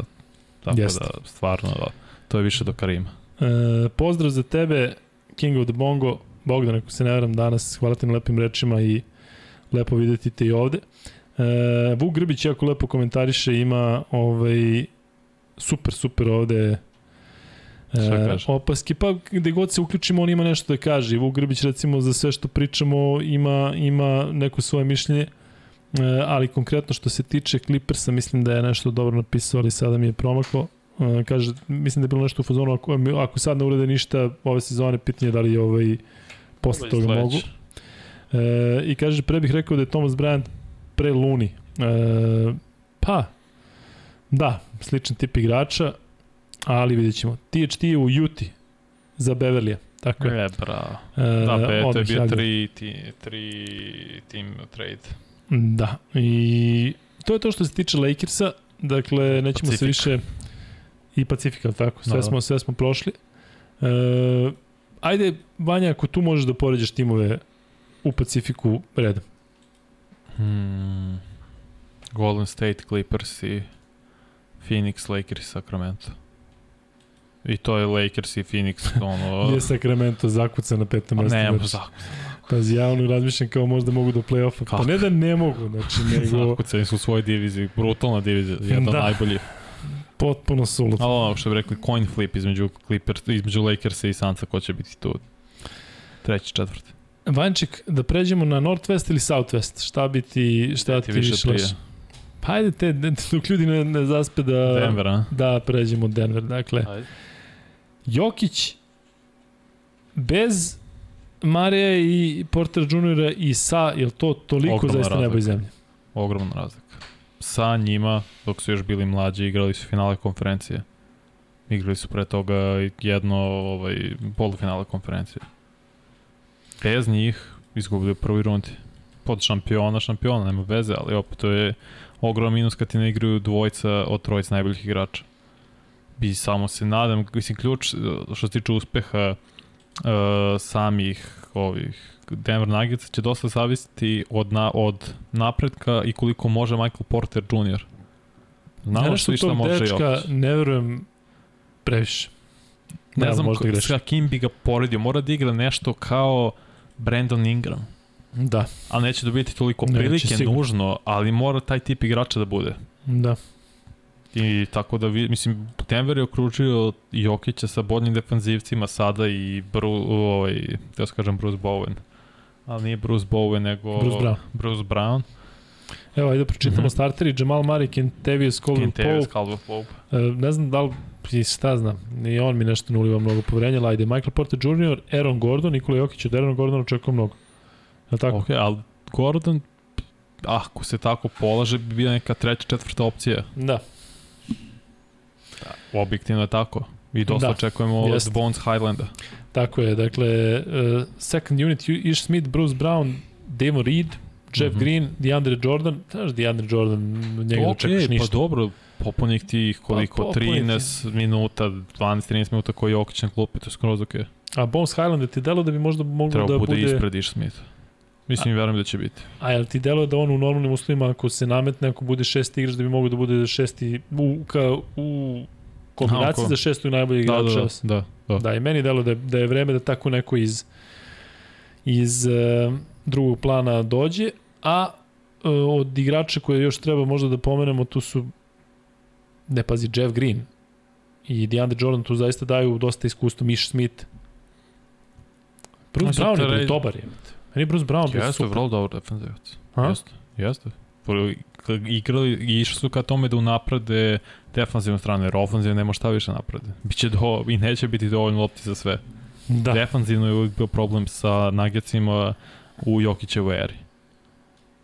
Vlatko Čanča isto tu da ne zaboravimo, ne znamo koliko Da, će da. igrati. I Vanja, ajde da se vratimo na Neki, zar Jokića. nije Marko, gde je Marko Simonović? Za njim u Chicago. Moguć, Chicago. jest, jest, Jeste. bravo. E, Vanček, je li realno da Jokić bude back to back to back Ne. MVP? Neće biti. Što misliš da ne? Ja mislim da je on Pa da se puta može, iznenadio. ako se desi to da bude prvi u konferenciji. Tad Misliš da, je može. samo, da će samo da ga da će sad morati da ipak sa timom napravi nešto. Da. Narativ što se tiče NBA i medije je to ključ. Osvoje dve godine za redom. NBA je bio dve godine drugi. Prate uh, novinari, analitičari te priče i narative u NBA-u. Mo, Jokić mora da odigra toliko dobro, ne mora da odigra možda nužno bolje nego prošle godine, nego prosto na Denver bude prvi ili drugi u konferenciji sa sličnim brojkama i onda Jokić može da se razmatra da bude MVP tri godine za redom. Ako ne bude to slučaj da će nekom drugom, jer je prosto tako.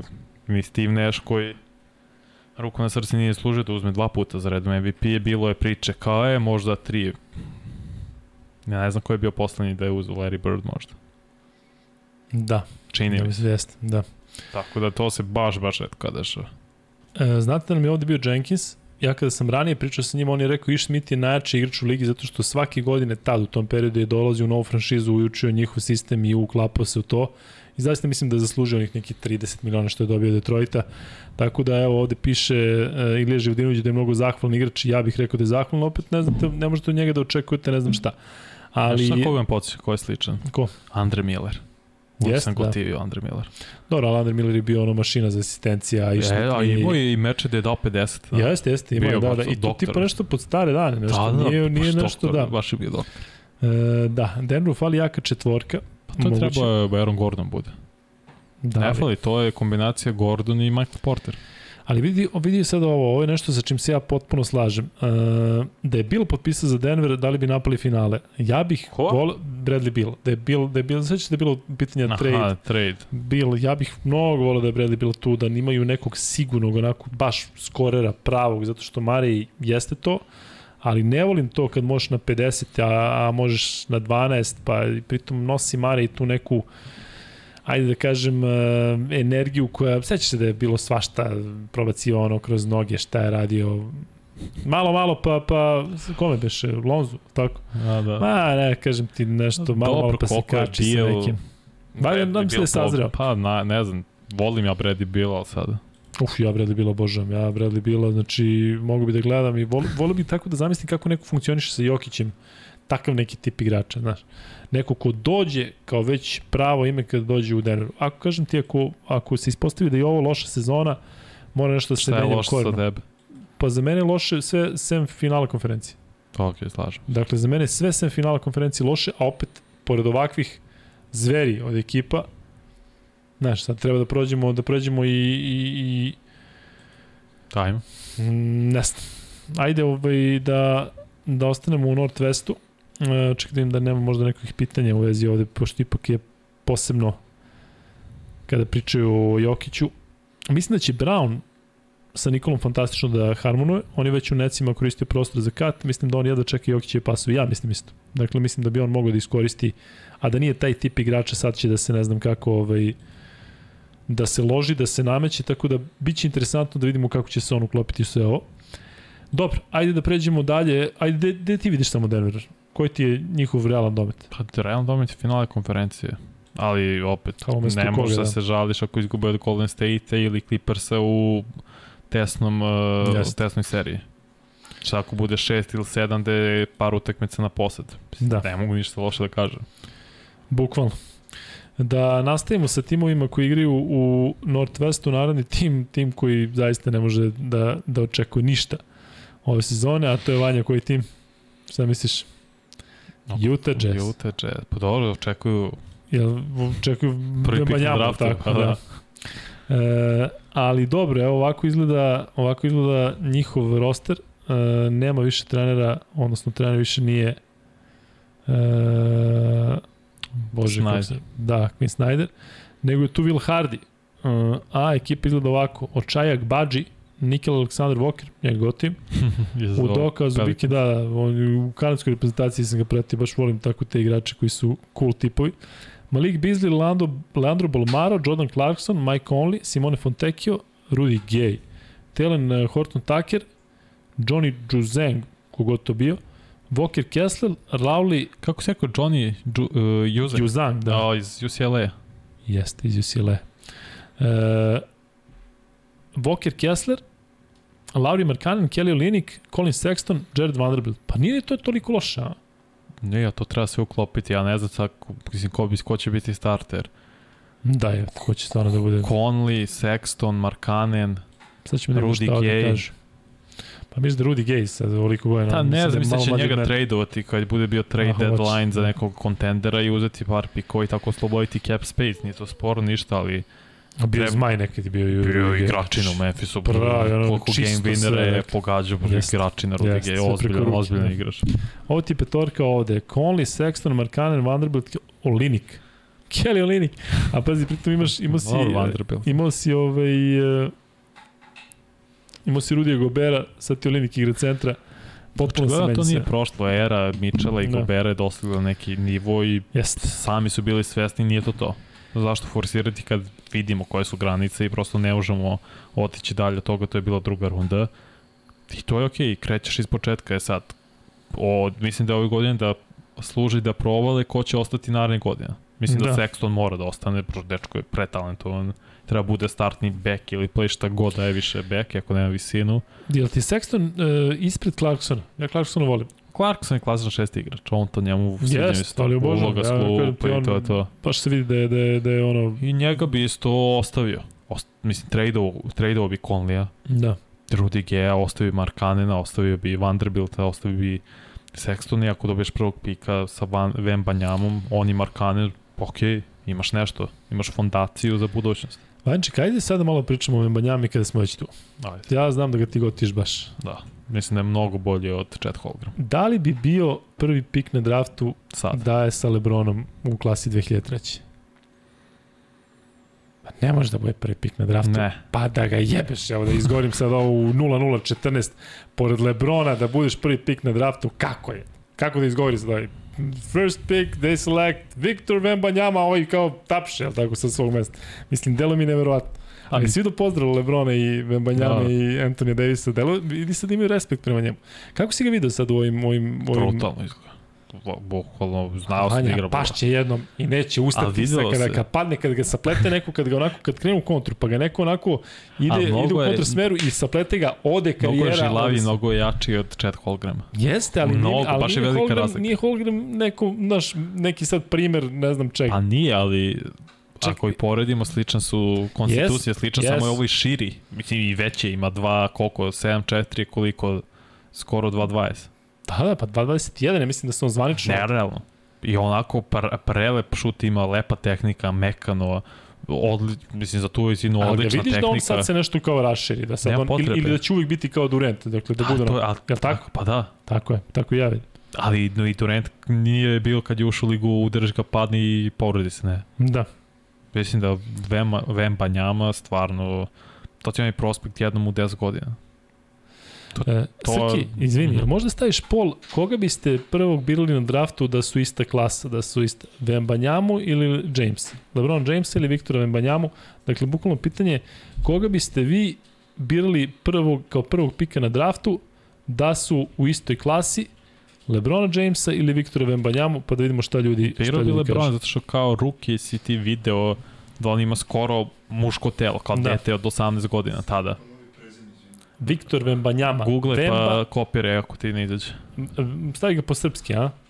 Ma stavi Viktor sam. Ne, pa neće znati možda ovaj neko, neko možda spava, pa ono kakav je Viktor, ono, Viktor Trojicki. Vem Banjam. Vemba, njama. Kao klinci kažu njam njame, to Da. njama. E, Kažeš ti, najlakše ti dok kreneš da kucaš na Google njegovo ime, pa će ti ispasti do kraja i to prekopiraš. Evo kaže Nenad Dušanić, bit će zanimljivo izgovaranje njegovog imena od ESPN komentatora.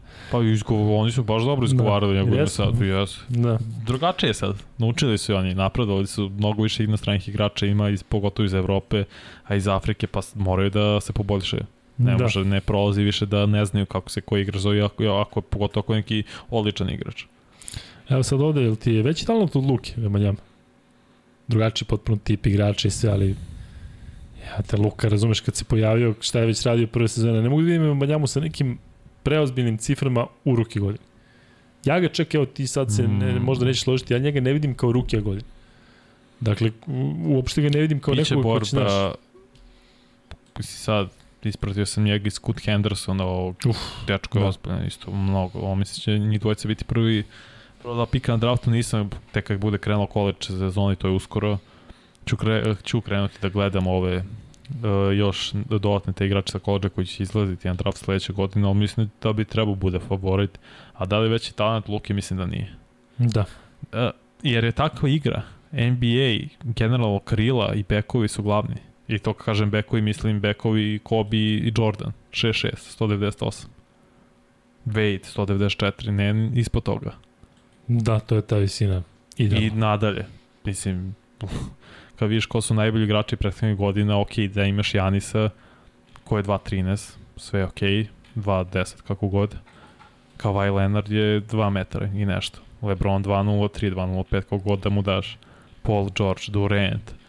Krila su bila u poslednjih godina najbolji igrači, poslednjih 20 godina. Realno od 2000 nadalje. Mislim da se ne vraćam na eru Tracy McGrady, Vince Carter i tako to, to su bili, to sva krila i bekovi. E, da li hoćeš još da se zadržimo na Evo. ili idemo dalje? Ne, bio je odličan te, te prve, te ove dve utakmice što su igrali, ba, wow, stvarno je ono bio nevjerovatan.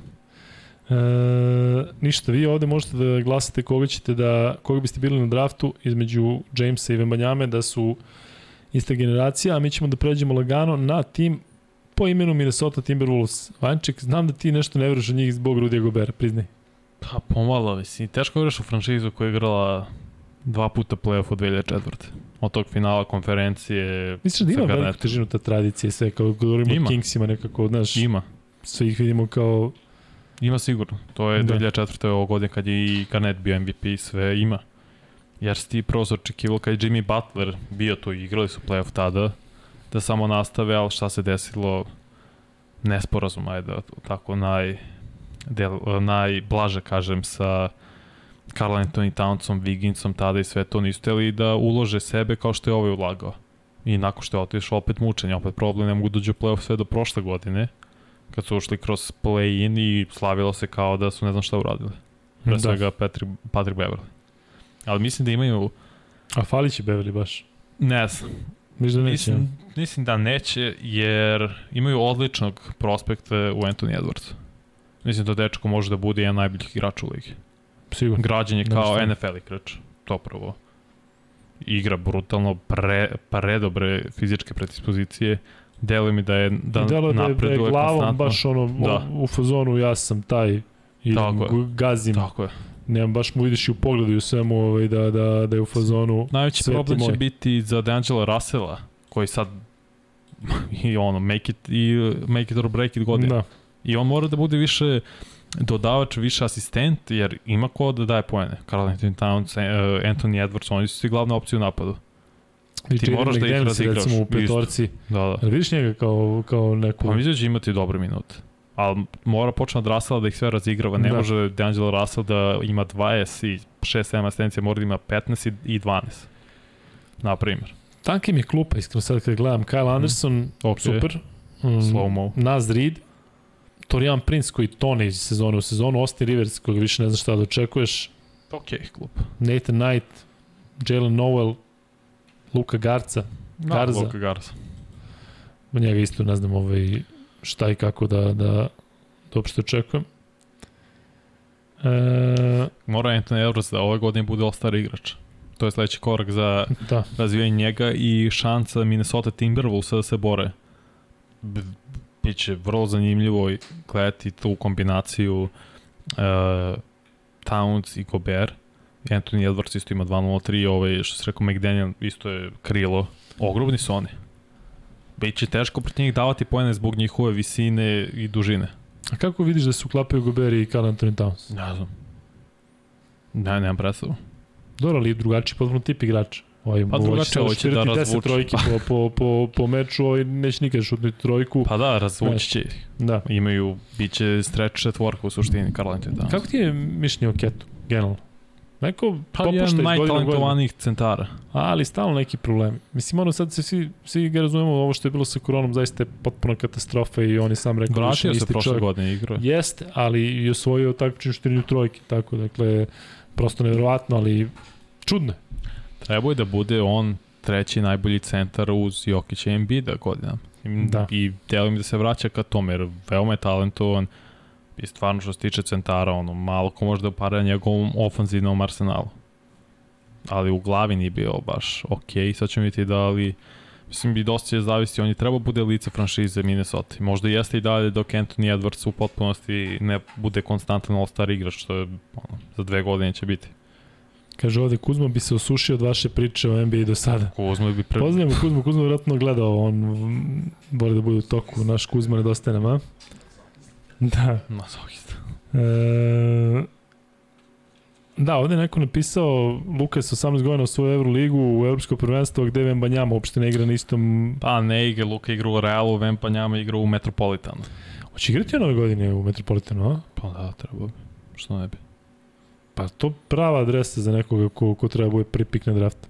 Pa nema to nikakve veze s timom, gde Pa da, oni igraš, su ga, igraš Eurocup. oni su ga gradili. Pa dobro, to je Da. okej, okay. oni su napravili njega igrača. Jeste li, evo pominjemo Luku, dakle, iz NBA, iz Reala ideš u NBA. Bogdanović je nam bio stali iz Fenera, kao prvak Evrope ideš u NBA, kao jedan Pa formirani odakle igrač. Janis došao? Šta? Odakle Janis došao? Janis stvarno došao iz... Druge lig igračke. Slumdog milioner Janis, da. Pa de, E, nema da, to nema pravo, veze. nema ne, da. uopšte. E, Srki, možda ugasiš ovaj pol da vidimo šta kažu, koga bi izabrali, ja mislim da će Lebron da pokida tu. E, Pa dobro, pokidat će zašto. 73%, 26%. Ne postavimo ovo isto pitanje za 10 godina. Za 10 godina. Pa ne, mislim, ne, nerealno je sad. Hajde, hajde, dogovoreno. Da, može. Ljudi ne znam koliko znaju, Kevin Garnett kad je izlazio sa iz srednje škole u NBA, pa to se pričalo danima, mislim danima, poslušajme danima, mesecima pre draft. I Kevin Garnett, to o, igračina, mislim, jedan najboljih krivnih Jeste. centara ikada. Ma, jedan najboljih, ono, najspecifičnijih igrača ikada koji ono... Sveći što oni uh, skrimič kad su olimpijski tim 2000 igrao jedan na jedan preko celih terena. Dobro. Sve ih je Garnett dobio. Nabroj koji možda ljudi vide ko je bio na tom, u tih 12 bio je Vince Carter, jedan od njih. Jeste. Sve ih je dobio jedan na jedan. Full court. Da, da, sećam se toga. Da mislim da onda je bila ta priča. E, dobro, toliko što se tiče Minnesota, nema potrebe da se zadržamo više na, oko njih. Ili ih vidiš u play-offu ove Da. godine? Kao ko je otprilike ekipa? Koja je pozicija? Mm. Peta, šesta.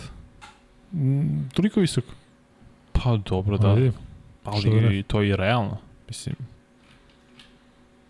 Cli, Golden State, Clippersi, Denver, Dallas. Ne, Minnesota. vidiš ih ispred Phoenixa. Tu su peti, šesti Phoenix, oni. Da. E, dobro, sledeći tim na koji ćemo preći je e, Portland Trail Blazers. Teško. Nekako godina, godine prolaze, tu je Lillard, tu je tu je A Fernie Sims. Simons. E, Fanny Simons, da. E, ne znam.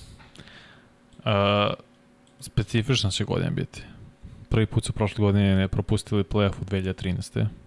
Od druge godine Damian Lillarda. A kako ti je, generalno, kako ti je mišljenje o Lillardu? Vola bi da ga imam u svom timu. Žao mi što ne želi da napusti Portland i to podržavam. Mislim da će ostati do kraja karijera. Mislim da hoće. Mislim, to je realno, ako skroz sad nije otišao kada će. I to je skroz okej. Okay. Da. Ne želi da juri prstem po svaku cenu kao neki igrači koji znamo da su to radili, ali to je skroz okej i validno i neverovatan šuter pre svega može odakle hoćeš da pogodi nešto nalik Steph Curry što se tiče da kažemo izraz engleski range o, odlična odlična tehnika Ali tanko je ovanček. Znači, slušaj, Lillard, Simons, Hart, Grant, Nurkić, Petorka. Ok, slažem. ok, Jeremy Grant, meni je Ok, sasvim ok, lepo. dakle, i solid. defanzivno i sve, pazi. Gary Payton, Nasir. Little, Mhm. Trendon Watford, Oliver Sarr. Sheldon Sharp, Justice Winslow, Sher, e, Sharp. E, Ljudi gledajte njega ruke koji je trebao da igra prošle godine na Kentucky odigra, ne znam, nije ništa odigrao na kraju i pauzirao je malte ne godinu i spremio za NBA. Taj dečko ima takav potencijal. Da on i uh, Simons budu glavni igrači Portlanda za 2-3 godine. Ozbiljan je dečko potencijal i nadam se da će uspeti Portland da ga razvije na pravi način. Stvarno oduzima dah kad ga vidiš na treninzima s kojom lakoćem ima te e, fizičke pokrete, taj skok, taj promenu pravca, brzine, u, još ultra talentovan. Samo se nadam da će moći da pokaže uh, svoj pun potencijal. I nadam se da će dobiti kvalitetne minute ove godine. Nema Portland šta da izgubi. Nek mu dajmo desetak Jeste, minuta. da, ali meni žao što su u toj poziciji da nemaju šta da izgube. Znaš. Dajmo desetak minuta. Nek oseti Da. da. igru. Mislim, on je imao 18 godina, klinac. Kako ti Chansi Billups kao trener? Pa ne znam, posle jedne godine. O, Da, da li... Nemam još neko sklopljeno mišljenje. E, pomoćnik, poslije što ćemo reći za Portland ako nemaš ništa protiv da idemo Da. dalje, pošto imaš 21 tim da odradimo. Fantastično. E, da.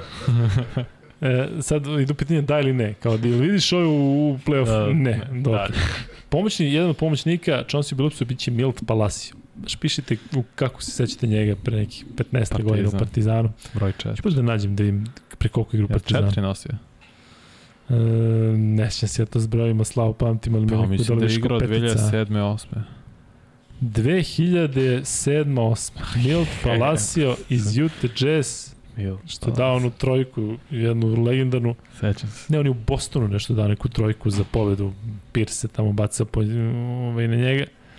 I kasnije igrao za timove prvo put Bnei Hašarona, Pirates de Cuabradillas i Kavali. U Kavali je bio Bnei Hašaron, kažem, ludilo. Ali dobro, Milt Palacio evo ga sada na tom mestu i toliko što se tiče Portlanda. Prelazimo na Oklahoma, Oklahoma City Thunder ekipu gde je Aleksi Pokuševski. Kako ti mišljenje o njemu? Ajde da krenemo, ipak je naš. Pa, mislim da treba da iskoristi to što Holgram neće igrati cijela godine. Jer su vrlo sličan tip igrača. To je baš tužno. Znaš, Zapravo. koliko god, znaš, Tužno jeste i nažalost je tako. Mislim, Odmah vidim čudna to, povreda. Markel Fultz, znači budeš ono Pa toliko naravno, dužno put- znači, mislim, i Embiid je igrao, propustio Jeste, godinu i po, jeste. i Simoc je propustio Nije celu godinu. Embiid. Da, Možda dve i po, ne mogu da, da, reći. meni se čini da je dve i po. Blake Griffin propustio celu godinu. Jeste. Ne, mislim, Zajan. Mislim, Zajan isto, koji sad vraća izgleda baš Da. dobro, ali to ćemo do Pelikanca. Koji isto, su, ja mislim, po meni playoff ekipa, ali poku, a, Lexi neko, plaši se da, ne, da se ne pogubi u rotaciji. I kada zato kažem sreće što Holgram neće igrati da igra, Holgram bi vjerojatno dobio njegove minute.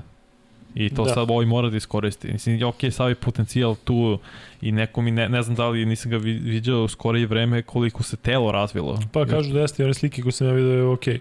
Znamo šta. Znaš, to će biti za njegov napredak i vrlo važno koliko, jer od toga zavisi koliko će moći na terenu da provede minuta. Da. Koliko fizički može da izdrži s njima. Nije sporan talent tu, nego fizička sprema. je Ali to ovo najvažnije za njega. Vanja, ovaj tim. Slušaj, petorka, Shai Gilgis, Aleksandar, super. Josh Giddy, super. Kako ti i njemu? Vrlo, vrlo Jeste, ja ga obožavam. Mislim da je košarkaški genij. Jeste. Laquans Dort i Jeremiah Robinson Earl. To je petorka. Dort obožavam. Dort, Kao jeste, NFL, igrač, Jeste, jeste, jeste, sav je jeste. nabijen, igrao Delo je odbranu. da ima 30 godina, da ima 22. E, ali pazi, klupa Maskala, Šta si rekao, ko je 4-5, izvini? e, pa Pokuševski je 4, Jeremiah Robinson 0,5. Pokuševski igra startera, znači. Da, pa Super. rekao je, pričao je trener o tome kao Super, treba da se pokaže i po, dali su mu ovu godinu je- ugovora 5 miliona, mislim da je, da je miran. Ali ovo ostalo, kažem ti, nema ovde na klupi nekih ozbiljnih A igrača. nema, oni, ten, to je tank sezona. I Da. oni, oni imaju mnogo pikova u narednih 5-6 godina. Darius Baisley, on mi je okej. Okay. Pa dobro, dobro Ali su dobro. draftovali sad.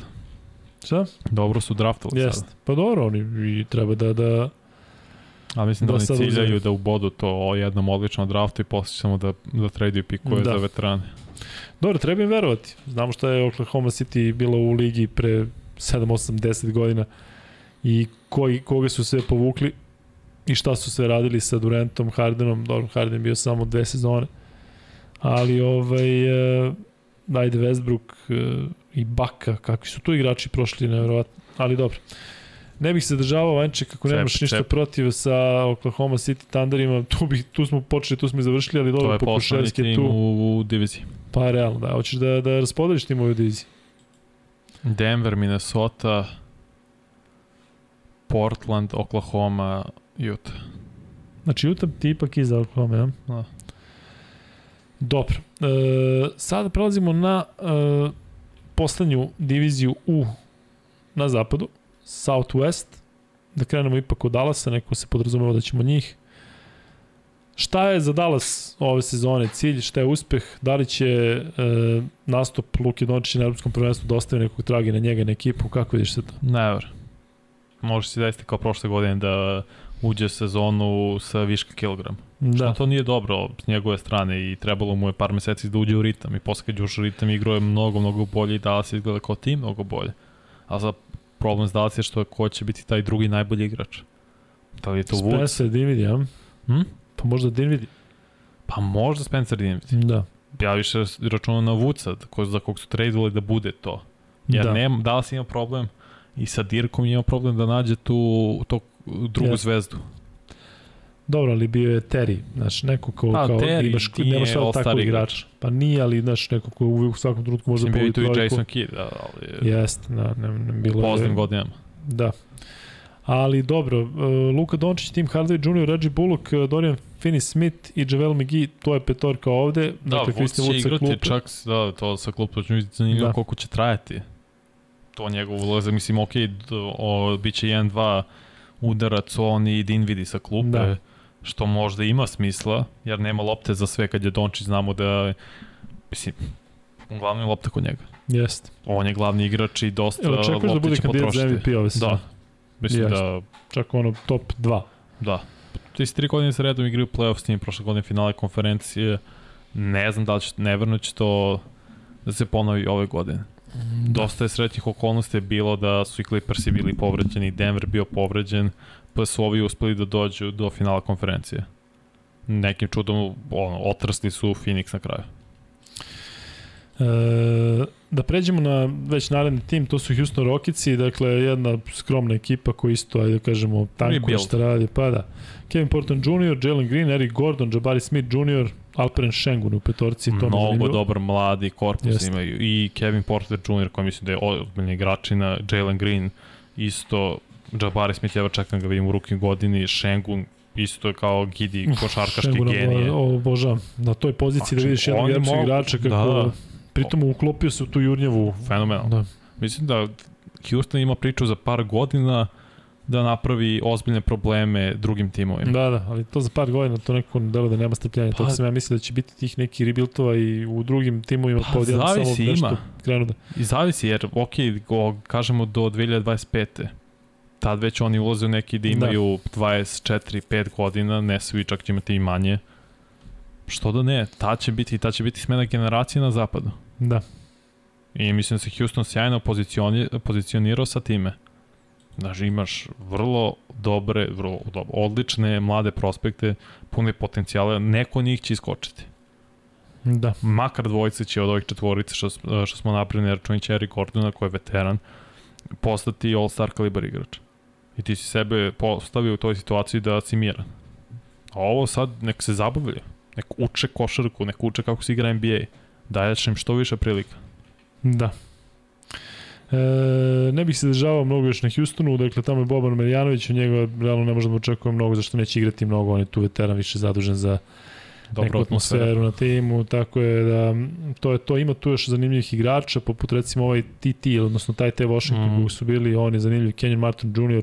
Isto, ja se klupe. E, jeste, dakle ima tu još igrač, kažem, Josh Christopher, onda ovaj Garrison Matthews, Josh Griffin, no, ti, Houston će biti zabavan tim da Tari gledaš. Izon, Da, Jason Tate, da on je ono što se svađa s Hardenom na, na, na, na treningu. kažem, zabavan tim da gledaš. Jeste. Biće do Da. ono, mnogo prebrza igra na sve strane, Jeste, leteće. Da, Beli upovi sebe na Tako sve je. strane. Ja.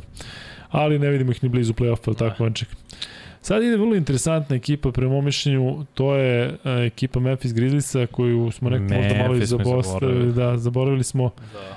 Ajmo tu da se zadržimo malo, dakle, e, Darko Rajković je bio tu, pričao nam je mnogo, Jamorant, rekli smo Luka kandidat za MVP-a, podrazumeva se da će Jamorant biti kandidat za MVP. Pa mislim da će ove godine zdravo. da se iskoči taj plan kao top 10 igrač, da se nametne. Mislim da i to nije i dalje, da je tu između 15 do 20, ali da će ove godine se nametne i pokušati da uđe u tu kategoriju top 10 igrača u NBA. Prošle godine su posu, pobedili 56 utakmicu, to je Nevjerojatno. izjednačujuće, to je rekord franšize.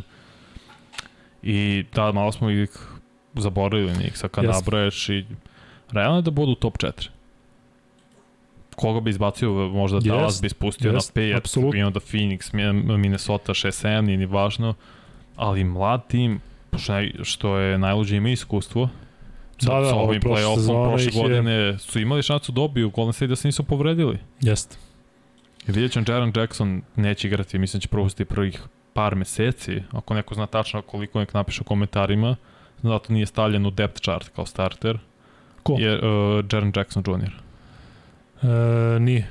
Nije, nije, mi trebalo bi, ne znam ko je četiri, ali bi stavljao pre Brandon Clarka da bude četiri. Ne znam. Santija i Dama. Da, mislim da bi Ali da. trebao Clark na četiri, Dylan Brooks na tri, Z- ovaj, Zaire. Jake Laravija je tu. Da.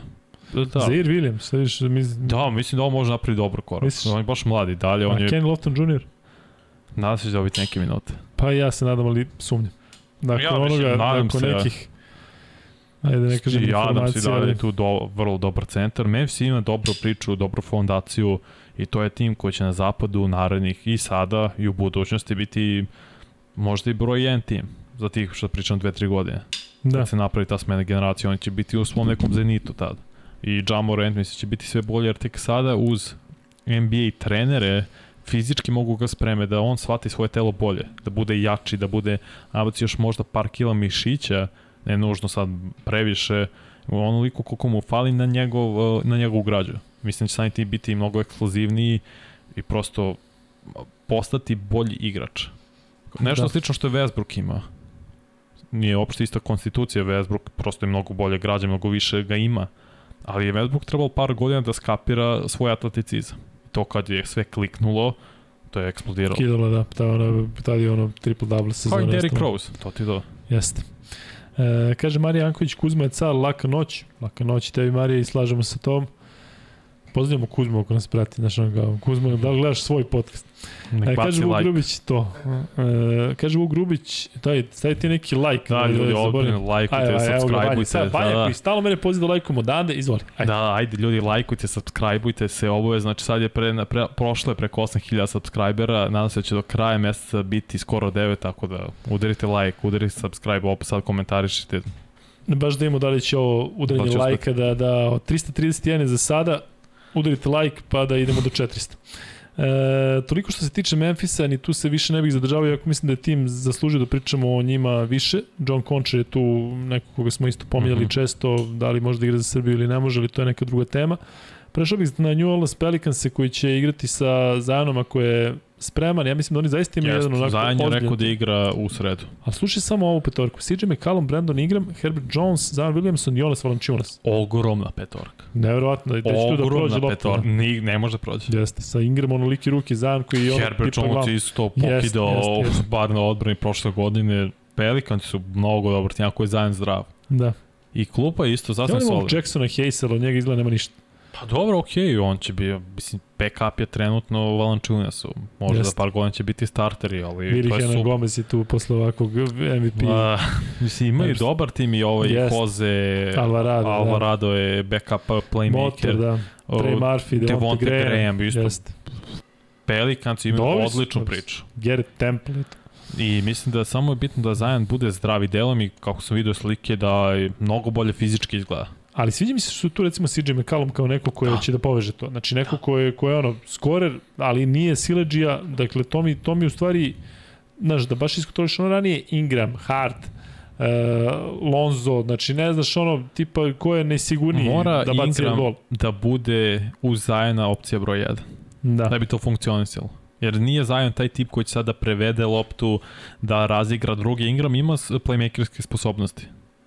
I o, razvija se i razvio se u all-star kalibar igrača. I mislim Pelicans i, i njih smo zaboravili. Yes. Ti računaš, Realno. eto ti, tu ti već tri ekipe za playoff. Dallas, Memphis, Pelicans. Biće opet interesantno da je play-in sve, sve, a? Biće, zato kažem, Lakers su, su za play-in. Da, Biće mnogo teško ako je izboriti se. Da, da. E, idemo dalje, Vanček, da zatvorimo zapadnu konferenciju i ovu diviziju, naravno, sa San Antonio Sparsima koji nemaju nikakav tim, Trey Jones, David Vessel, Jeremy, Jeremy Soshan, Keldon Johnson, rookie. e, Jakob Peltl, koji igra Ovaj. konstantno petorcu. Joshua Primo, Josh Richardson, Doug McDermott, Zach Collins, Pa ništa, to ma je... ništa. Razvinjenje mladih igrača, ciljanje je isto kao Utah prvog pika na draftu, ako Romeo slučajno oni dobiju Viktora Vembanjamu, to će kao da su dobili tim Dankana. Misliš da će Nova Popović da ostane još Ne, više u ligi zbog ako... pa možda još godinu, dve, ali neće. Sad, Mislim da li to. zavisi od, od Vembanjama. Ako možda mu dođe da, tako neko. da. Mislim da da. Za jednu godinu možda Tako više. je. Da. Čisto da postavi sistem za neko ko će ga nasladi. E, da. Drugari, to je to što Zapad. Žilija Živdinović, San Antonio, Eurocup tim. E, ništa, pišite nam vi sada u ovom delu šta, e, ko je za vas favorit, recimo poređajte pet timova na, na zapadu, koje vidite kao favoriti tim redosledom na, na kraju regularnog dela sezone, a mi ćemo sada možda da postavimo i free bet pitanje. Šta Može, kažeš, Vanja? Hoćeš nešto ti da izvuči ili hoćeš ja da neku ono iz glave odmah roknem? Šta, uh, a zašto? Za NBA bilo šta, kažem ti, evo ja imam kažem ti nešto u glavi, ono totalno laganica, tek da ovaj, Pa, ok, ajmo ovako. uh, Uh, Banček ima. gde je trade on Donovan Mitchell? Nemoj tako teško, Vanček. Je, te, gde je tradom Donovan Mitchell? To je jedno. A ja ću te ono četiri igrača. ne, on. ne, ne, ne. Gde je tradom Donovan Mitchell? Ko prvi odgovori? Brzo, lagano. gde. Uh, eto, ovaj free bet smo ispucali. Poređi ti top 8. Da Top 8 na Da. zapad, ma nema šanse. Pa uvijek ću zaboraviti neko. Dakle, evo, nek ide Golden State, LA Clippersi, Memphis, Mhm. Dallas Mhm. i već sam zaboravio neko. Dobro imaš Denver, Denver, Minnesota, Minnesota šesta, Phoenix sam rekao, Pelicans, tako? nisi. Ajde, ne, ne, nemoguće, nema, nema, nema šanse. Evo, kaže Haris Salimović, Clippersi, Memphis, Golden State, Denver, Dallas. Može i tako, u suštini nije ništa, ovaj, znaš, Veljko Veljović kaže Cleveland, on je odgovorio prvi, Veljko, uf, nije, izvini, Veljko, nisi ti prvi, ne da nisi prvi, nego nisi ni blizu. Dimitrije Dojčinović, je tako, Srki, a?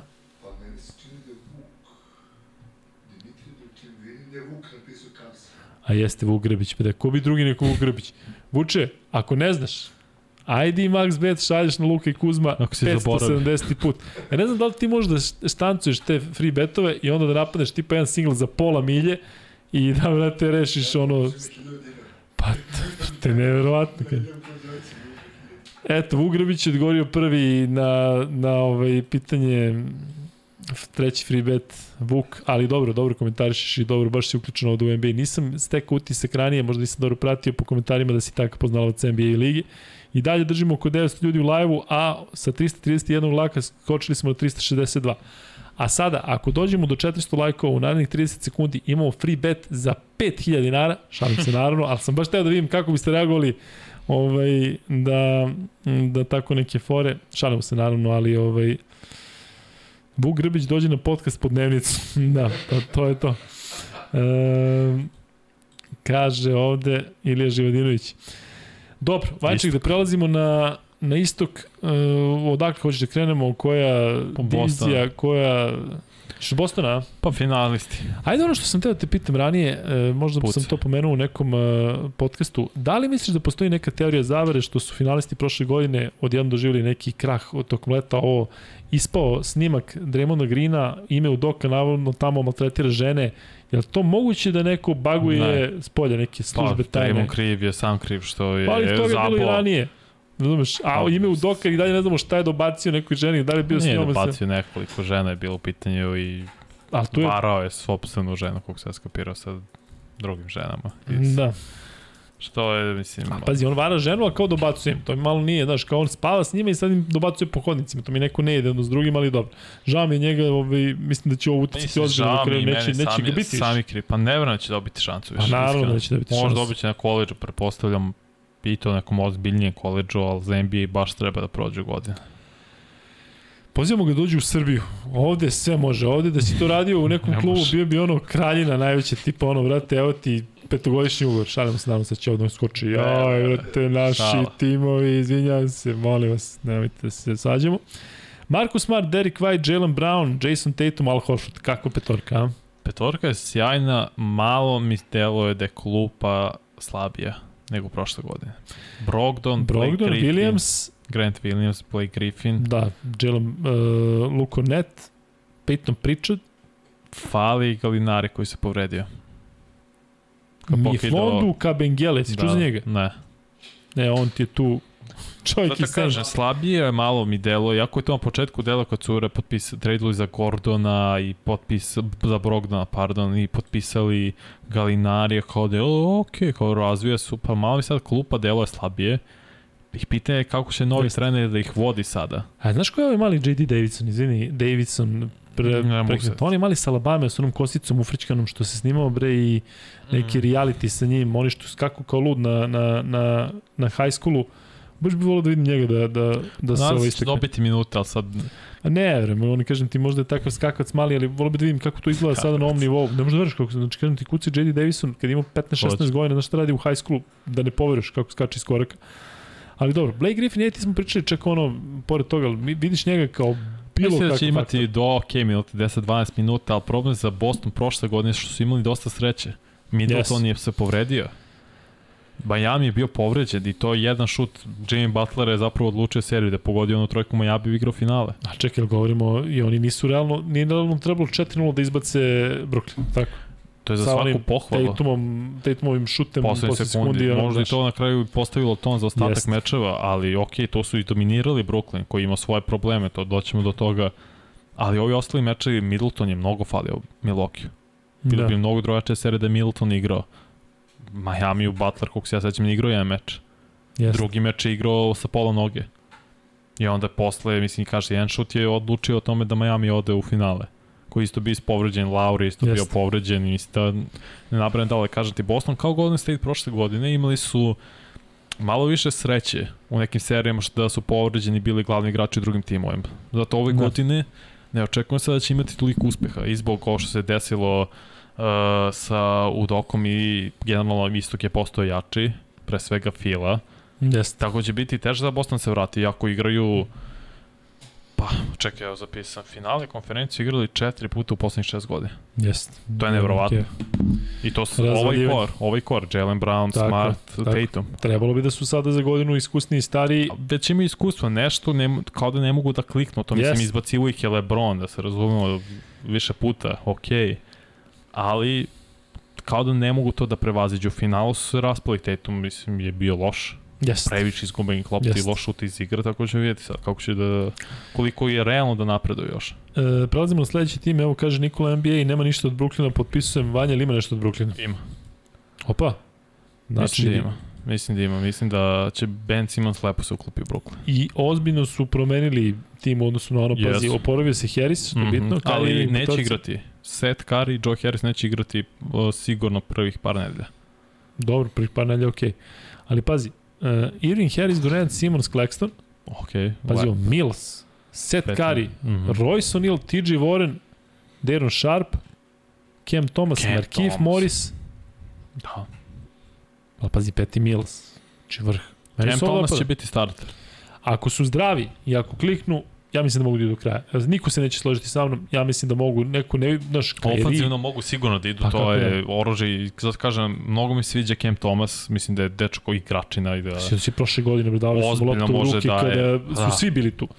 Tako da, zato kažem, on mislim da će on biti starter sad ovih prvih par nedelja dok je povređen uh, Joe Harris, koji je ozbiljan šuter, ali Pa zar nije igrao, bre, u predsezoni? Harris, Da, pa možda da igrao, ja sam pročitao da neće igrati on i Seth Da. Curry par, prvih par nedelja. E, jel možeš Srki da staviš samo e, jedan pol, da li mislite da je realno da Jokić osvoji treću MVP titulu za redom? Ajde samo da budemo realni ovde, dakle stvarno stavite zato što znate kakva je konkurencija. Se da nadovežemo sa neće- Brooklynom.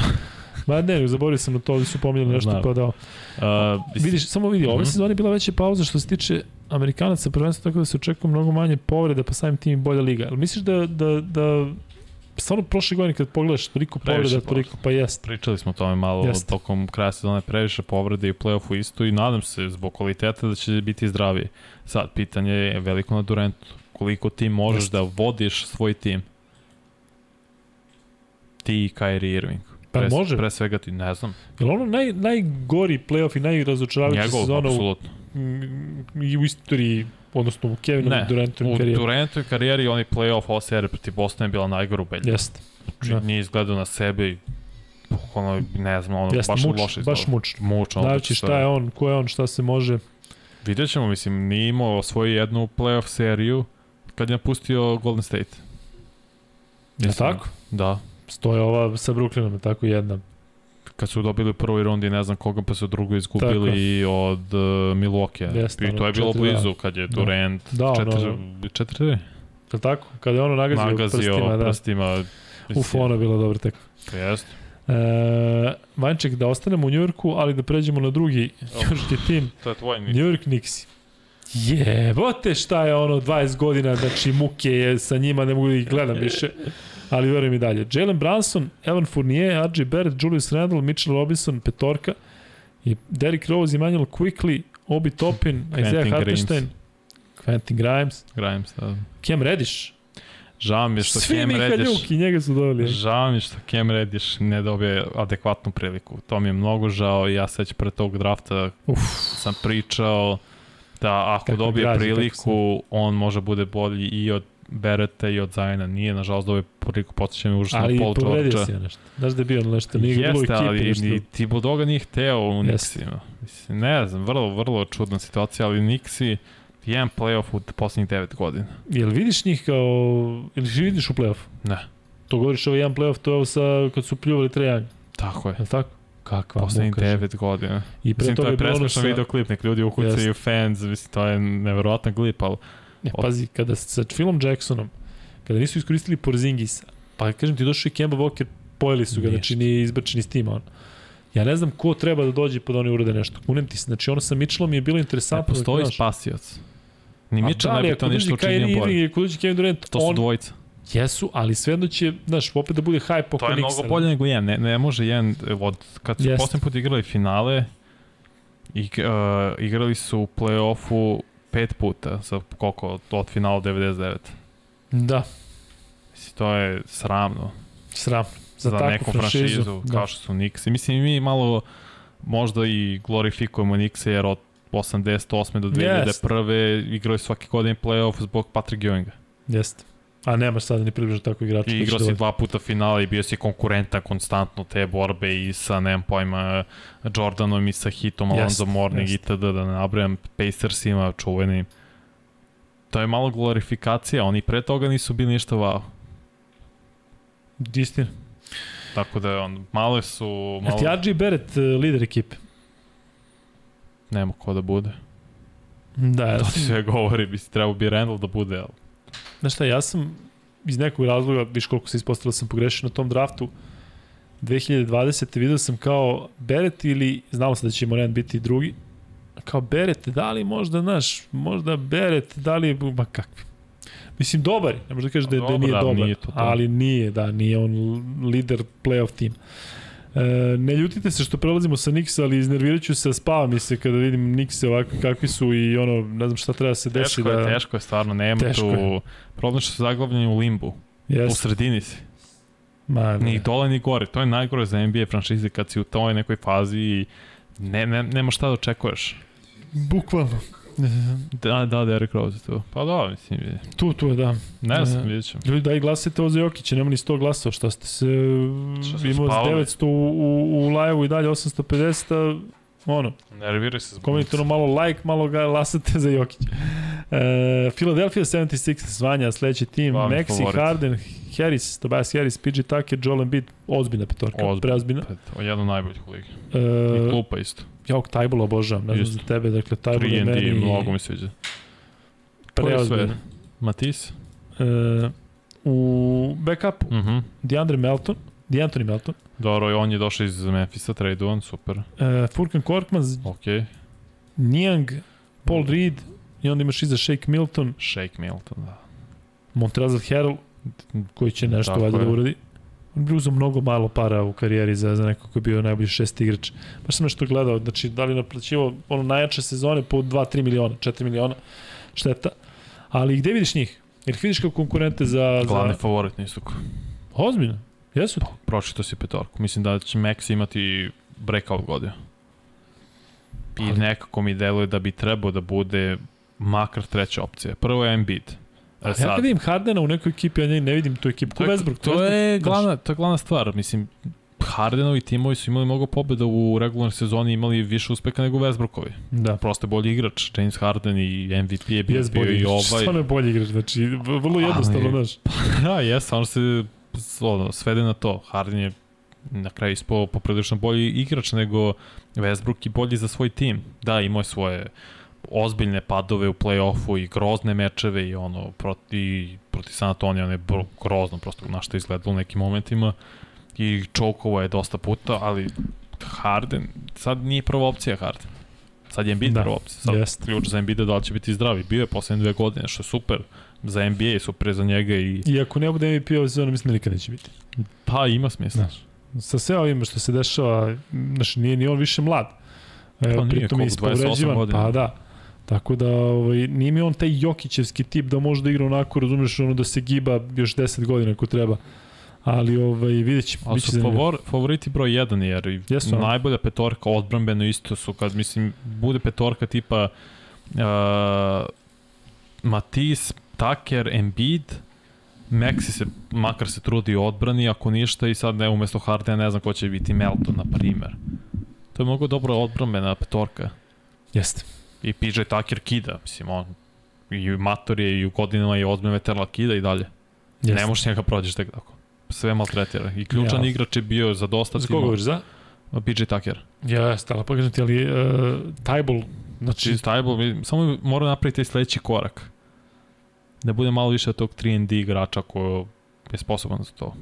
A i ovako će uvijek biti tražen, stvarno je odličan defenzivac. ma neverovatno, s onim rukama dugim i kako se kreće, kažem ti meni on. Lateralno kretno je Jeste. nevjerovatno. E, prelazimo na Toronto Raptors, meni je zanimljiv tim, čega i vidimo u play-offu, iako se nećete složiti sa mnom. Fred Van Vliet, Gary Trent Jr., OG Anunobi, Scotty Barnes, Pascal Siakam. I oni isto imaju ogroman tim. Yes, dugačak, yes. Scotty Barnes kao ruke pokida. Jest. I ja Chris mislim... Boucher, pazi, prešao se Da. čuva, Malaki Flynn, Dalano Benton, Otto Porter Jr. Ovo to Porter prešao da iz Gonza. Jeste, Mnogo Ken dobro. Zanimljiv tim ima. Young. Toronto je sad kad Jeste. na prvi pogled i kad čuješ igrača, ok, ne misliš to je to, ali oni su prošle godine koliko imali? 48 pobjede ili tako nešto. Da, da. I o, o, nadam se da će, ovo će biti breakout godina, break or, make or break godina za OG Anunobi. Hoće, ali mislim da ne može on, na Scotty Barnes, Scottie Barnes treba bude broj 1 igrač. tako je, pre Siakama, je li tako? Da, Pa da. je ozbiljan talent. Ozbiljan. I Fred Van Fleet koji je ono klasičan basketar. Vidi se da zna da igra košarku. Jeste, jeste. To je ono što je ključno, on zna da igra košarku Jeste. i odlična tehnika i veoma lep šut ima i mislim Toronto je nezgodna ekipa, namočili su oni Philadelphia prošle godine. Yes. u sve silne svoje povrede. Nije bilo to lako za Philadelphia jedna godina više za Barnes u NBA-u. Mislim da će Toronto biti nezgodan tim za većinu. Baš zbog svog atleticizma i prosto dužine koje posjeduju bilo kom momentu kogoda je petorka. Sam Van Fleeta koji je, ono, mislim, nizak. Ali način što Vuk Grbić kaže, neopisivo mrzim Embida, skoro ko Šačirija. Pazi ti to poređenje. Rado Vuksanović kaže da iz Mirjeva. Pozdrav Rado. E, ja, super, znamo ko je. Mm, Znaš stvarno? Ne, znamo ko je, ja sam izbirio. E, Mislim, poslednji Toronto je igrao playoff 8 poslednjih 9 godina. I sistem je tu uspostavljan, mislim, kad porediš Knicks koji su odigrali jednom u devet, sve ti jasno ko, ko ima uspeha. Ali pazi, e, Toronto mislim da ih ne vide onako kao bilo kakav faktor i to je za njima dobra pozicija, znaš. Pa jest. Znači, kažem ti nastupaš onako, mislim da će baš biti tvrd oreh svima, čak u play-offu. Znaš, Mnogo nezgodan tim Toronto i mislim, vidjelo se kad su dobili jednu super zvezdu koja je bio Kawhi Leonard, to je Da, da. Ali pazi, kad pomisliš da su Sjakam i Van Vliet igrali ono u 905 ekipi, ono da su bili ono mm. NBA G Liga i pogledaj su sada. Razvijenje. Da, nevjerojatno, Sjakam je ovo stara, tako, on je bio jedan, Dakle. minimum jedan ima. E, Srki, možda ugasiš ovaj Pol Pot, da, ovaj, da vidimo šta kažu ovde, pritom smo završili Vanja sa e, Fenomenalno. Sa Atlantik. s- Tako je da, hoćeš tu da napriš neki raspored? Fila, Marabo je Brooklyn. Dakle, Ne reći da ti nije Brooklyn. hajde, Fila, Brooklyn, Boston, Toronto, Knicks. Da, evo te, ne može bude Brooklyn pre Boston. To je na, ono, kao za Lakers, lance, Pa baciš ovo na najjače Ovčić. divizija. Sa Pa Brooklynom, uz- Filom i, i uz Bostonom. Pacifik. Uz Pacifik, da. Tu su, nije to, mislim, Knicks i zakucani poslednji. Ne može. Jeste. Ne su zakucani poslednji diviziji. Niksi su zakucani poslednji u ABA 2 ligi. Znači sad dođu i kažu mi smo igramo ABA 2 ligu, izvolite, opa, Podgorica, ovamo, Nezgodno Honda već u šašelj, Podgorici, a? lud, materi, pa tamo bre, da izađu ono, Kao Jeremy bez gaća. Kao Oli James, kao, šta je ovo? Da, da, bukvalno bi tako bilo. E, da pređemo na Ajde, biraj, hoćeš... E, Southeast. ajde, Southeast. Krećemo od Atlanta Hawks, ali može? Može, da. Ajde, e, meni se Hawksi dopadaju mnogo ove sezone i opet sam subjektivan zbog do, Bogdana Bogdanovića. Mnogi pitaju, pitali ste čak i ranije da li je Trae Young favorit e, za MVP-a. Ne. Ne, a? Ali pazi petorku. Trae Young, Dejounte Murray, DeAndre Hunter, John Collins, Clint Capella. Super, petorka gledaj sada rezerve bez Bogdana koji neće igrati na početku. Aaron Holiday, on njeka u Kongu, Justin Holiday, Da. Fred Kaminski jeste. Mnogo Tanko. tanko. Mnogo tanko. Fit Krejči, Sve ako ne budu tradovali za, J, uh, za Jay Crowder, ali opet on je rekao neće bude backup, neće Ma, bude ajde, rezerva. sad sam se zmorio kad sam vidio kako to izgleda. Mislim, dobro, Bogdan ulazi, ulazi to Bogdan je super. mnogo znači to za drugu postavu, ali ovako je tanko, baš. da. Mislim, Povre- petorka je ako se brutalna. povrede dvojice. Gde ćeš, ko će da ti izluči? Petorka je brutalna i Izvini, meni je on Mhm. njeka, ja obožavam on njekog kogla. I Meni biće on- borbe on sa Kapelom za startnu Jest, poziciju. Kapel jest, je predvodio ligu u skokovima prošle godine, ali tu je vrlo sličan Da, da. tip igrača su. Da, I sad razlika, prošle godine Miami izmaltretirao Young u play-offu. jest. Neće sad tako moći bilo koji, pa zato što tu Dejounte Murray. Daje mnogo drugu dimenziju napadu i pre svega u petorci kad je Trae Young tu. Neće, neće moći toliko da terorišu Trae Younga u odbrani jer će uglavnom Murray, ne uglavnom nego stalno će Murray uzimati najboljeg beka ili spoljnog igrača. Ali mnogo je tanko po Jest. rezerve. Sad kažem ti kad sam video to da li, naš Huerter mi je tu bio nekako bre sigurica. Jeste, ali nije tu više. Gde je tu. E, nismo ni mi tu više što se tiče Atlante. Pa da, mislim, dve da. godine zaredno play-off, ono igrali su finale konferencije pre par godina, su izbacili baš Phil u polufinalu, onaj čuveni sebi meč da Ben Simmons ne šutira, nego ne kuca Ne zakucava, zapravo, da. nego daje loptu, ali dobro. Da, ono će ostati upamćeno. Biće za- zabavna Atlanta. nešto kao šta se dešava. Pa da, nije baš to za Da. Ben Simmons. Biće zanimljivo Atlanta, ali postoji limit. Baš zbog toga, mislim, u play-offu da, igraju ono, roster se smanje, rotacija se smanje na 7-8 igrača, ali to što ti kaže, ako se povredi jedan, mnogo je manje, mnogo slabija rotacija. E, Vanja, Charlotte Hornets i zanimljiva ekipa, meni posebno zbog naravno Lamela, Terry Rozier, Gordon Hayward, PJ Washington i Mason Plumlee u petorci, to sa Plumlee mi je zanimljivo. Dennis Smith Jr. Dennis Smith Jr. Da. Vratio se Ekstra. kući. Baš lepo, kako ti je njega bolje, obožavam Ga ga. obožavaš, da. J. Cole i ostalo, vrate. Znam, znam. Cody Martin, Kelly Oubre Jr., Jalen McDaniels, Mark Williams, Nick Richards, Da, ne. James Booknight. U, to je nešto, bre, Booknight je... Back onaj, sad čini se North Carolina. Jest, da, ali... mm, Dobro, JT Thor. Te, Miles Br- Bridges koji je šta čekaš od Lamela? Generalno. Ne sličan kao prošle godine. Ne više. 21, 7, 7, pa do, malo više, možda malo više poena. A ti on generalno, jeste neko ko bi mogao u nekom trenutku da bude MVP ligi? Daleko mi je što da kažem. Mislim, može bude konstantan All-Star igrač, ali lepo mi je kažem MVP i Charlotte koji generalno nema uspeha. Kako je 20 Jordan bre tamo, kako nije uspeo da napravi nešto Ali to za je tih? problem sa ogrom, super, mislim, legendama, najboljim igračima, oni ne umeju da biraju. Da. Nakon, zato što je ono, standard su oni sami.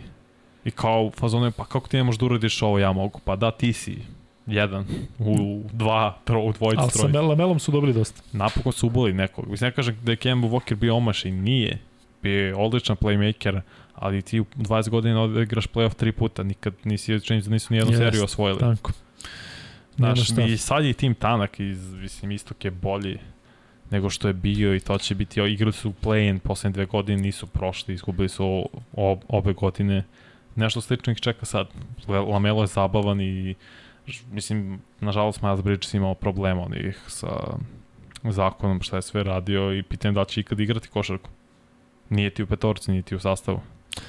Evo kaže ovde Lamelo za fantasy, odličan pik. Jeste, super pink. Nema šta da to stvarno, Ali što ti kažeš, nedostaje će im, donosi, donosi im Bridges, a to je 20 pojena 7 Evo da, skokova. Pa problem sa zakonom ima. Treba je potpiše Ja, ugovor od ne znam koliko miliona. ono, ali- sa devojkom? Da, Da, ja, pa kao, pa nema ništa. zato ga nema, pa nema ga, mislim da neće više igrati. Da. Da neće više igrati? A šta je on napravio baš neki velaj Pa ozbiljno? malo ozbiljnije prekršaj, čini se. Mm, Bio, da. nema ga, nema, nema se. Jebate, Ni rada, na radaru ga nema. E, prelazimo na Miami, jedan od sigurno omiljenih vanjenih timova, a moram priznati da ova ekipa deluje preozbiljno. Petorka, Kyle Lowry, Tyler Hero, Caleb Martin, Jimmy Butler, Bam Adebayo, Caleb Martin, Caleb Martin. Gabe Vincent, Victor Oladipo, Duncan Robinson, Max Strus, Dwayne Dedmon, Nikola Jović, Omer Juceven, ajde. Zaista ozbiljno deluje, a? A možda po imeniju ne dela toliko ozbiljno, ali Miami pravi igrača. Hoće da napravi i od Jovića igrača. Nadam se. Mislim da može napravi vrlo dobrog startera od njega. Iskreno. Za sledeću godinu. Ne, za budućnost. Za, Da. neko, za nekoliko, dve, tri godine. Ali sada Miami, mislim, jedan favorita i senke. Nešto Jest. slično kao prošle godine, ono Jest. kad su ušli u Kako finale. da ne bude? Pazi, trojka Butlera, Debajo, Lauri. I pazi, imaš Hiroa, imaš Duncana Hero, Robinsona. Čemu pričam? Evo Gabe Vincenta nešto ne volim, tako da njega tu ne uzimam. uh, Lauri kažu da je ulazi se u onom mnogom boljem uh, stanju fizičkom nego prošle godine.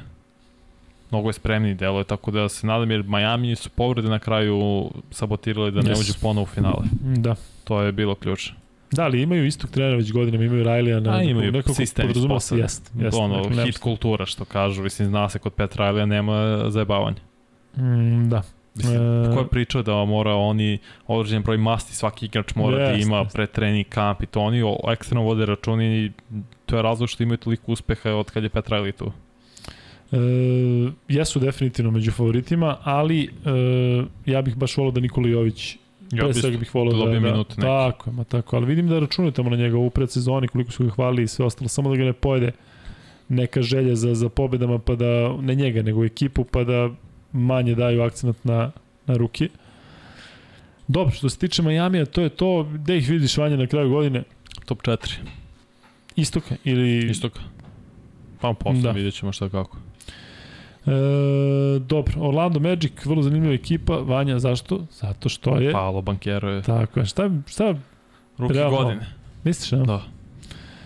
Čuši petorku. Cole Anthony, Jalen Suggs, Franz Wagner, Wendell Carter Jr.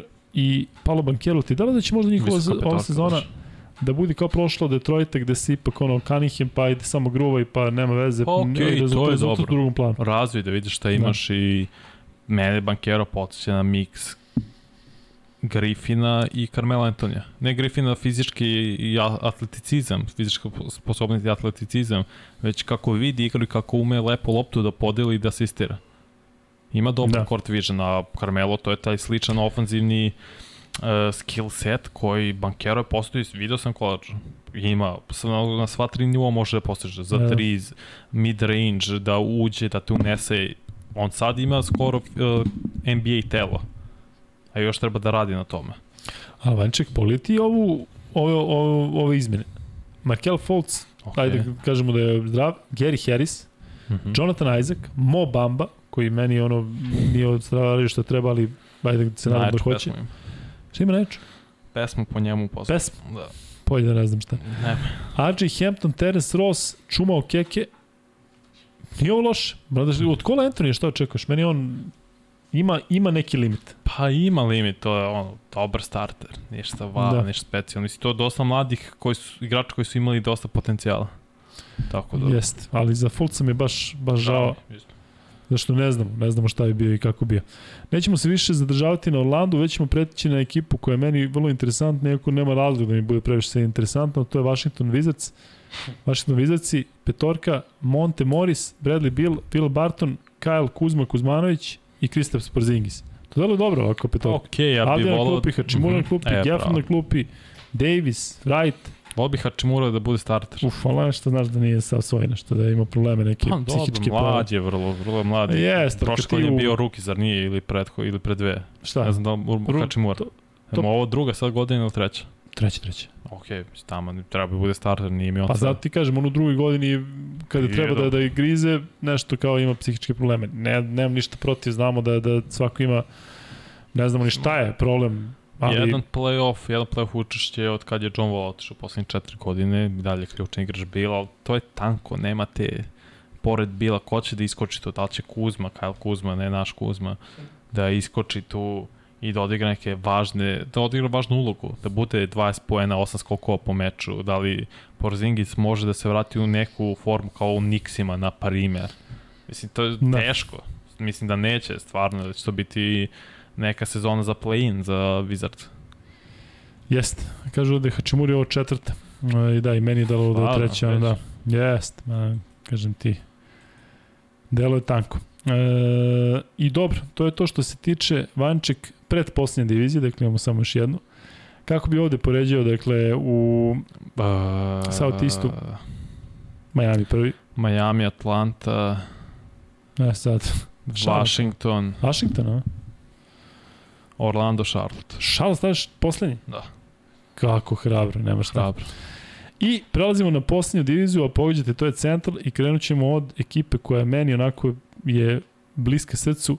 Reč je o Chicago Bullsima. Zašto su mi bliski srcu? Zato što je naš prvi, ono da kažem, NBA gost, računajući Vlado Radmanovića i da kažem od aktivnih igrača, jedini od aktivnih NBA igrača, Nikola Vučević. Patrick Williams, DeMar DeRozan, Zach Lavin, Ayo Dosunmu Vrlo petorci. U- Mnogo mi Caruso. sviđa, to su mnogo. Caruso? Caruso, da, ali e, za Dosunmu, meni on ničim nije oduševio prošle godine, nije Pa nešto jeste, minorno. kad su povredili ove Jeste, kad i da. Alex ka, i Jeste. Caruso i Ball baš je preuzeo i taj je bio ruki, mislim, sa Illinois vis, ono, visok za pleja, o, ogroman raspon ruku ima, mislim, on je ono, odbrana prvo, pa sve ostalo. Javonte Green, Mhm. Pazi, Kobe White, tu nešto kao i ono, neće ni sa klupe biti ono drugi ili treći izmena. Pa mora bude zato što Pa mora, mislim da će. Lonzo Bola propustiti celu godinu zbog kolena. Da. I to problem koji ima već pre i pola prethodne sezone. Izgleda neki Strašno, problem, on je dao neku izjavu da kaže ja ne mogu da hodam bez polova, to je og, Pa kao? mnogo loš znak. Goran Dragić je tu, Marko Simonović je tu, zato Da. kažem da su mi bliski srcu Vučević Dragić Simonović. To je Dramond je backup, ili da? Jeste, Andre Dramond. Dobro, Chicago Tony ima Bradley. dobru priču. Jeste, dalo je da, da bi on sa Bilijem Donovanom, to delo je prilično dobro. Podigrali su prošle godine playoff prvi put u poslednjih pet godina Jeste, i mislim da imaju da dobru će stanu u prvoj hemiju. rondi, jednostavno. Ali okej, to je korak po korak. Jeste, Ušli tako u baš. playoff, mislim da sad Tako. sledeći korak da osvoje seriju i onda potencijalno Tako nekog je. iznenada u drugoj rundi, ali Chicago ako je zdrav, ima mnogo dobro sklopljen tim. I pitanje je za Vučevića kako će se snaći u ulozi igrača broj 3. Jer, je, Da. jer to je tre, realno. Jeste, pravo. Nije bolje od Lavina, nije bolje od, od DeRozana koji je dominirao prošle godine. Uloga broj 3 da li može dovoljno da da doprinosa tom timu sa nekih svojih 16, 10, 16, 11, znaš uz ono limitiran broj šuteva. Ma delo je da je baš fokusiran ovde kad je bio, kažem ti da je baš full. Prelazimo na Cleveland Cavaliers, petorka zaista premoćna. Darius Garland, Donovan Mitchell, Caris LeVert, Evan Mobley, Jarrett Allen. Pazi, klub uopšte nije toliko loš zato što ulazi Kevin Love sa klupe. Mhm. Robin Lopez, Raul Neto, Isaac Okoro, uf, tog Okoro. dečka ne volim. Što? Ne, zato što je trebalo da bude peti pik i bio na draftu, trebalo da napravi mnogo više od onoga što je napravio do sada. On mu treća godina sad. Pa on je jeste, pa, pa on ima sad svega 20 godina. Mlad, mnogo mlad. Mislim, ušao u ligu, 22, on je iz 20 Nije. došao. ušao je sa 18. Isaac, Da, Isaac Okoro, mislim da ušao sam Ma sad. bre, on ima pre, pre, pre u građu, moguće, ali mislim da je 19. Isaac Okoro, 21 godina, bravančik. Mislim, Između da, da. da, ali, ali nisam očekivao, iskreno bio sam ubeđen da je 22.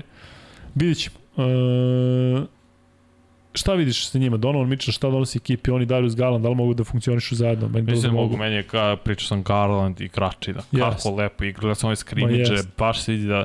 Vidim to da najbolje- cene u ligi baš. Da, da. Vidiš Lebrona i ostalo Pa što, ali to je ono što pričamo, to ne mogu kroz statistiku, ne možeš to objašnjava.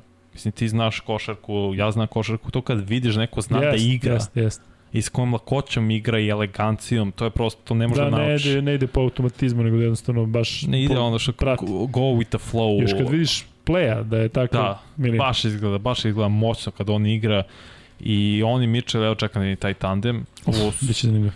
Mislim, e, evo Mobley, mislim da može da bude ozbiljni igrač. uvijek. Meni je Keris Levert, ja njega obožavam, kažem ti. Meni Volao više kao šest igrač, ali dobro. To da Okoro igra startera, Da.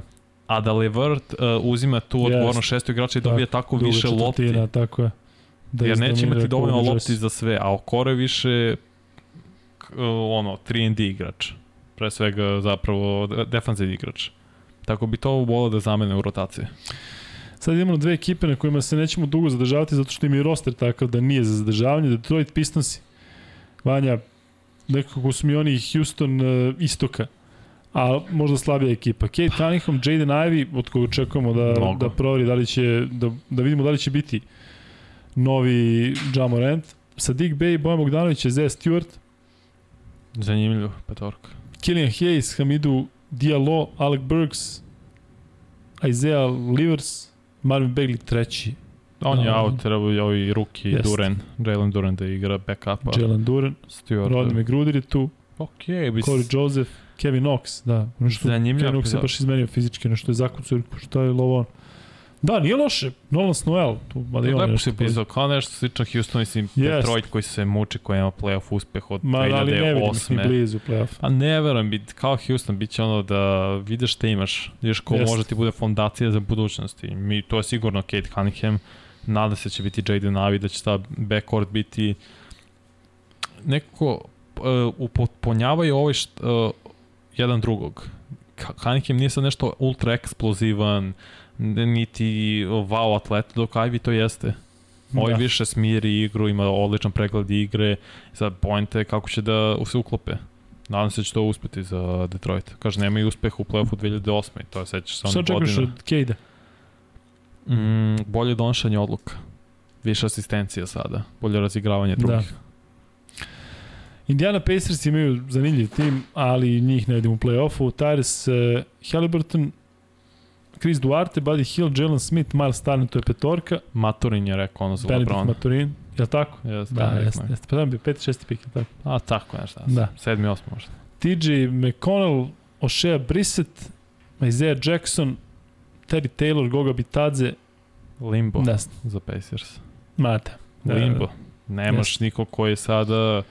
A vidio se ono Turner i ovaj da idu za, za Westbrooka. Pa, To je da, mislim, pa ali nadam se da će treba backcourt da im se isplati Halliburton koji ima potencijal i Chris, ovaj kako se zove, Duarte, tako da vidjet ćemo. Sin Limbo, baš je čudno, neće, yes, jest. Pacers će par godina da se baš muče.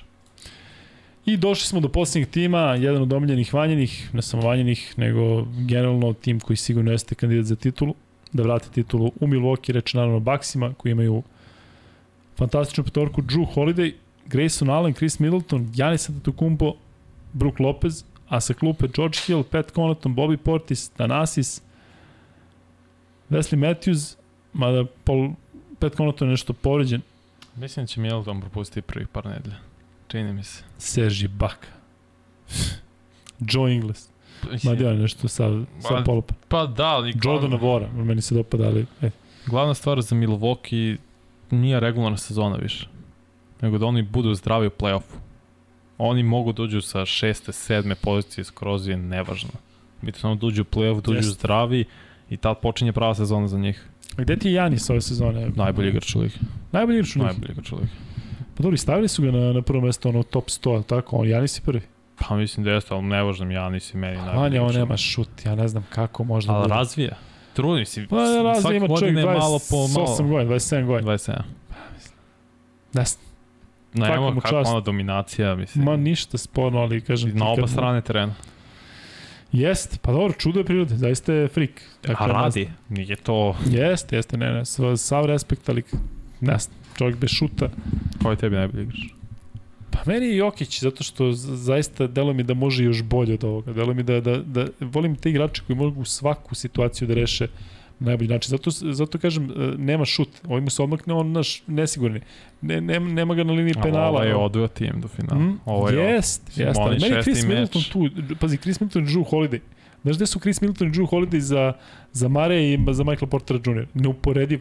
Zato što su iskusni veterani.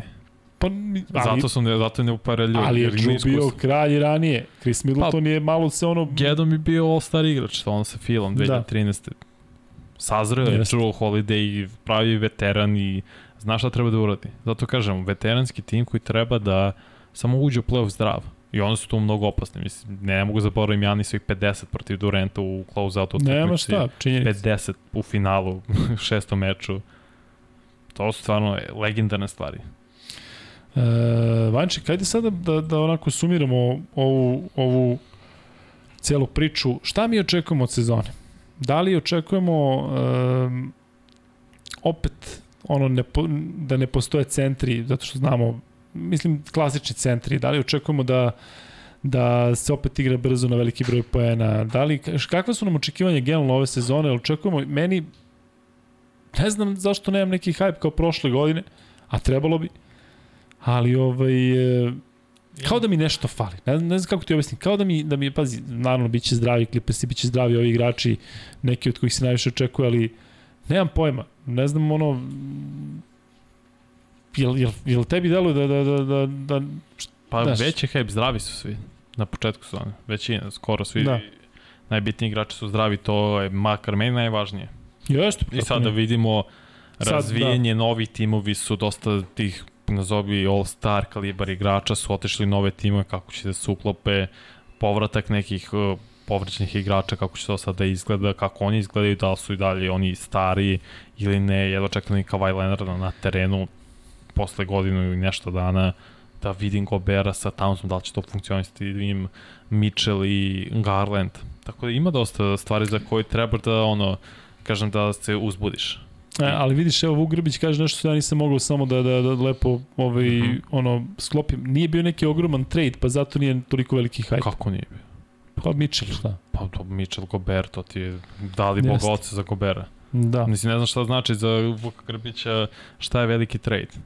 Kako je poslednji Pa veliki trade bio? Kyrie, Durant, sećaš se kada se tako da je bilo tih promena, ne tradeova, nego jednostavno takve promene u ligi gde jednostavno dobiješ neke nove ekipe. Mi Cleveland ne vidimo kao favorita za titulu, ne vidimo Minnesota kao favorita za Ne vidim, A vidimo je kvalitetne došao, playoff timove. Nema, ali e, to je... sećaš se Kawhi kad pređe, pa Jimmy Butler pređe, pa kažem ti, to je nekako ono, Pa dobro, ali Tumba nije se se desilo ove godine. pa Tumba to. se na drugačiji način i povratak i Ben Simonsa sad Jeste. i kako naš će ličiti Brooklyn. Nakon celog fijaska. Brooklyn, Da. pa bit će okej, okay, meni. Pa vidjet ćemo, mislim, taj Samo isti Durant je tražio da Steve Nash ide. Jeste, bilo je, a misliš na to? Na taj, Pa, da. Pa, mislim, tražio je trade. Pa na kraju su kao Prosto neverovatno. Prosto neverovatno s obzirom da znaš, da Znaš. su oni dvojice bili dobri ranije da ih ga I u Golden trenirao i sve. ma da, da, kažem ti, zato, ne, uh, tu su priče, samo nema tih što splash uh, pokreta kao Jeste. neko wow je sad došao ovde, ne, mislim i Lakers su zdravi ta saga sa Westbrookom da li će, neće, ima dosta tih priča koji su već tu od prošle godine, sad samo se nadovezuju. E, evo zašto možda nije hype, kaže Baron Magic. Ovaj vara ženu, ovaj tuče ženu. Pa onda distrek da nema na pula. Da, možda znaš, nekako te neke off stvari s van terena su malo izbacile. Ne znam, Anček, ja bih priveo kraju, iako imamo i dalje preko 800 ljudi live što je fenomenalno, ali uh, ajde, evo tvoja neka konačna ocena o, i reci mi, hoćemo pratiti uh, NBA ligu možda malo jače ove sezone nego prethodne, Da, da, zašto da smo se se uključili u novembru. U prevodu hoćeš nam se ti uključivati više. Hoću, hoću, bit će tu. Da, čuli ste, Vanja se ovde obećao zakleo, ono, evo sad seče, ono, Da, seče da, za krv. da, ovaj, da, da potvrdi to. E, Vanček, meni ostaje samo da ti se zahvalim što si podvojio toliko vremena, što si da ste dao fantastične observacije i vidi se da pratiš, nema ništa lepše nego kada, kada ovaj, vidiš, zato znaš, uživam sa tom i sa Kuzmom. Kuzma drži košak u malom prstu, e, ti pratiš na neviđen način i ono poznaš bolje od bilo koga i baš je zadovoljstvo pričati sa vama. Znaš, E, mora se pripremiti za vas, ti i Kuzma, ono, toliko košarkaškog znanja, imate, verujem, pola dana mi je danas prošlo, uz se obavezu u studio, ok, čitaj NBA preview, ko je prešao gde, ko se vraća, kakav je malo raspored, koje su petorke očekivanja, podsjeti se prošle godine šta je bilo i da, podsjeti se, mislim, ovde, ovde na ovom papiru piše ko je kad igrao playoff, poslednji put i Fantasy. koliko Da, pa poslednjih da- godina, Znaš, to je dosta znači što li tim ima neki kontinuitet kao Toronto. Jeste. Ima sistem. 8 godina igraš playoff od 9. Da, da, I te godine kad nisi igrao draftovao si Scottie Barnes. I otmo si sledeće igrao playoff. da, da. I Vanček, ostaje nam samo da kažemo da će na otvaranju igrati Boston i Philadelphia i Golden State i Los Angeles Lakers, je tako? lepo Dakle, otvaranje. lepo otvaranje i ajde kad smo već tu da iščitamo i parove ove naredne noći kada će igrati milion timova, Detroit, Orlando, Indiana, Washington, Atlanta, Houston, Brooklyn, New Orleans, Memphis, New York, New York, Miami, Chicago, Toronto, Cleveland, Minnesota, Oklahoma, San Antonio, Charlotte, Utah, Denver, zanimljivo kako se počinje, Phoenix, Dallas, to mi je najjači. Clippersi. najjači- Clippers je sam ih isto išao, ako ih nisam iščitao ovde, onda su naredni dan. Sacramento, Portland i onda sledećih dana Fila, Milwaukee i Lakers i Clippers. Da. Fenomenalno. Ekstra, znači bit će full. Ovo je najbolja, ja mislim, košarkaška nedelja ikada, kada je reč o klubskim o klubovima, zato što počinje NBA liga i Partizan i Zvezda su u Euroligi, duplo kolo, Mhm. i taj Eurocup ta, kakav je, takav je, ali ovaj, ne znaš gde ćeš pred. Znači, ja ne znam da li ću stići da pogledam sve rezultate, kamo li da uđem sad da vidim ono ko je, ko je ovo, ne, zato što sad ja nemam vremena ili nešto, nego zato što imam milijardu ovaj, milijardu ovaj, uh, mečeva, man, kažem ti, ali super, samo da je što više košike, to nas, uh, to nas raduje. Vanček, 4,5 sata podcasta, ali se slažeš da zatvaramo ovo, Slažem se, apsolutno. pa da ovaj, peglamo. Hvala ti još jednom, Srki, hvala tebi, hvala Kuzmi, što je bio sjajan kao i uvek. Ovo je za mene jedan od eh, zanimljivih podcasta od kada radimo, zato što smo zaista 4,5 sata pričali o svemu i svačemu. E, ne znam, ono vi koji ste pitali da li će biti gost, gde da ga stavimo i šta da priča sad da gost, šta on da kaže sad kao, naš, kao gost nešto priča, ali zaista je takva nedelja, takav je moment i još jednom da vam kažem da ćemo raditi u četvrtak, verovatno od pola 11, dakle tada ćemo imati da sumiramo utiske utorak, sreda, četvrtak, početak NBA lige, najava Zvezde za petak, najava svega i svačega, tako da biće, biće super. Hvala vam još jednom što ste u ovolikom broju bili s nama, gotovo je 80 čestica, vidimo se u 80 sedmici. Pozdrav.